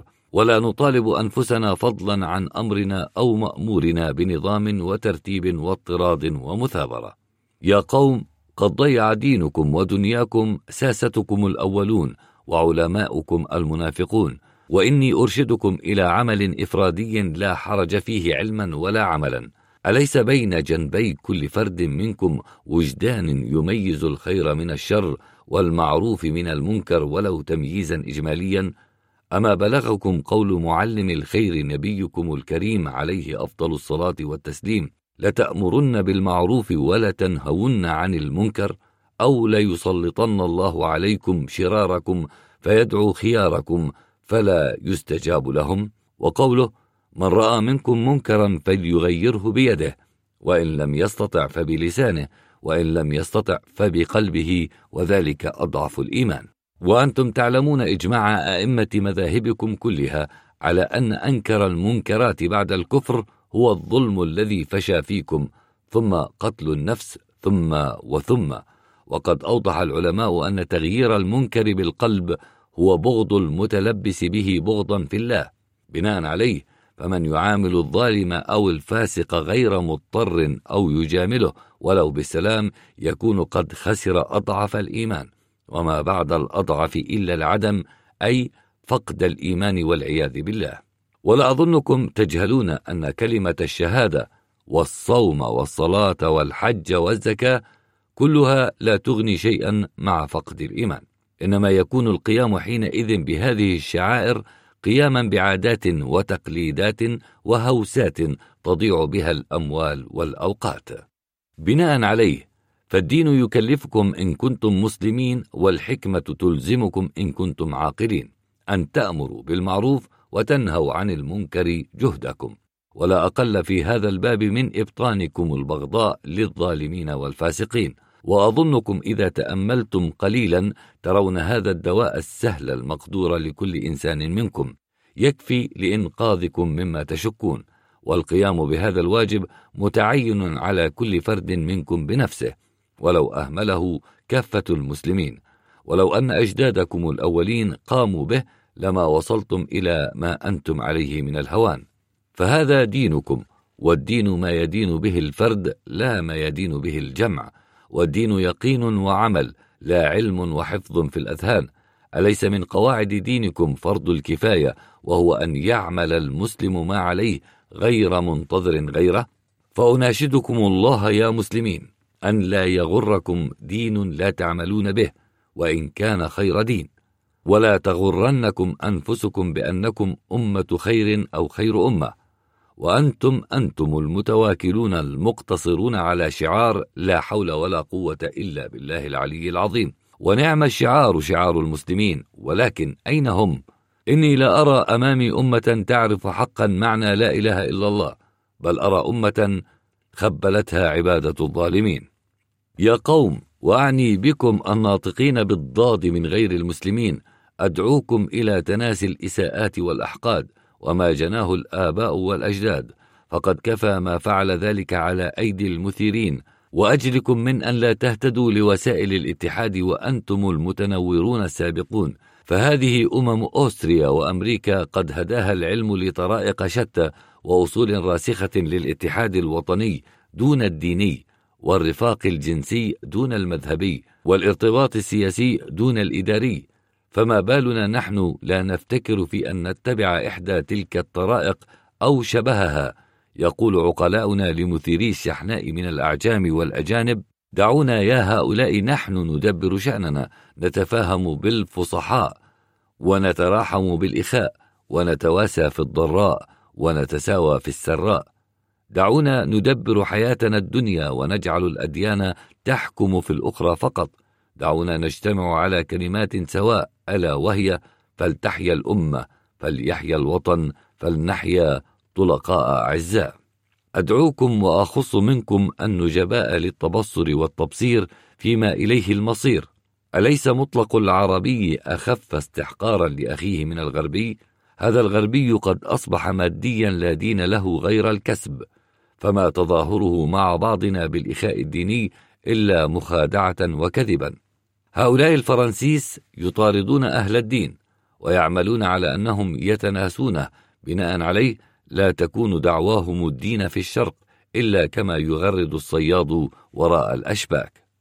لو كان للدين تأثير عند الغربي لما كانت البغضاء بين اللاتين والسكسون بل بين الطليان والفرنسيس ولما كانت بين الألمان والفرنسيس الغربيين الغربي أرقى من الشرقي علما وثروة ومنعة فله على الشرقيين إذا واطنهم السيادة الطبيعية.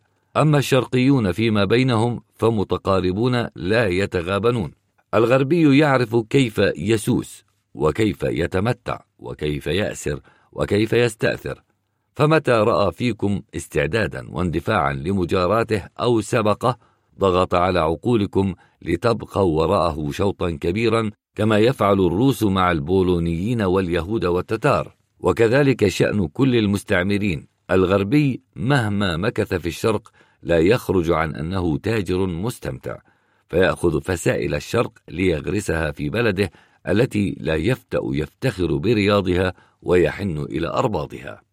قد مضى على الهولنديين في الهند وجزائرها وعلى الروس في قازان مثل ما أقمنا في الأندلس.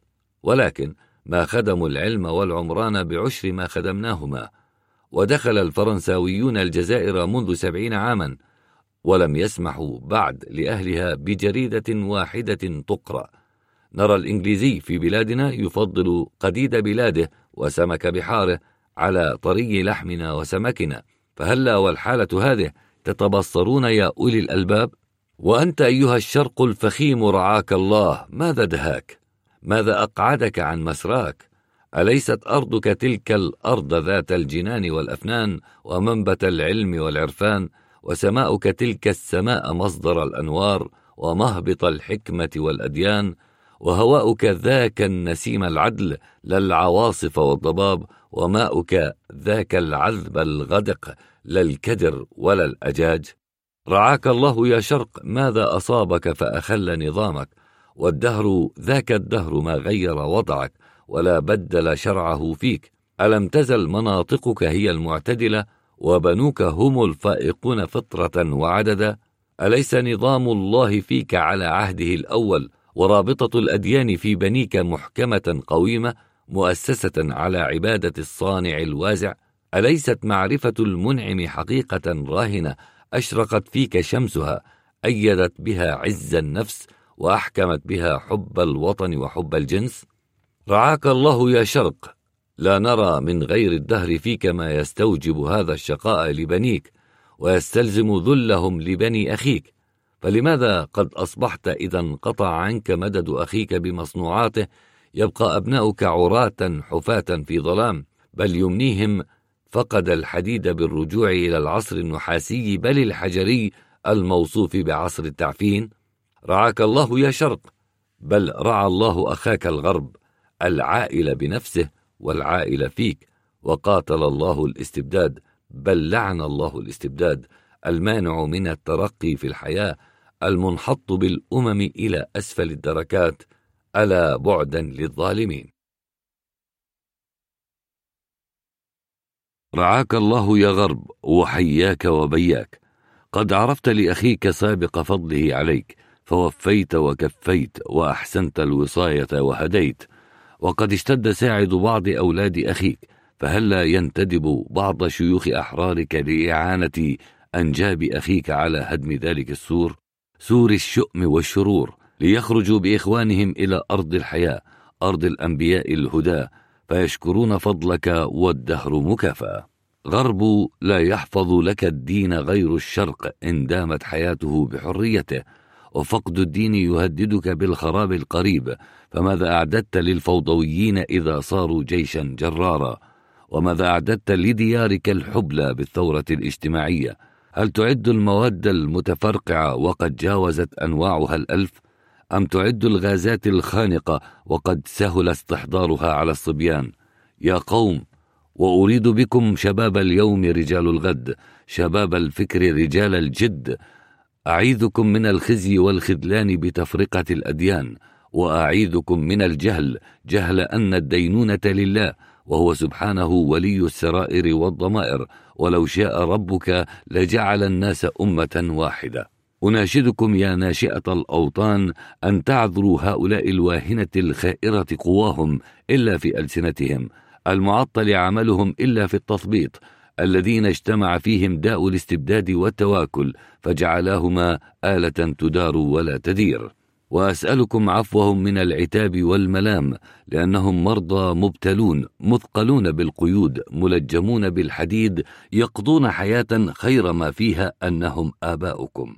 قد علمتم يا نجباء من طبائع الاستبداد ومصارع الاستعباد جملا كافية للتأمل والتدبر فاعتبروا بنا واسألوا الله العافية.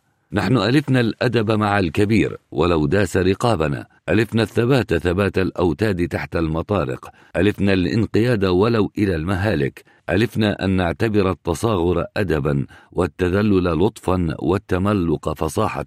واللكنة رزانة وترك الحقوق سماحة وقبول الإهانة تواضعا والرضا بالظلم طاعة ودعوى الاستحقاق غرورا والبحث عن العموميات فضولا ومد النظر إلى الغد أملا طويلا والإقدام تهورا والحمية حماقة والشهامة شراسة وحرية القول وقاحة وحرية الفكر كفرا وحب الدنيا جنونا. أما أنتم حماكم الله من السوء فنرجو لكم أن تنشأوا على غير ذلك أن تنشأوا على التمسك بأصول الدين دون أوهام المتفننين فتعرفوا قدر نفوسكم في هذه الحياة فتكرموها وتعرفوا قدر أرواحكم وأنها خالدة تثاب وتجزي وتتبع سنن النبيين فلا تخافوا غير الصانع الوازع العظيم. ونرجو لكم أن تبنوا قصور فخاركم على معالي الهمم ومكارم الشيم لا على عظام نخرة وأن تعلموا أنكم خلقتم أحرارا لتموتوا كراما. فاجهدوا أن تحيوا ذلكما اليومين حياة رضية يتسنى فيها لكل منكم أن يكون سلطانا مستقلا في شؤونه. لا يحكمه غير الحق ومدينا وفيا لقومه لا يضن عليهم بعين أو عون وولدا برا لوطنه. لا يبخل عليه بجزء من فكره ووقته وماله ومحبا للإنسانية يعمل على أن خير الناس أنفعهم للناس يعلم أن الحياة هي العمل ووباء العمل القنوط والسعادة هي الأمل ووباء الأمل التردد ويفقه أن القضاء والقدر هما عند الله ما يعلمه ويمضيه وهما عند الناس السعي والعمل ويوقن أن كل أثر على ظهر الأرض هو من عمل إخوانه البشر. وكل عمل عظيم قد ابتدأ به فرد ثم تعاوره غيره إلى أن كمل. فلا يتخيل الإنسان في نفسه عجزا ولا يتوقع إلا خيرا وخير الخير للإنسان أن يعيش حرا مقداما أو يموت.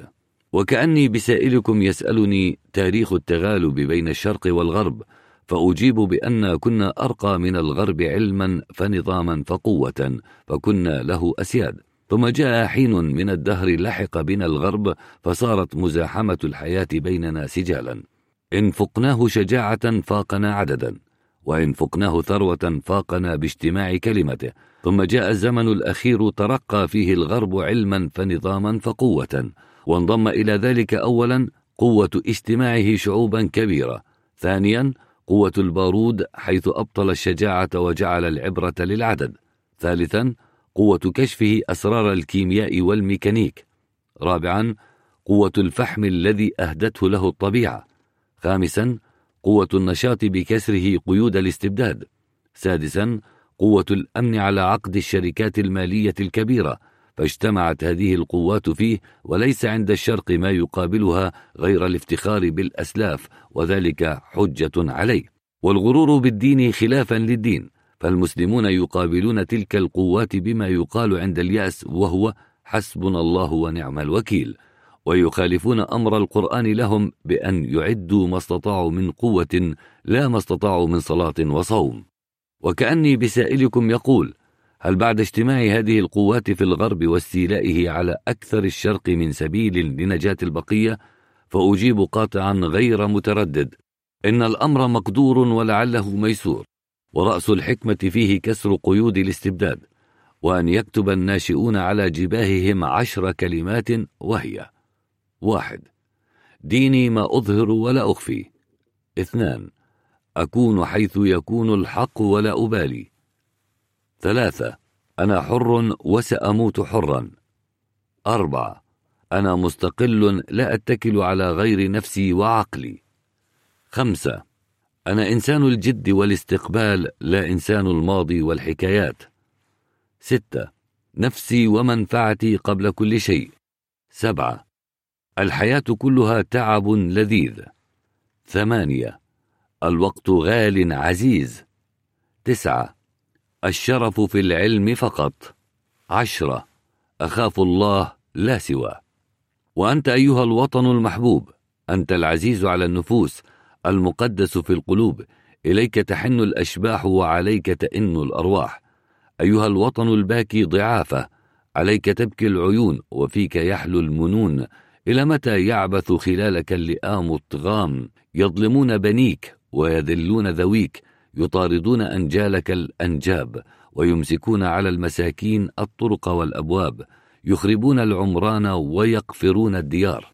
أيها الوطن العزيز هل ضاقت رحابك عن أولادك أم ضاقت أحضانك عن أفلاذك؟ كلا إنما فقدت الأبات فقدت الحماة فقدت الأحرار.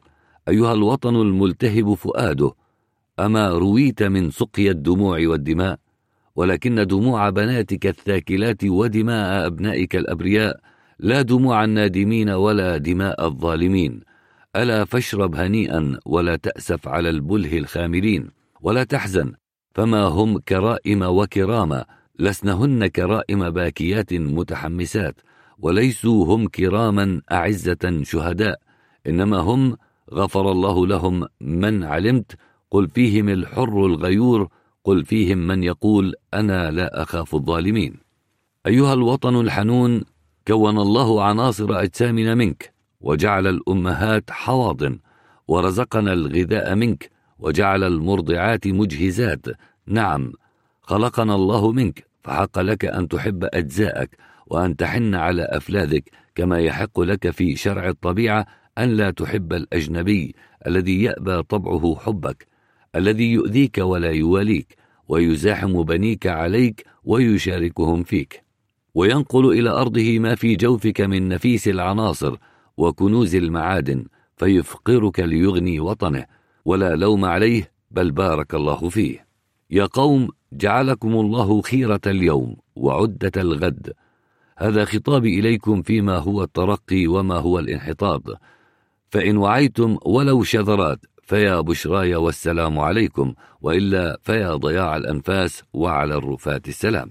الاستبداد الذي يبلغ في الانحطاط بالأمة إلى غاية أن تموت ويموت هو معها كثير الشواهد في قديم الزمان وحديثه. أما بلوغ الترقي بالأمم إلى المرتبة القصوى السامية التي تليق بالإنسانية فهذا لم يسمح الزمان حتى الآن بأمة تصلح مثالا له لأنه إلى الآن لم توجد أمة حكمت نفسها برأيها العام حكما لا يشوبه نوع من الاستبداد ولو باسم الوقار والاحترام أو بنوع من الإغفال ولو ببذر الشقاق الديني أو الجنسي بين الناس. فكأن الحكمة الإلهية لم تزل ترى البشر غير متأهلين لنوال سعادة الأخوة العمومية بالتحابب بين الأفراد والقناعة بالمساواة الحقوقية بين الطبقات. نعم وجد للترقي القريب من الكمال بعض أمثال قليلة في القرون الغابرة كالجمهورية الثانية للرومان وكعهد الخلفاء الراشدين وكالأزمنة المتقطعة في عهد بعض الملوك المنظمين للفاتحين مثل أنوشروان وعبد الملك الأموي ونور الدين الشهيد وبطرس الكبير وكبعض الجمهوريات الصغيرة والممالك الموفقة لأحكام التقييد الموجودة في هذا الزمان.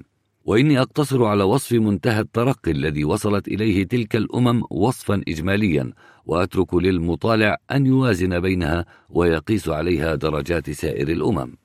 وربما يستريب في ذلك المطالع المولود في أرض الاستبداد الذي لم يدرس أحوال الأمم في الوجود ولا عتب عليه فإنه كالمولود أعمى لا يدرك للمناظر البهية معنى.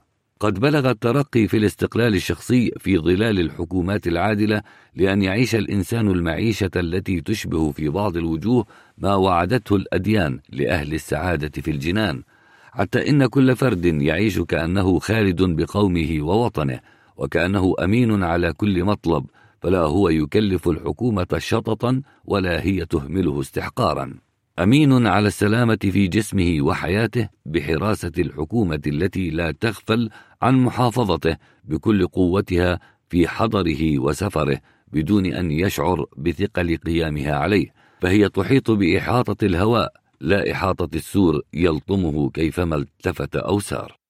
أمين على الملذات الجسمية والفكرية باعتناء الحكومة في الشؤون العامة المتعلقة بالترويضات الجسمية والنظرية والعقلية حتى يرى أن الطرقات المسهلة والتزيينات البلدية والمتنزهات والمنتديات والمدارس والمجامع ونحو ذلك فقد وجدت كلها لأجل ملذاته ويعتبر مشاركة النخاس له فيها لأجل إحسانه فهو بهذا النظر والاعتبار لا ينقص عن أغنى الناس سعادة. أمين على الحرية كأنه خلق وحده على سطح هذه الأرض فلا يعارضه معارض فيما يخص شخصه من دين وفكر وعمل وأمل. أمين على النفوذ كأنه سلطان عزيز فلا ممانع له ولا معاكس في تنفيذ مقاصده النافعة في الأمة التي هو منها. أمين على المزية كأنه في أمة يساوي جميع أفرادها منزلة وشرفا وقوة فلا يفضل هو على أحد ولا يفضل أحد عليه إلا بمزية سلطان الفضيلة فقط. أمين على العدل كأنه هو القابض على ميزان الحقوق فلا يخاف تطفيفا. هو المثمن فلا يحضر بخسا وهو المطمئن على أنه إذا استحق أن يكون ملكا صار ملكا. وإذا جنى جناية نال جزاءه لا محالة. أمين على المال والملك كأنما أحرزه بوجهه المشروع قليلا كان أو كثيرا. قد خلقه الله لأجله فلا يخاف عليه كما أنه تقلع عينه إن نظر إلى مال غيره.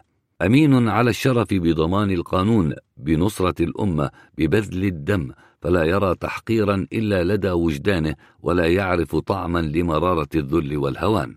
أما الأسير ولا أحزن المطالع بوصف حالته فأكتفي بالقول إنه لا يملك ولا نفسه وغير أمين حتى على عظامه في رمسه إذا وقع نظره على المستبد أو أحد من جماعته على كثرتهم يتعوذ بالله. وإذا مر من قرب إحدى دوائر حكومته أسرع وهو يكرر قوله حمايتك يا رب إن هذه الدار بئس الدار هي كالمجزرة كل من فيها إما ذابح أو مذبوح إن هذه الدار كالكنيف لا يدخله إلا المضطر.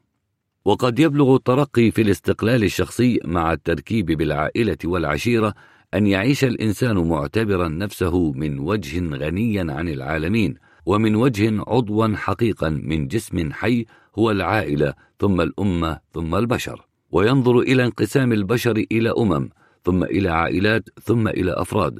هو من قبيل انقسام الممالك إلى مدن وهي إلى بيوت وهي إلى مرافق وكما أنه لا بد لكل مرفق من وظيفة معينة يصلح لها وإلا كان بناؤه عبثا يستحق الهدم. كذلك أفراد الإنسان لا بد أن يعد كل منهم نفسه لوظيفة في قيام حياة عائلته أولا ثم حياة قومه ثانيا. ولهذا يكون العضو الذي لا يصلح لوظيفة أو لا يقوم بما يصلح له حقيرا مهانا. وكل من يريد أن يعيش كلا على غيره لا عن عجز طبيعي يستحق الموت لا الشفقة لأنه كالدرن في الجسم أو كالزائد من الظفر يستحقان الإخراج والقطع. ولهذا المعنى حرمت الشرائع السماوية الملاهي التي ليس فيها ترويض والسكر المعطل عن العمل عقلا وجسما. والمقامرة والربا لأنهما ليس من نوع العمل والتبادل فيه. وقد فضل الله الكناس على الحجام وصانع الخبز على ناظر الشعر لأن صنعتهما أنفع للجمهور. وقد يبلغ ترقي التركيب في الأمم إلى درجة أن يصير كل فرد من الأمة مالكا لنفسه تماما ومملوكا لقومه تماما. فالأمة التي يكون كل فرد منها مستعدا لافتدائها بروحه وبماله تصير تلك الأمة بحجة هذا الاستعداد في الأفراد غنية عن أرواحهم وأموالهم. الترقي في القوة بالعلم والمال يتميز عن باقي أنواع الترقيات السالفة البيان تميز الرأس عن باقي أعضاء الجسم فكما أن الرأس بإحرازه مركزية العقل ومركزية أكثر الحواس تميز على باقي الأعضاء واستخدامها في حاجاته فكذلك الحكومات المنتظمة يترقى أفرادها ومجموعها في العلم والثروة فيكون له سلطان طبيعي على الأفراد أو الأمم التي انحط بها الاستبداد المشؤوم إلى حضيض الجهل والفقر. بقي علينا بحث الترقي في الكمالات بالخصال والاثره وبحث الترقي الذي يتعلق بالروح أي بما وراء هذه الحياة ويرقى إليه الإنسان على سلم الرحمة والحسنات. فهذه أبحاث طويلة الذيل ومنابعها حكميات الكتب السماوية ومدونات الأخلاق وتراجم مشاهير الأمم. وأكتفي بالقول في هذا النوع أنه يبلغ بالإنسان مرتبة أن لا يرى لحياته أهمية إلا بعد درجات. فيهمه اولا حياة أمته ثم امتلاك حريته ثم أمنه على شرفه ثم محافظته على عائلته ثم وقايته حياته ثم ماله. ثم وثم. وقد تشمل إحساساته عالم الإنسانية كله كأن قومه البشر لا قبيلته ووطنه الأرض لا بلده ومسكنه حيث يجد راحته. لا يتقيد بجدران بيت مخصوص يستتر فيه ويفتخر به كما هو شأن الأسراء. وقد يترفع الإنسان عن الإمارة لما فيها من معنى الكبر وعن التجارة لما فيها من التمويه والتبذل. فيرى الشرف في المحراث ثم المطرقة ثم القلم ويرى اللذة في التجديد والاختراع لا في المحافظة على العتيق كأن له وظيفة في ترقي مجموع البشر. وخلاصة القول إن الأمم التي يسعدها جدها لتبديد استبدادها تنال من الشرف الحسي والمعنوي ما لا يخطر على فكر أسراء الاستبداد. فهذه بلجيكا أبطلت التكاليف الأميرية برمتها مكتفية في نفقاتها بنماء فوائد بنك الحكومة. وهذه سويسرا يصادفها كثيرا أن لا يوجد في سجونها محبوس واحد وهذه أمريكا أثرت حتى كادت تخرج الفضة من مقام النقد إلى مقام المتاع. وهذه اليابان أصبحت تستنزف قناطير الذهب من أوروبا وأمريكا ثمن امتيازات اختراعاتها وطبع تراجم مؤلفاتها. وقد تنال أيضا تلك الأمم حظا من الملذات الحقيقية التي لا تخطر على فكر الأسراء كلذة العلم وتعليمه ولذة المجد والحماية ولذة الإثراء والبذل ولذة إحراز الاحترام في القلوب ولذة نفوذ الرأي الصائب ولذة الحب الطاهر إلى غير هذه الملذات الروحية. وأما الأسراء والجهلاء فملذاتهم مقصورة على مشاركة الوحوش الضارية في المطاعم والمشارب واستفراغ الشهوة كأن أجسامهم ظروف تملأ وتفرغ. أو هي دمامل تولد الصديد وتدفع. وأنفع ما بلغه الترقي في البشر هو إحكامهم أصول الحكومات المنتظمة ببنائهم سدا متينا في وجه الاستبداد. والاستبداد جرثومة كل فساد ويجعلهم ألا قوة ولا نفوذ فوق قوة الشرع. والشرع هو حبل الله المتين ويجعلهم قوة التشريع في يد الأمة. والأمة لا تجتمع على ضلال. وبجعلهم المحاكم تحاكم السلطان والصعلوك على سواء فتحاكي في عدالتها المحكمة الكبرى الإلهية. وبجعلهم العمال لا سبيل لهم على تعدي حدود وظائفهم كأنهم ملائكة لا يعصون أمرا. وبجعلهم الأمة يقظة ساهرة على مراقبة سير حكومتها. لا تغفل طرفة عين كما أن الله عز وجل لا يغفل عما يفعل الظالمون. هذا مبلغ الترقي الذي وصلت إليه الأمم منذ عرف التاريخ على أنه لم يقم دليلا إلى الآن على ترقي البشر في السعادة الحيوية عما كانوا عليه في العصور الخالية حتى الحجرية حتى منذ كانوا عراة يسرحون أسرابا. والآثار المشهودة لا تدل على أكثر من ترقي العلم والعمران وهما آلتان كما يصلحان للإسعاد يصلحان للإشقاء. وترقيهما هو من سنة الكون التي أرادها الله تعالى لهذه الأرض وبنيها ووصف لنا ما سيبلغ إليه ترقي زينتها واقتدار أهلها بقوله عز شأنه حتى إذا أخذت الأرض زخرفها وزينت وظن أهلها أنهم قادرون عليها أتاها أمرنا ليلا أو نهارا فجعلناها حصيدا كأن لم تغن بالأمس وهذا يدل على أن الدنيا وبنيها لم يزالا في مقتبل الترقي ولا يعارض هذا أن ما مضى من عمرهما هو أكثر مما بقي حسبما أخبرت به الكتب السماوية لأن العمر شيء والترقي شيء آخر. الاستبداد والتخلص منه. ليس لنا مدرسة أعظم من التاريخ الطبيعي ولا برهان أقوى من الاستقراء. ومن تتبعهما يرى أن الإنسان عاش دهرا طويلا في حالة طبيعية تسمى دور الافتراس فكان يتجول حول المياه أسرابا تجمعه حاجة الحضانة صغيرا أقصد الاستئناس كبيرا ويعتمد في رزقه على النبات الطبيعي وافتراس ضعاف الحيوان في البر والبحر وتسوسه الإرادة فقط ويقوده من بنيته أقوى إلى حيث يكثر الرزق. ثم ترقى الكثير من الإنسان إلى الحالة البدوية التي تسمى دور الاقتناء فكان عشائر وقبائل يعتمد في رزقه على ادخار الفرائس إلى حين الحاجة فصارت تجمعه حاجة التحفظ على المال والأنعام وحماية المستودعات والمراعي والمياه من المزاحمين.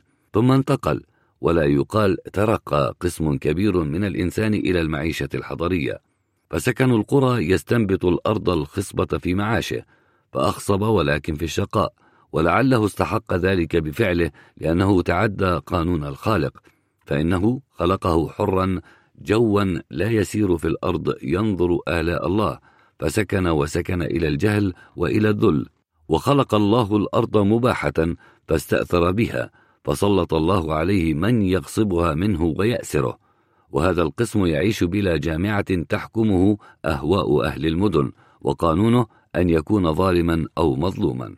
ثم ترقى قسم من الإنسان إلى التصرف إما في المادة وهم الصناع وإما في النظريات وهم أهل المعارف والعلوم. وهؤلاء المتصرفون هم سكان المدن الذين هم وإن سجنوا أجسامهم بين الجدران لكنهم أطلقوا عقولهم في الأكوان. وهم قد توسعوا في الرزق كما توسعوا في الحاجات. ولكن أكثرهم لم يهتدوا حتى الآن للطريق المثلى في سياسة الجمعيات الكبيرة. وهذا هو سبب تنوع أشكال الحكومات وعدم استقرار أمة على شكل مرض عام. إنما كل الأمم من تقلبات سياسية على سبيل التجريب وبحسب تغلب أحساب الاجتهاد أو رجال الاستبداد. وتقرير شكل الحكومة هو أعظم وأقدم مشكلة في البشر وهو المعترك الأكبر لأفكار الباحثين والميدان الذي قل في البشر من لا يجول فيه على فيل من الفكر أو على جمل من الجهل أو على فرس من الفراسة أو على حمار من الحمق. حتى جاء الزمن الأخير فجال فيه إنسان الغرب جولة المغوار الممتطي في التدقيق مراكب البخار. فقرر بعض قواعد أساسية في هذا الباب تضافر عليها العقل والتجريب وحصحص فيها الحق اليقين. فصارت تعد من المقررات الإجماعية عند الأمم المترقية ولا يعارض ذلك كون هذه الأمم لم تزل أيضا منقسمة إلى أحزاب سياسية يختلفون شيعا لأن اختلافهم هو في وجوه تطبيق تلك القواعد وفروعها على أحوالهم الخصوصية. وهذه القواعد التي قد صارت قضايا بديهية في الغرب لم تزل مجهولة أو غريبة أو منفورا منها في الشرق لأنها عند الأكثرين منهم لم تطرق سمعهم وعند البعض لم تنل التفاتهم وتدقيقهم وعند آخرين لم تحز قبولا لأنهم ذو غرض أو مسروقة قلوبهم أو في قلوبهم مرض.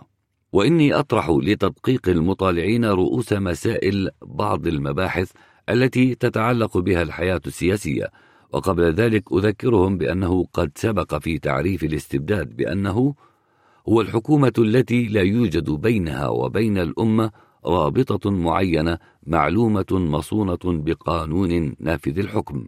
كما أستلفت نظرهم إلى أنه لا يوثق بوعد من يتولى السلطة أيا كان ولا بعهده ويمينه على مراعاة الدين والتقوى والحق والشرف والعدالة ومقتضيات المصلحة العامة. وأمثال ذلك من القضايا الكلية المبهمة التي تدور على لسان كل بر وفاجر وما هي في الحقيقة إلا كلام مبهم فارغ لأن المجرم لا يعدم تأويله ولأن من طبيعة القوة الاعتساف ولأن القوة لا تقابل إلا بالقوة. ثم فلنرجع للمباحث التي أريد طرحها لتدقيق المطالعين وهي. واحد مبحث ما هي الأمة أي الشعب؟ هل هي ركام مخلوقات نامية أو جمعية عبيد لمالك متغلب وظيفتهم الطاعة والانقياد ولو كرها؟ أم هي جمع بينهم روابط دين أو جنس أو لغة ووطن وحقوق مشتركة وجامعة سياسية اختيارية لكل فرد حق إشهار رأيه فيها توفيقا للقاعدة الإسلامية التي هي أسمى وأبلغ قاعدة سياسية وهي كلكم راع وكلكم مسؤول عن رعيته. اثنان مبحث ما هي الحكومة؟ هل هي سلطة امتلاك فرد لجمع يتصرف في رقابهم ويتمتع بأعمالهم ويفعل بإرادته ما يشاء أم هي وكالة تقام بإرادة الأمة لأجل إدارة شؤونها المشتركة العمومية؟ ثلاثة مبحث ما هي الحقوق العمومية؟ هل هي حقوق آحاد الملوك ولكنها تضاف للأمم مجازا أم بالعكس هي حقوق جموع الأمم وتضاف للملوك مجازا ولهم عليها ولاية الأمانة والنظارة على مثل الأراضي والمعادن والأنهر والسواحل والقلاع والمعابد والأساطيل والمعدات وولاية الحدود والحراسة على مثل الأمن العام والعدل والنظام وحفظ وصيانة الدين والآداب والقوانين والمعاهدات والاتجار إلى غير ذلك مما يحق لكل فرد من الأمة أن يتمتع به وأن يطمئن عليه. مبحث التساوي في الحقوق هل للحكومة التصرف في الحقوق العامة المادية والأدبية كما تشاء بذلا وحرمانا أم تكون الحقوق محفوظة للجميع على التساوي والشيوع وتكون المغانم والمغارم العمومية موزعة على الفصائل والبلدان والصنوف والأديان بنسبة عادلة ويكون الأفراد متساوين في حق الاستنصاف مبحث الحقوق الشخصية. هل الحكومة تملك السيطرة على الأعمال والأفكار؟ أم أفراد الأمة أحرار في الفكر مطلقا؟ وفي الفعل ما لم يخالف القانون الاجتماعي لأنهم أدرى بمنافعهم الشخصية والحكومة لا تتداخل إلا في الشؤون العمومية. مبحث نوعية الحكومة.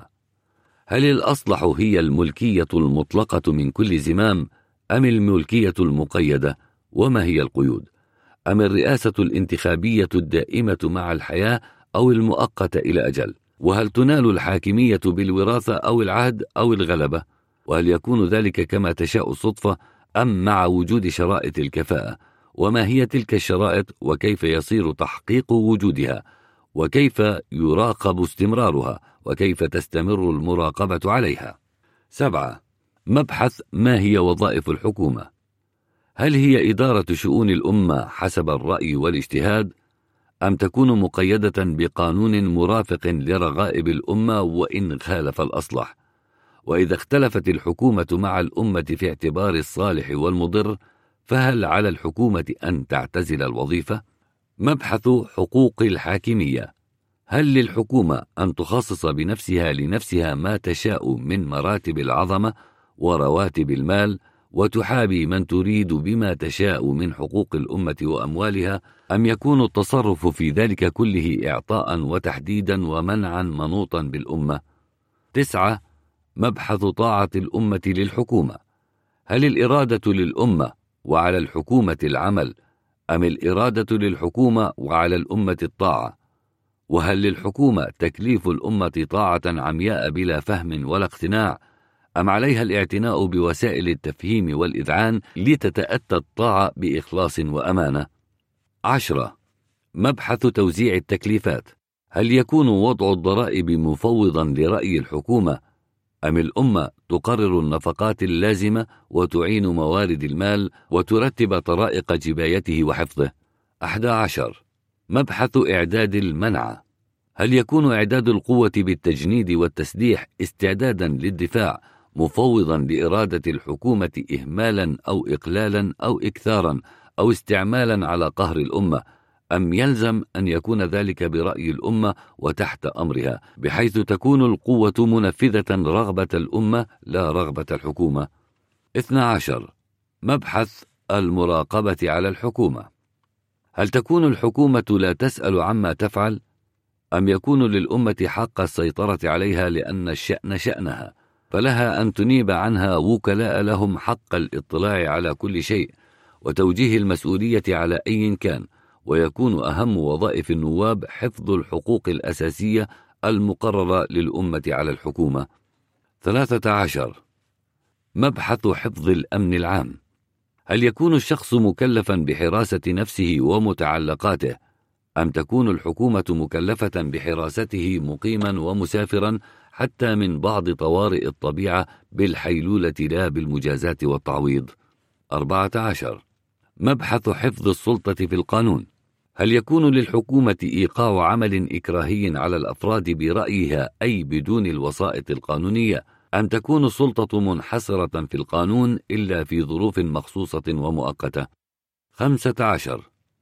مبحث تأمين العدالة القضائية. هل يكون العدل ما تراه الحكومة أم ما يراه القضاة المصون وجدانهم من كل مؤثر غير الشرع والحق ومن كل ضغط حتى ضغط الرأي العام. ستة عشر. مبحث حفظ الدين والآداب. هل يكون للحكومة ولو القضائية سلطة وسيطرة على العقائد والضمائر أم تقتصر وظيفتها في حفظ الجامعات الكبرى كالدين والجنسية واللغة والعادات والآداب العمومية على استعمال الحكمة ما أغنت عن الزواجر ولا تتداخل الحكومة في أمر الدين ما لم تنتهك حرمته. وهل السياسة الإسلامية سياسة دينية أم كان ذلك في مبدأ ظهور الإسلام كالإدارة العرفية عقب الفتح؟ سبعة عشر. مبحث تعيين الأعمال بقوانين. هل يكون في الحكومة من الحاكم إلى البوليس من يطلق له عنان التصرف برأيه وخبرته؟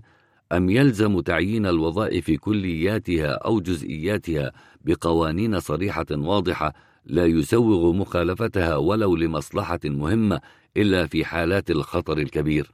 ثمانية عشر. مبحث كيف توضع القوانين؟ هل يكون وضعها منوطا برأي الحاكم الأكبر أو رأي جماعة ينتخبهم لذلك؟ أم يضع القوانين جمع منتخب من قبل الكافة ليكونوا عارفين حتما بحاجات قومهم وما يلائم طبائعهم ومواقعهم وصوالحهم ويكون حكمه عاما أو مختلفا على حسب تخالف العناصر والطبائع وتغير الموجبات والأزمان. تسعة عشر. مبحث ما هو القانون وقوته. هل القانون هو أحكام يحتج بها القوي على الضعيف أم هو أحكام منتزعة من روابط الناس بعضهم ببعض وملاحظ فيها طبائع أكثرية الأفراد ومن نصوص خالية من الإبهام والتعقيد وحكمها شامل كل الطبقات ولها سلطان نافذ قاهر مصون من مؤثرات الأغراض والشفاعة والشفقة. وبذلك يكون القانون هو القانون الطبيعي للأمة فيكون محترما عند الكافة مضمون الحماية من قبل كل أفراد الأمة. عشرون. مبحث توزيع الأعمال والوظائف. هل يكون الحظ في ذلك مخصوصا بأقارب الحاكم وعشيرته ومقربيه أم توزع كتوزيع الحقوق العامة على كافة القبائل والفصائل ولو مناوبة مع ملاحظات الأهمية والعدد بحيث يكون رجال الحكومة أنموذجا من الأمة أو هم الأمة مصغرة وعلى الحكومة إيجاد الكفاءة والأعداد ولو بالتعليم الإجباري؟ واحد وعشرون. مبحث التفريق بين السلطات السياسية والدينية والتعليم. هل يجمع بين سلطتين أو ثلاث في شخص واحد؟ أم تخصص كل وظيفة من السياسة والدين والتعليم بمن يقوم بها بإتقان؟ ولا إتقان إلا بالاختصاص. وفي الاختصاص كما جاء في الحكمة القرآنية ما جعل الله لرجل من قلبين في جوفه ولذلك لا يجوز الجمع منعا لاستفحال السلطة. 22 مبحث الترقي في العلوم والمعارف. هل يترك للحكومة صلاحية الضغط على العقول كي لا يقوى نفوذ الأمة عليها أم تحمل على توسيع المعارف بجعل التعليم الابتدائي عموميا بالتشويق أو الإجبار ويجعل الكمالي منه سهلا للمتناول وجعل التعليم والتعلم حرا مطلقا؟ 23 مبحث التوسيع في الزراعة والصنائع والتجارة. هل يترك ذلك للنشاط المفقود في الأمة أم أن تلزم الحكومة بالاجتهاد في تسهيل مضاهاة الأمم السائرة لا سيما المزاحمة والمجاورة كي لا تهلك الأمة بالحاجة لغيرها أو تضعف بالفقر؟ 24 مبحث السعي في العمران. هل يترك ذلك لإهمال الحكومة المميت لعزة نفس السكان أو لأنهما كهما فيه إسرافا وتبذيرا أم تحمل على اتباع الاعتدال المتناسب مع الثروة العمومية؟ 25 مبحث السعي في رفع الاستبداد هل ينتظر ذلك من الحكومة ذاتها أم نوال الحرية ورفع الاستبداد رفعا لا يترك مجالا لعودته من وظيفة عقلاء الأمة وزراتها؟ هذه خمسة وعشرون مبحثا كل منها يحتاج إلى تدقيق عميق وتفصيل طويل وتطبيق على الأحوال والمقتضيات الخصوصية وقد ذكرت هذه المباحث تذكرة للكتاب ذوي الألباب وتنشيطا للنجباء على الخوض فيها بترتيب اتباعا لحكمة إتيان البيوت من أبوابها. وإني أقتصر على بعض الكلام فيما يتعلق بالمبحث الأخير منها فقط. أعني مبحث السعي في رفع الاستبداد فأقول واحد الأمة التي لا يشعر كلها أو أكثرها بآلام الاستبداد لا تستحق الحرية. اثنان الاستبداد لا يقاوم بالشدة إنما يقاوم باللين والتدرج. ثلاثة يجب قبل مقاومة الاستبداد تهيئة ما يستبدل به الاستبداد. هذه قواعد رفع الاستبداد هي قواعد تبعد آمال الأسراء وتسر المستبدين لأن ظاهرها يؤمنهم على استبدادهم. ولهذا أذكر المستبدين بما أنظرهم به الفياري المشهور حيث قال لا يفرحن المستبد بعظيم قوته ومزيد احتياطه فكم من جبار عنيد جندله مظلوم صغير.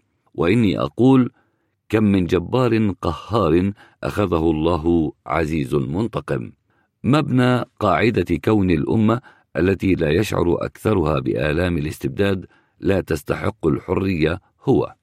أن الأمة إذا ضربت عليها الذلة والمسكنة وتوالت على ذلك القرون والبطون تصير تلك الأمة سافلة الطباع حسب ما سبق تفصيله في الأبحاث السالفة حتى إنها تصير كالبهائم أو دون البهائم لا تسأل عن الحرية ولا تلتمس العدالة.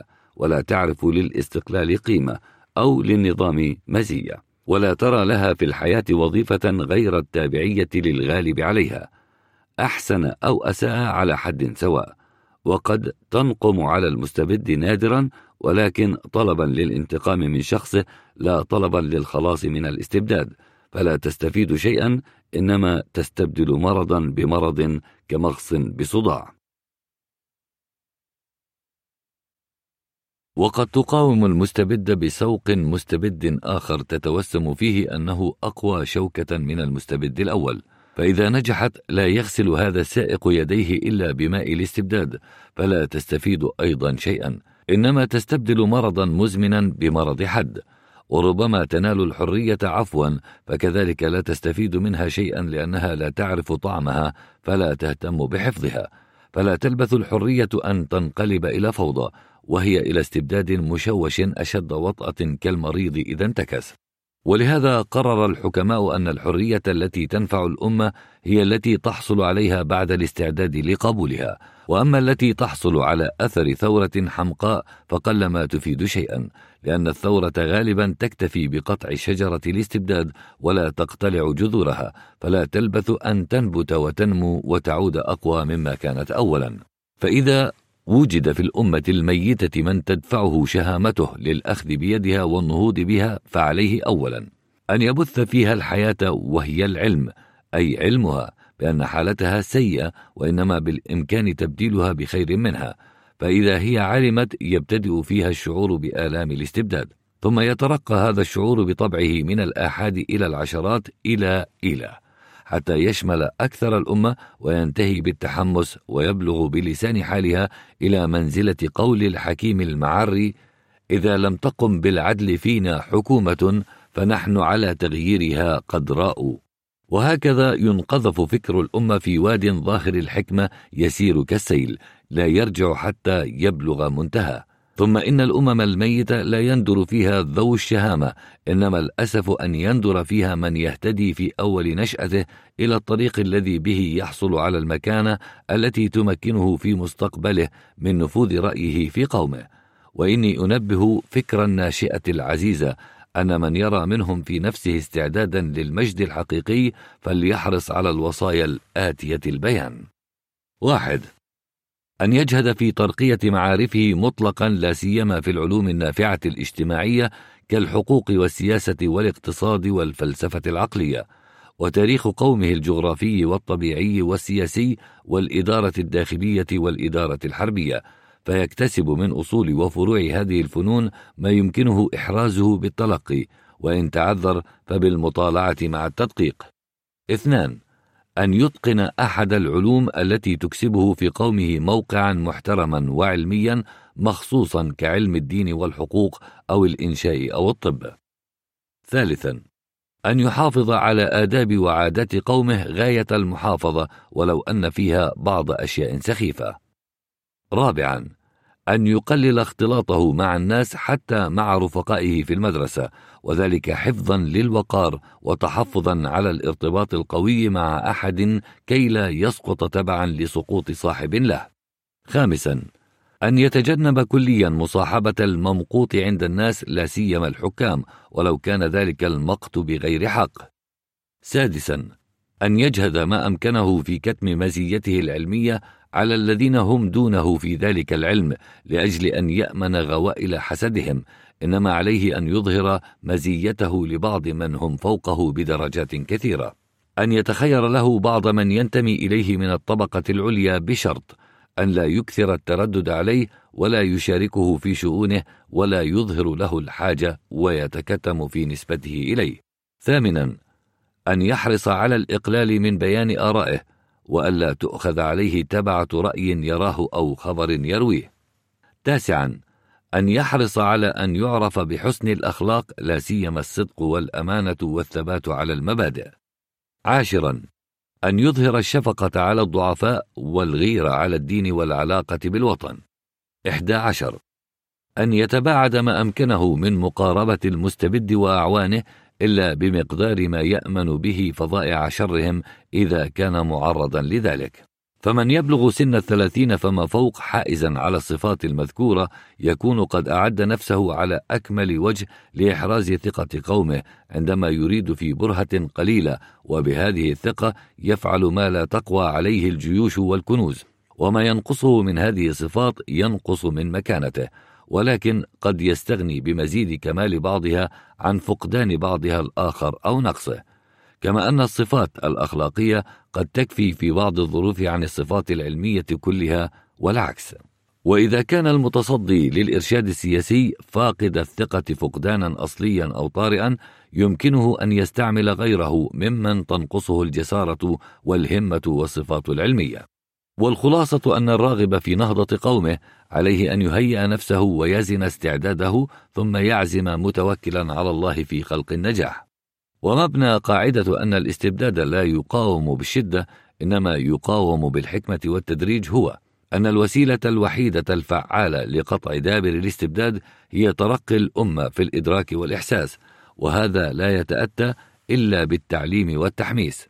ثم إن اقتناع الفكر العام وإذعانه إلى غير مألوفه لا يتأتى إلا في زمن طويل. لأن العوام مهما ترقوا في الإدراك لا يسمحون باستبدال القشعريرة بالعافية إلا بعد التروي المديد. وربما كانوا معذورين في عدم الوثوق والمسارعة لأنهم ألفوا ألا يتوقعوا من الرؤساء والدعاة إلا الغش والخداع غالبا. ولهذا كثيرا ما يحب الأسراء المستبد الأعظم إذا كان يقهر معهم بالسوية الرؤساء والأشراف. وكثيرا ما ينتقم الأسراء من الأعوان فقط ولا يمسون المستبد بسوء لأنهم يرون ظالمهم مباشرة هم الأعوان دون المستبد. وكم أحرقوا من عاصمة لأجل محض التشفي بإضرار أولئك الأعوان. ثم إن الاستبداد محفوف بأنواع القوات التي فيها قوة الإرهاب بالعظمة وقوة الجند، لا سيما إذا كان الجند غريب الجنس، وقوة المال وقوة الألفة على القسوة، وقوة رجال الدين وقوة أهل الثروات وقوة الأنصار من الأجانب. فهذه القوات تجعل الاستبداد كالسيف لا يقابل بعصا الفكر العام الذي هو في أول نشأته يكون أشبه بغوغاء. ومن طبع الفكر العام أنه إذا فار في سنة يغور في سنة وإذا فار في يوم يغور في يوم بناء عليه يلزم لمقاومة تلك القوات الهائلة مقابلتها بما يفعله الثبات والعناد المصحوبان بالحزم والإقدام.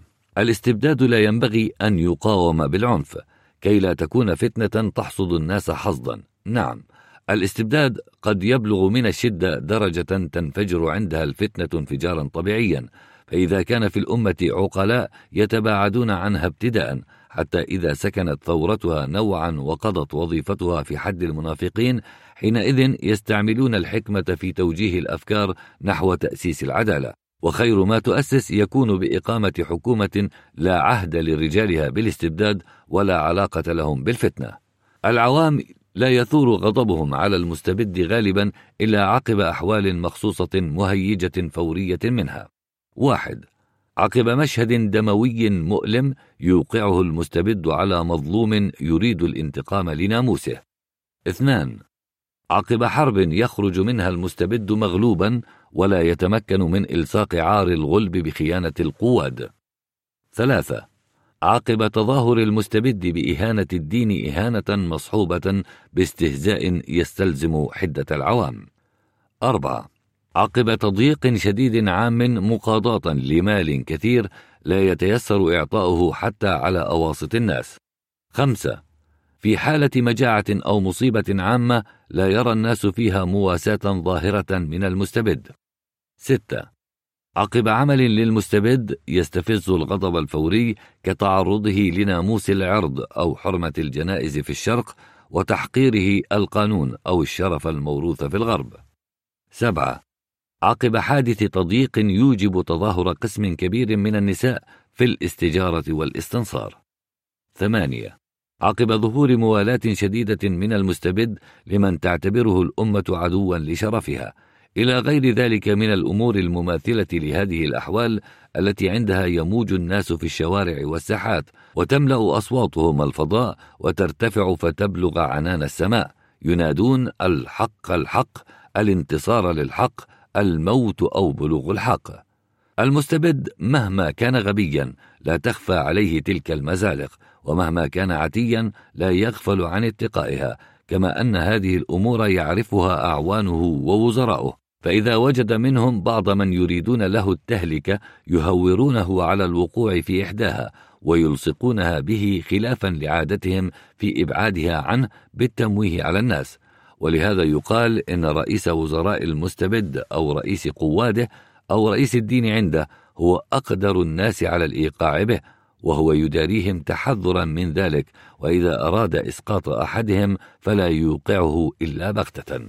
لمثيري الخواطر على الاستبداد طرائق شتى يسلكونها بالسر والبطء يستقرون تحت ستار الدين فيستنبتون غابة الثورة من بذرة أو بذورات يسقونها بدموعهم في الخلوات وكم يلهون المستبد بسوقه إلى الاشتغال بالفسوق والشهوات وكم يغررونه برضاء الأمة عنه ويجسرونه على مزيد التشديد وكم يحملونه على إساءة التدبير ويكتمونه الرشد وكم يشوشون فكره بإرباكه مع جيرانه وأقرانه.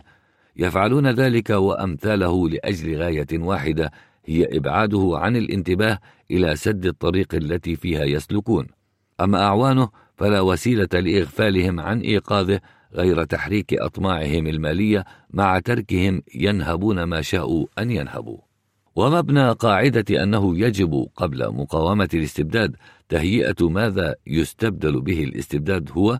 أن معرفة الغاية شرط طبيعي للإقدام على كل عمل، كما أن معرفة الغاية لا تفيد شيئا إذا جهل الطريق الموصل إليها، والمعرفة الإجمالية في هذا الباب لا تكفي مطلقا، بل لا بد من تعيين المطلب والخطة تعيينا واضحا موافقا لرأي الكل، أو لرأي الأكثرية التي هي فوق الثلاثة أرباع عددا أو قوة بأس، وإلا فلا يتم الأمر.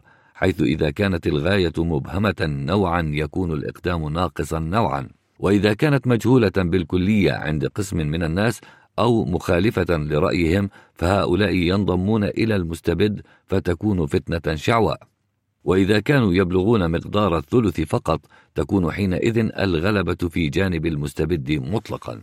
ثم إذا كانت الغاية مبهمة ولم يكن السير في سبيل معروف ويوشك أن يقع الخلاف في أثناء الطريق فيفسد العمل أيضا وينقلب إلى انتقام وفتن.